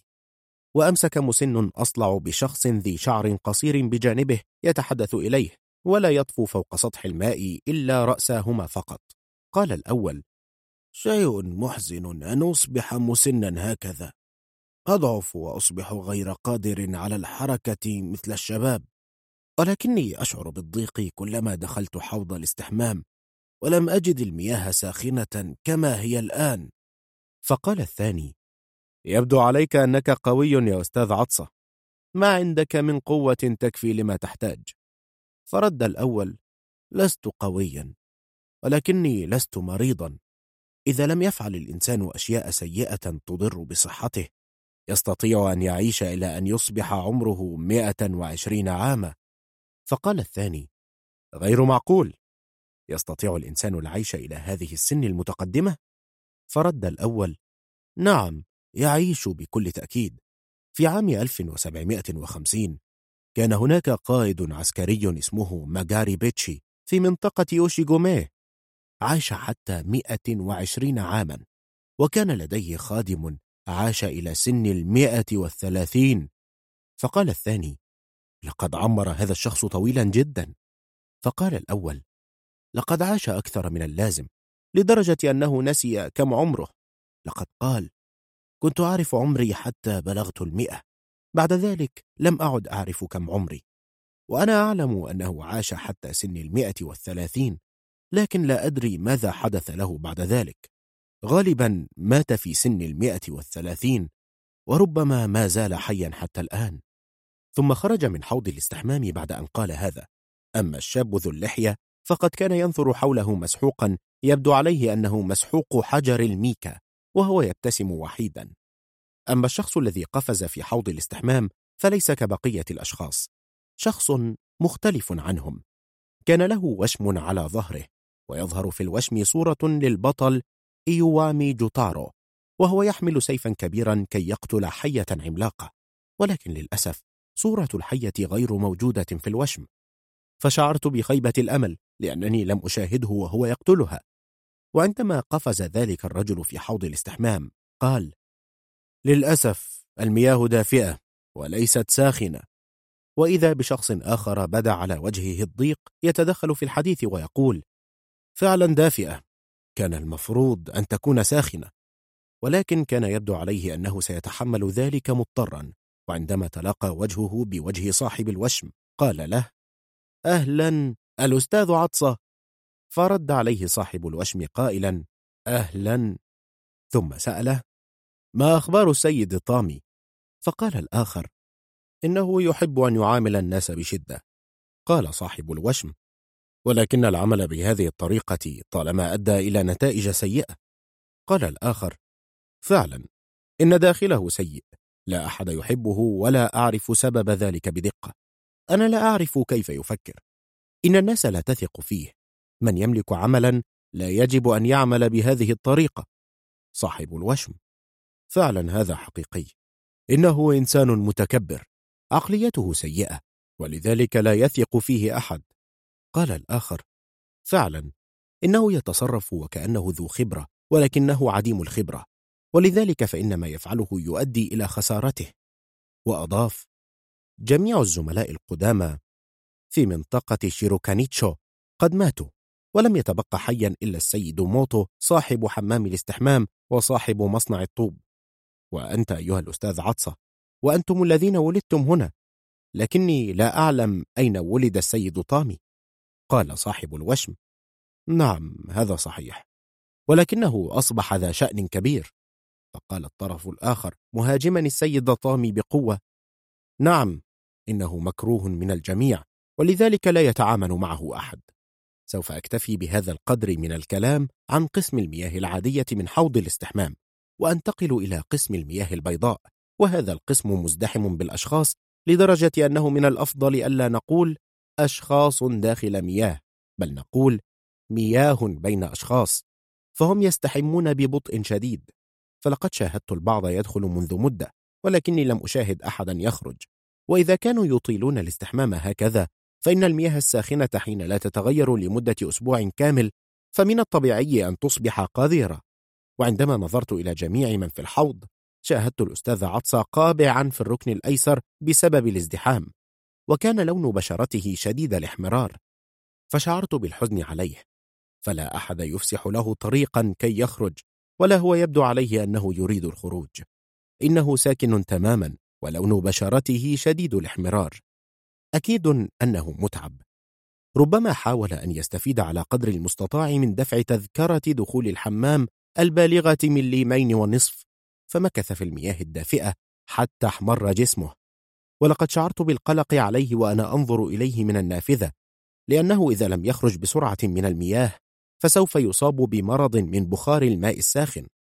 وإذا بالرجل المجاور لمن يجلس بجانب الأستاذ عطسة يقول في دهشة محاولا كسب تعاطف بقية من يجلسون معه في الصف نفسه. المياه ساخنة أكثر من اللازم. هناك مياه ساخنة جدا تأتي من خلف ظهري ببطء. وإذا بشخص يقول بتفاخر ماذا؟ إن درجة حرارة المياه مناسبة جدا في هذا القسم المخصص لمياه العلاج. إذا لم تكن المياه بهذه الدرجة فلن تفيد في الشفاء. درجة حرارة المياه في حمام الاستحمام في بلدتي ضعف درجة هذه المياه. وإذا برجل قد طوى من شفة ووضعها فوق رأسه كي يخفي ما بها من تعرجات يقول المهم فيما ستفيد هذه المياه الساخنة؟ وإذا برجل ذي وجه نحيف له لون وشكل كالخيارة يقول إنها تفيد في علاج أمراض كثيرة. تستطيع أن تقول إنها مفيدة لكل شيء. هم إحساس جميل. وإذا كانت فعلا مفيدة لكل شيء كما يقول فكان المفترض أن تكون صحته أفضل من هذا. وإذا برجل سمين يقول كأنه يعرف الكثير أفضل أيام دخول حمام الاستحمام ثالث يوم أو رابع يوم بعد وضع الأدوية في الماء. اليوم يوم جيد للدخول. أكيد أنه سمين بسبب ما على جسمه من طبقات من القاذورات. ومن مكان ما جاء صوت رفيع يقول هل سيكون ماء الاستحمام مفيدا للجسم إذا شربناه؟ وجاءت الإجابة من شخص ما إذا صار باردا وشربت كوبا ثم نمت لن يسبب لك رغبة في إخراج البول. عموما جرب وأنت تعرف. وأكتفي بهذا القدر من الحديث عن حوض الاستحمام وأنتقل للحديث عن المنطقة المحيطة بحوض الاستحمام فأنا أشاهدها من أعلى. كثير من العراة كأن كلا منهم آدم يصطف بعضهم بجانب البعض وكل واحد منهم يأخذ وضعا يختلف عن الآخرين ويغسل جزءا من جسمه يختلف عن الآخرين. وأكثرهم إدهاشا لي عار مستلق على ظهره ينظر إلى أعلى حيث النافذة وعار مستلق على بطنه ينظر داخل مجرى المياه وكلاهما يبدو أن لديه من وقت الفراغ الكثير. وهناك أصلع يجلس مواجها للحائط وخلفه فتى أصلع يدعك له ظهره. ويبدو أن الأصلع أستاذ وأن الفتى تلميذه وأن التلميذ يقوم بدور الخادم الذي ينظف ظهور زبائن الحمام بليفة. وفي الواقع يوجد خادم ينظف ظهور الزبائن ويبدو عليه أنه مصاب ببرد لأنه يلبس معطفا رغم أن الجو حار جدا ويحمل إناء صغيرا مملوءا بماء ويسكبه فوق كتف الزبون وينظف قدمه اليمنى بليفة بين إصبع الإبهام وإصبع السبابة. وبالقرب منه رجل يحمل ثلاثة أواني مياه ويقول لمن بجانبه أن يستخدم صابونا للنظافة. ويتحدث إليه حديثا طويلا غير مفهوم ولا فائدة منه. قال لقد دخلت إلينا الأسلحة النارية من الدول الأوروبية ولكننا قبل ذلك كنا نحارب بالسيوف ولكن الأوروبيين جبناء ولذلك صنعوا الأسلحة النارية لخوفهم من المواجهة بالسيف. لا أعتقد أنها جاءت إلينا من الصين أكيد من الدول الأوروبية فلم تكن موجودة في عصر القائد العسكري المعروف باسم وطوناي عام 1715 والذي اسمه الحقيقي الإمبراطور سيواجن. ويقال إنه عندما عبر القائد العسكري ميناموتو القرن الثاني عشر ميلادي البحر من شمال اليابان إلى الصين كان يصطحبه عالم من شمال اليابان. ولقد هاجم ابن القائد العسكري ميناموتو الصين ولكن كان النصر في المعركة صعبا فطلب من رسوله الذهاب إلى قائد عسكري آخر كي يمده بثلاثة آلاف جندي ولكن ذلك القائد احتجز الرسول ولم يتركه ليعود. لا أتذكر اسم الرسول الآن. على العموم لقد حجزه عنده لمدة عامين وحدث أن شاهد ذلك الرسول فتاة في مكان حجزه فأعجب بها وتزوجها وأنجب منها وطناي. وعندما عاد ذلك الرسول إلى موطنه بعد ذلك وجد أن الخونة قد باعوا وطنهم للصين وبالتالي تغير الحاكم. ولكني لم أستطع الاستماع لأكثر من ذلك لأني لم أفهم مضمون الكلام ولا الهدف منه. ولذلك حولت نظري إلى الآخرين فرأيت خلفهما رجلا في الخامسة والعشرين تقريبا ذا وجه جميل يمسح بين فخذيه بحرص بماء أبيض ويبدو أنه مصاب بورم. وأن ذلك الورم يؤلمه. وبجانبه يوجد شباب في السابعة عشرة أو الثامنة عشرة من العمر يثرثرون بكلام كثير ويتحدثون بطريقة فظة ويبدو عليهم أنهم طلاب يعيشون بالقرب من هذا الحمام العام. وشاهدت بجانبهم شخصا من الخلف منظر ظهره غريب تظهر بوضوح سلسلة عموده الفقري من المؤخرة حتى العنق كأنها عصا خيزران بعقدها. وموضوع على يسار العمود الفقري أربع وريقات شيح مشتعلة على أربعة أماكن ومثلها على يمينه وتلك الأماكن حمراء اللون وبعضها يحتوي على صديد. ولكني لو ظللت أصف كل ما أشاهده بدقة فلن أستطيع إلا وصف جزء فقط مما أريد وصفه. ولقد بدأت أشعر بالضيق لأنني أصف أشياء مقززة. ولكني في اللحظة التي شعرت فيها بذلك ظهر من ناحية الباب رجل أصلع الرأس في سن السبعين يرتدي معطفا أصفر قطنيا ثم انحنى احتراما للعراة وقال شكرا على حضوركم لحمامي كل يوم. المياه ليست ساخنة اليوم للدرجة التي تتوقعونها ولذلك أرجو أن تقضوا وقتا أطول في الماء كي تشعروا بالدفء. ثم نظر إلى خادم الحمام وقال له بقوة أيها الخادم احرص على أن تكون المياه ساخنة للدرجة التي ترضي السادة الزبائن. فرد الخادم حاضر يا أستاذ عطسة. فقال صاحب الوشم مادحا صاحب الحمام إنه يعتني بنا ويتحدث إلينا بطريقة محترمة. إذا لم يفعل ذلك فلن يأتي إليه زبائن. ولقد شعرت بالدهشة عندما شاهدت ذلك الرجل المسن الغريب صاحب الحمام. ولذلك قررت أن أراقبه بدقة. كي أعرفه أكثر. وإذا به يقول لطفل في سن الرابعة قد خرج حالا من حوض الاستحمام. تعال هنا. ثم مد له يديه. ولكن الطفل شاهد وجه صاحب الحمام شبيه القرصة المطبقة فخاف وبكى. فشعر صاحب الحمام بالارتباك وقال ماذا؟ أتبكي؟ شيء محزن. هل أنت خائف مني؟ هذا شيء محزن جدا. فوجد أنه لا حيلة له في إرضاء الطفل فحول نظره إلى والد الطفل وقال للأسف يا سيد جن مياه الحمام اليوم ليست ساخنة جدا. وبالمناسبة اللص الذي دخل المتجر أمس كان غبيا جدا لدرجة لا يتخيلها أحد. حطم باب المتجر ودخل ولكنه لم يسرق شيئا. فهل شاهد شرطي الدورية أو شاهد حارس المتجر؟ ثم ضحك سخرية على تفاهة اللص ثم اتجه إلى زبون آخر وقال له للأسف المياه ليست ساخنة للدرجة التي تريدها ولكن أنت شاب تستطيع تحمل الاستحمام في مياه باردة ويبدو أن صاحب الحمام هو المسن الوحيد الذي كان يشعر أن المياه باردة. انشغلت لبعض الوقت بصاحب الحمام ونسيت ملاحظة العراة بل ونسيت أن الأستاذ عطسة محشور في مكان ضيق يعاني في صمت. وفجأة سمعت صوتا عاليا يأتي من ناحية مجرى الماء والمكان المحيط بحوض الاستحمام. فنظرت وكان صوت الأستاذ عطسة دون أي شك ولم يكن اليوم هو اليوم الأول لي الذي أسمع فيه صوته المرتفع بطريقة غير عادية والأجش على نحو يؤذي الأذن.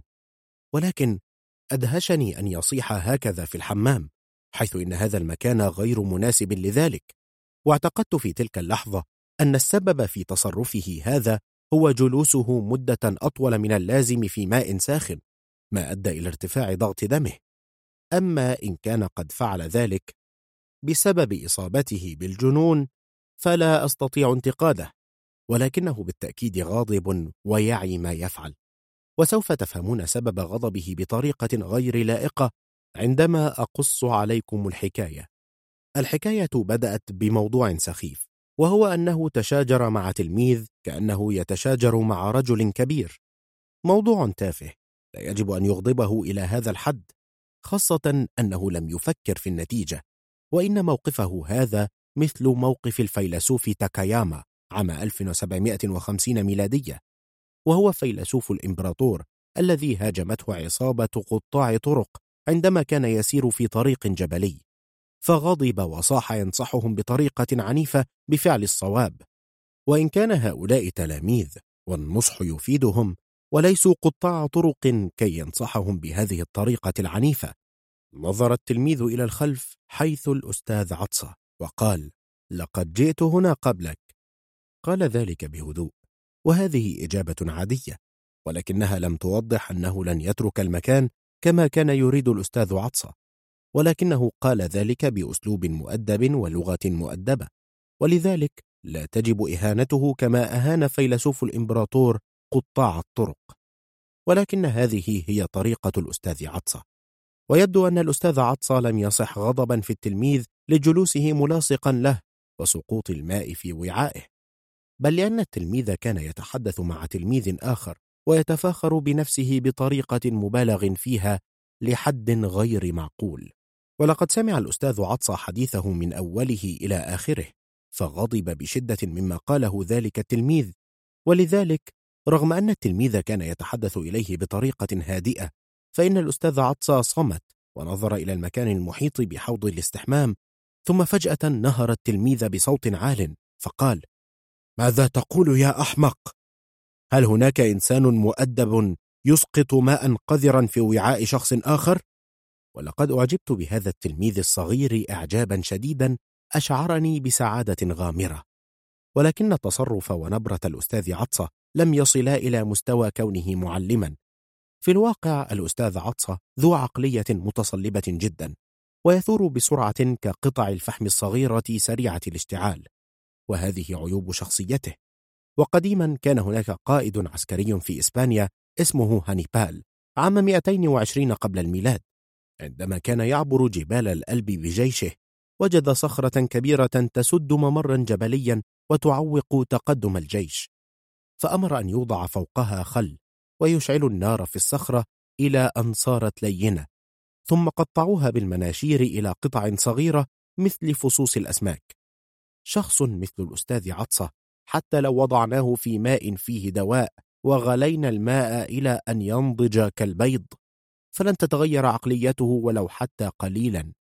الحل الوحيد أن نضع عليه خلا ونشعل النار فيه. وإذا لم نفعل هذا فمهما جاء مئات من التلاميذ مثل ذلك التلميذ فلن يؤدي ذلك إلى شفاء الأستاذ عطسة من تصلب العقل. إن هؤلاء الأشخاص الذين يطفون فوق سطح حمام الاستحمام وكذلك الموجودين حول الحمام مجموعة من العرايا كالقرود. وقد خلعوا الملابس المهمة لحياة الإنسان ولذلك لا يجب الحكم عليهم من خلال القوانين العامة التي تحكم البشر العاديين. إنهم يفعلون ما يحلو لهم فشيء عادي أن يجعل أحدهم المعدة مكان الرئة. أو القائد العسكري وطوناي اسم شهرة للإمبراطور سيواجن. أو أن طامي غير جدير بالثقة ولكن عندما يخرج أحدهم من قاعة حوض الاستحمام إلى غرفة ارتداء الملابس لا يصير كالقرد بل يعود إلى بشري يعيش في هذه الدنيا لأنه يرتدي الملابس اللازمة للتحضر وعليه يجب أن يتصرف تصرفات تليق بالإنسان. والآن يقف الأستاذ عطسة أمام الباب الذي يفصل بين صالة حوض الاستحمام وصالة ارتداء الملابس والذي بدخوله سيعود إلى عالم المجاملات والتصنع والمرونة في التعامل. وبالتأكيد سوف يظل متصلب الرأي كما هو فهو مريض. وبالتأكيد سيظل حبيسا في سجنه الذي صنعه لنفسه ولن يتم شفاؤه من مرضه بسهولة. وأنا أتصور أنه ليست هناك طريقة لشفائه من مرضه إلا طريقة واحدة فقط. وهي أن يطلب من مدير المدرسة أن يقيله من عمله فهذه هي الطريقة الوحيدة لشفائه. وبما أنه متصلب الرأي فلو أقيل من عمله فبالتأكيد سيتسكع على نواصي الشوارع حتى يموت على أحد الأرصفة. بمعنى أن الإقالة من العمل ستكون سببا غير مباشر للموت والأستاذ عطسة يشعر بالسعادة لأنه مريض ولكنه يكره الموت جدا. يريد أن يظل مريضا لأن المرض يمثل له نوعا من أنواع البذخ على ألا يصل الأمر إلى درجة الموت. فلو قال له أحد إن مرضك خطير وإنه سيقتلك أكيد سيرتعد خوفا وعندما يرتعد سيخرج المرض تماما من جسده. وإذا فعلنا ذلك ولم يذهب مرضه فلا شيء نفعله من أجله. وبصرف النظر عما إن كان غبيا أو مريضا فإنه لا يتغير. ولقد قال أحد الشعراء لا تنس معروف من أحسن إليك ولو كان دعاك إلى وجبة طعام واحدة. أنا قط نعم ولكني أعلم أن هناك أشياء جيدة في الأستاذ عطسى أيضا ولذلك فإن قلبي مليء بالحزن والأسى حياله. وفجأة جذب انتباهي شيء يحدث حول حوض الاستحمام بعد أن كنت قد أهملت النظر هناك وركزت اهتمامي على الأستاذ عطسة. ولكني سمعت صوت صياح يأتي من ناحية حوض المياه البيضاء فتصورت أن هناك مشاجرة أخرى ولكني وجدت عرايا منهم من له شعر في سمانة ساقه ومنهم من ليس له شعر في فخذه يقفون معا. فمنذ الصيف إلى أول يوم في الخريف دائما في وقت الغروب يمتلئ المكان المحيط بحوض الاستحمام ببخار ماء كثيف من الأرض إلى السقف. وشاهدت ولكن دون وضوح تجمع الكثير من العراة هناك وسمعت أصواتا تقتحم أذني وتمتد في عقلي وكانوا يصيحون ساخنة جدا! وتعالت الأصوات وترددت أصداؤها داخل الحمام فأحدثت جلبة كأصوات الزحام والارتباك ولكنها لم تكن مفيدة في أي شيء آخر ولقد انجذبت بالطبع إلى هذا المنظر فظللت أنظر بتمعن وأنا مهموم بما يحدث. وارتفعت الأصوات الدالة على الارتباك والفوضى إلى أقصى درجة فلا يوجد أعلى من ذلك. وبينما كان يتدافع الجميع وقف رجل طويل وضخم البنية وعندما نظرت جيدا إليه وجدته أطول من الآخرين بنحو عشرة سنتيمترات. ولا أعرف إن كانت له لحية في وجهه أم وجه في لحيته. ثم نظر إلى الناحية الأخرى بوجهه الأحمر وصاح بصوت مجلجل كصوت جرس في ظاهرة يوم حار قائلا المياه ساخنة جدا جدا أضيفوا إليها مياها باردة. خرج هذا الصوت من هذا الوجه المرتفع عن بقية الوجوه المرتبكة لجميع الحضور لدرجة أنك تشعر لحظة صياحه كأنه الوحيد الموجود في الحمام. وبينما كنت أقول لنفسي إنه عملاق العملاق الذي تحدث عنه الفيلسوف الألماني نيتشه إنه الملك الأعظم للسحر إنه زعيم العراة. إذا بصوت يأتي من خلف حوض الاستحمام يقول أفسحوا الطريق! فدهشت ونظرت ناحية مصدر الصوت ولكني لم أستطع تمييز الأشياء جيدا لأن المكان كان مظلما ولكني شاهدت الخادم الذي يرتدي سترة دون أكمام يضع نقلة من الفحم الذي كان يطقطق داخل الموقد ثم أغلق الغطاء. فسمعت صوت فرقعة الفحم وظهر وجه الخادم لي بوضوح وكذلك ظهر الضوء على الحائط الحجري الذي يوجد خلف الخادم كأن الحائط يشتعل. فشعرت بالخوف وقفزت بسرعة من النافذة عائدا إلى المنزل. في طريقي إلى المنزل كنت أفكر في الآتي. لقد خلعوا السترة واللباس الذي يواري العورة والسراويل كي يحصلوا على المساواة ولكن ظهر من بينهم عار عملاق فأصبح عملاقهم وفرض عليهم ما يريد بالضغط. وهذا يعني أن خلع الملابس والتعري لن يؤدي إلى تحقيق المساواة. عندما رجعت إلى المنزل وجدت الأمور هادئة. الأستاذ عطسة يتناول طعام العشاء ووجهه يتلألأ بعد الاستحمام.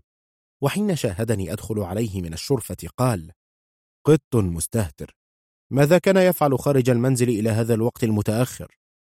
نظرت إلى أطباق الطعام فوجدت أطباقا جانبية عدة دون الطبق الرئيس فتعجبت من كثرة عددها رغم أن الأستاذ عطسة مفلس. وكانت في أحد هذه الأطباق سمكة مشوية. لا أعرف اسم هذه السمكة ولكن بالتأكيد هي من الأسماك التي شاهدتها أمس في منطقة أضايبة القريبة من هنا. طبعا كما قلت سابقا إن الأسماك النيئة صالحة للأكل ولكن حين تكون ناضجة عن طريق الشواء أو الطهو لا أصبر على عدم تناولها. حتى لو تسبب أكلها في أمراض كثيرة فسآكلها إلا إذا كانت ستؤدي لموتي.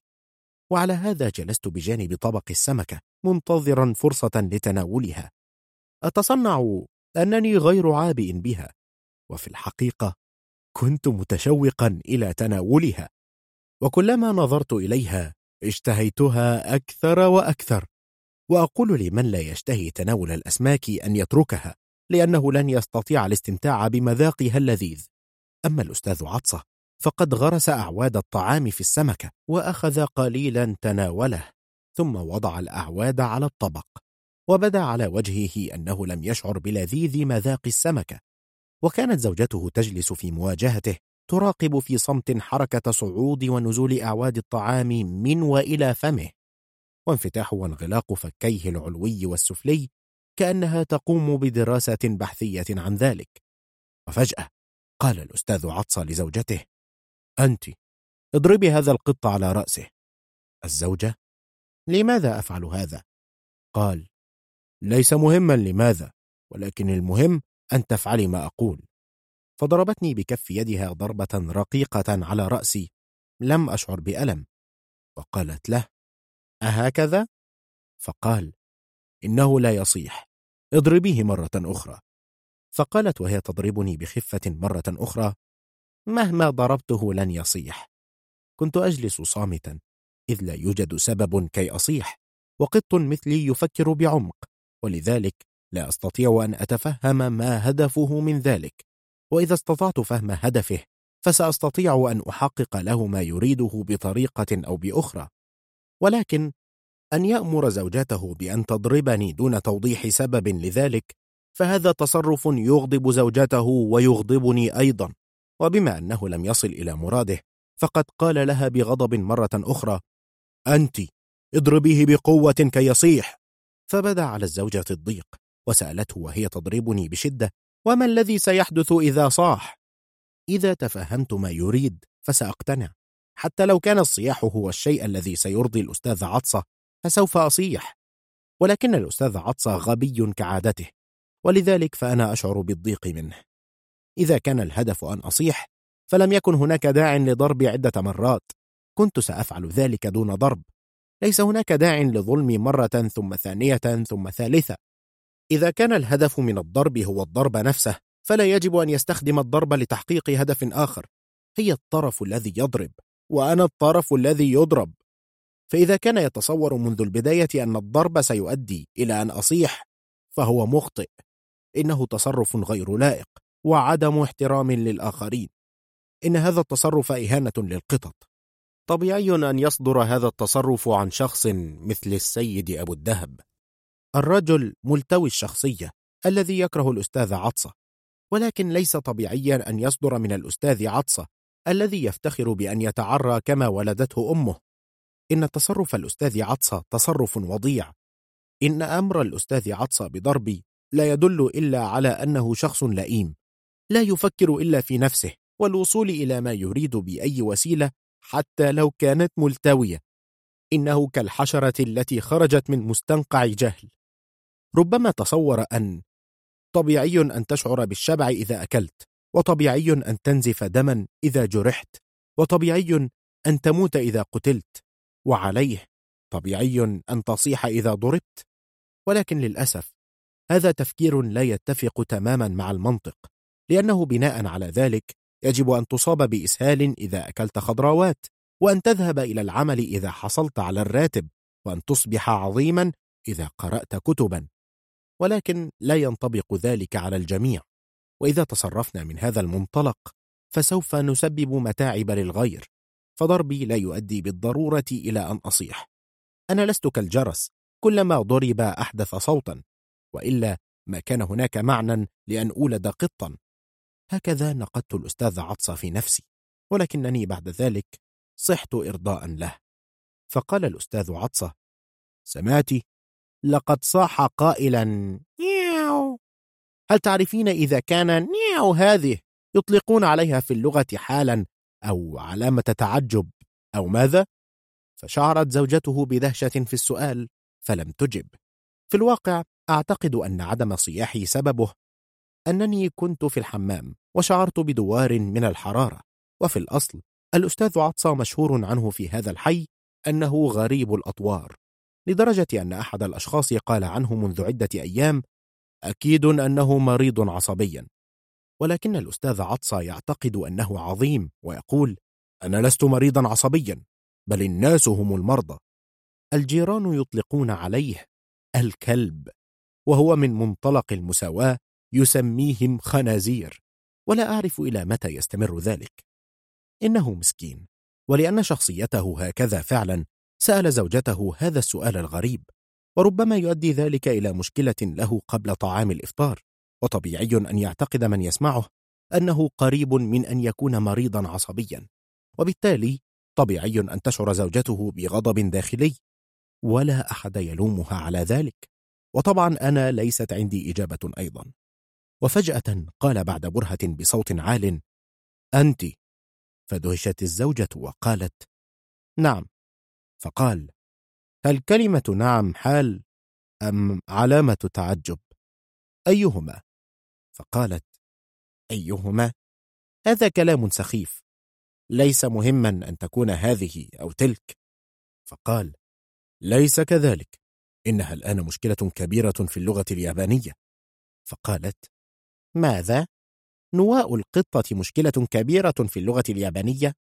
شيء عجيب ولكن نواء القطة ليست له علاقة باللغة اليابانية أليس كذلك؟ قال لهذا فهي مشكلة صعبة وتدخل في مجال البحث المقارن وبما أن الزوجة الذكية أرادت أن توضح أنها ليست لها علاقة بهذا الموضوع فقالت أهكذا؟ ثم قالت وهل عرفت أنت أيهما تكون؟ فقال وهو يأكل السمكة بطريقة لا تمت بصلة لآداب تناول الطعام سؤال صعب كهذا لا تمكن الإجابة عنه في عجالة ثم تحول إلى طبق لحم الخنزير والبطاطس الموجود بجانب طبق السمكة قائلا هل هذا خنزير؟ قالت نعم فقال باحتقار أهكذا؟ فتناوله ثم حمل قدحا صغيرا وقال سأحتسي كأسا أخرى من الخمر الياباني. فقالت أنت تحتسي الكثير هذه الليلة لقد احمر وجهك جدا. قال بصرف النظر عن هذا سأحتسي. أنت هل تعرفين أطول كلمة في العالم؟ قالت المستشار الأول للإمبراطور وزير الشؤون السياسية والدينية راهب معبد هوشوا. قال لا هذا اسم شهرة لشخصية تاريخية معروفة أقصد كلمة في اللغة هل تعرفين أطول كلمة؟ قالت هل تقصد كلمة أجنبية؟ قال نعم قالت لا أعلم كفى احتساء للخمر وتناول العشاء قال لا سوف أحتسي هل ترغبين في أن أخبرك بأطول كلمة؟ قالت نعم بشرط أن تتناول الطعام بعد ذلك. قال كلمة أرشايوم لسيدونو فرونيشيراتا. قالت أنت تمزح. قال لا أمزح إنها لغة يونانية. قالت وما معنى ما قلته الآن باللغة اليابانية؟ قال لا أعرف معناها ولكن أعرف حروفها. لو كتبتها ستأخذ سطرا كاملا. شيء عجيب أن يتحدث الأستاذ عطسى بهذه الصراحة رغم أنه لم يسكر فبقية الناس يقولون الحقيقة فقط عندما يسكرون ولكنه الليلة احتسى أكثر من كل ليلة فهو قد قرر أن يحتسي قدحين صغيرين كل ليلة ولكنه في هذه الليلة احتسى أربعة أقداح احتسى قدحين فاحمر وجهه جدا وعندما احتسى أربعة احمر وجهه كالنار المشتعلة وبدا عليه الإرهاق. ومع ذلك لم يتوقف عن الشرب. ثم قال سأشرب قدحا آخر. فبدا على وجه زوجته الضيق الشديد وقالت كفى إلى هذا الحد. أنت تبدو متعبا. قال ماذا؟ متعب. حتى لو كنت أشعر بالتعب سأتعود من الآن على الشرب كثيرا. السيد كيجتسو قال لي أن أحتسي الكثير. فقالت ومن هو كيجتسو؟ وكان يبدو عليها أنها لا تعرف هذا الشخص فقال كيجتسو واحد من أهم النقاد الأدبيين هذه الأيام وبما أنه قال لي أن أشرب فسوف أفعل. قالت هذا كلام إنسان أحمق ليس من حق هذا الكيجتسو أو الزفت جيتسو أن يأمرك أن تحتسي. ما دام هذا يؤدي إلى أن تشعر بالتعب. فقال لم يقل لي أن أحتسي فقط بل قال أن أقيم علاقات مع النساء وأن أستمتع بملذات الحياة وأن أقوم برحلات.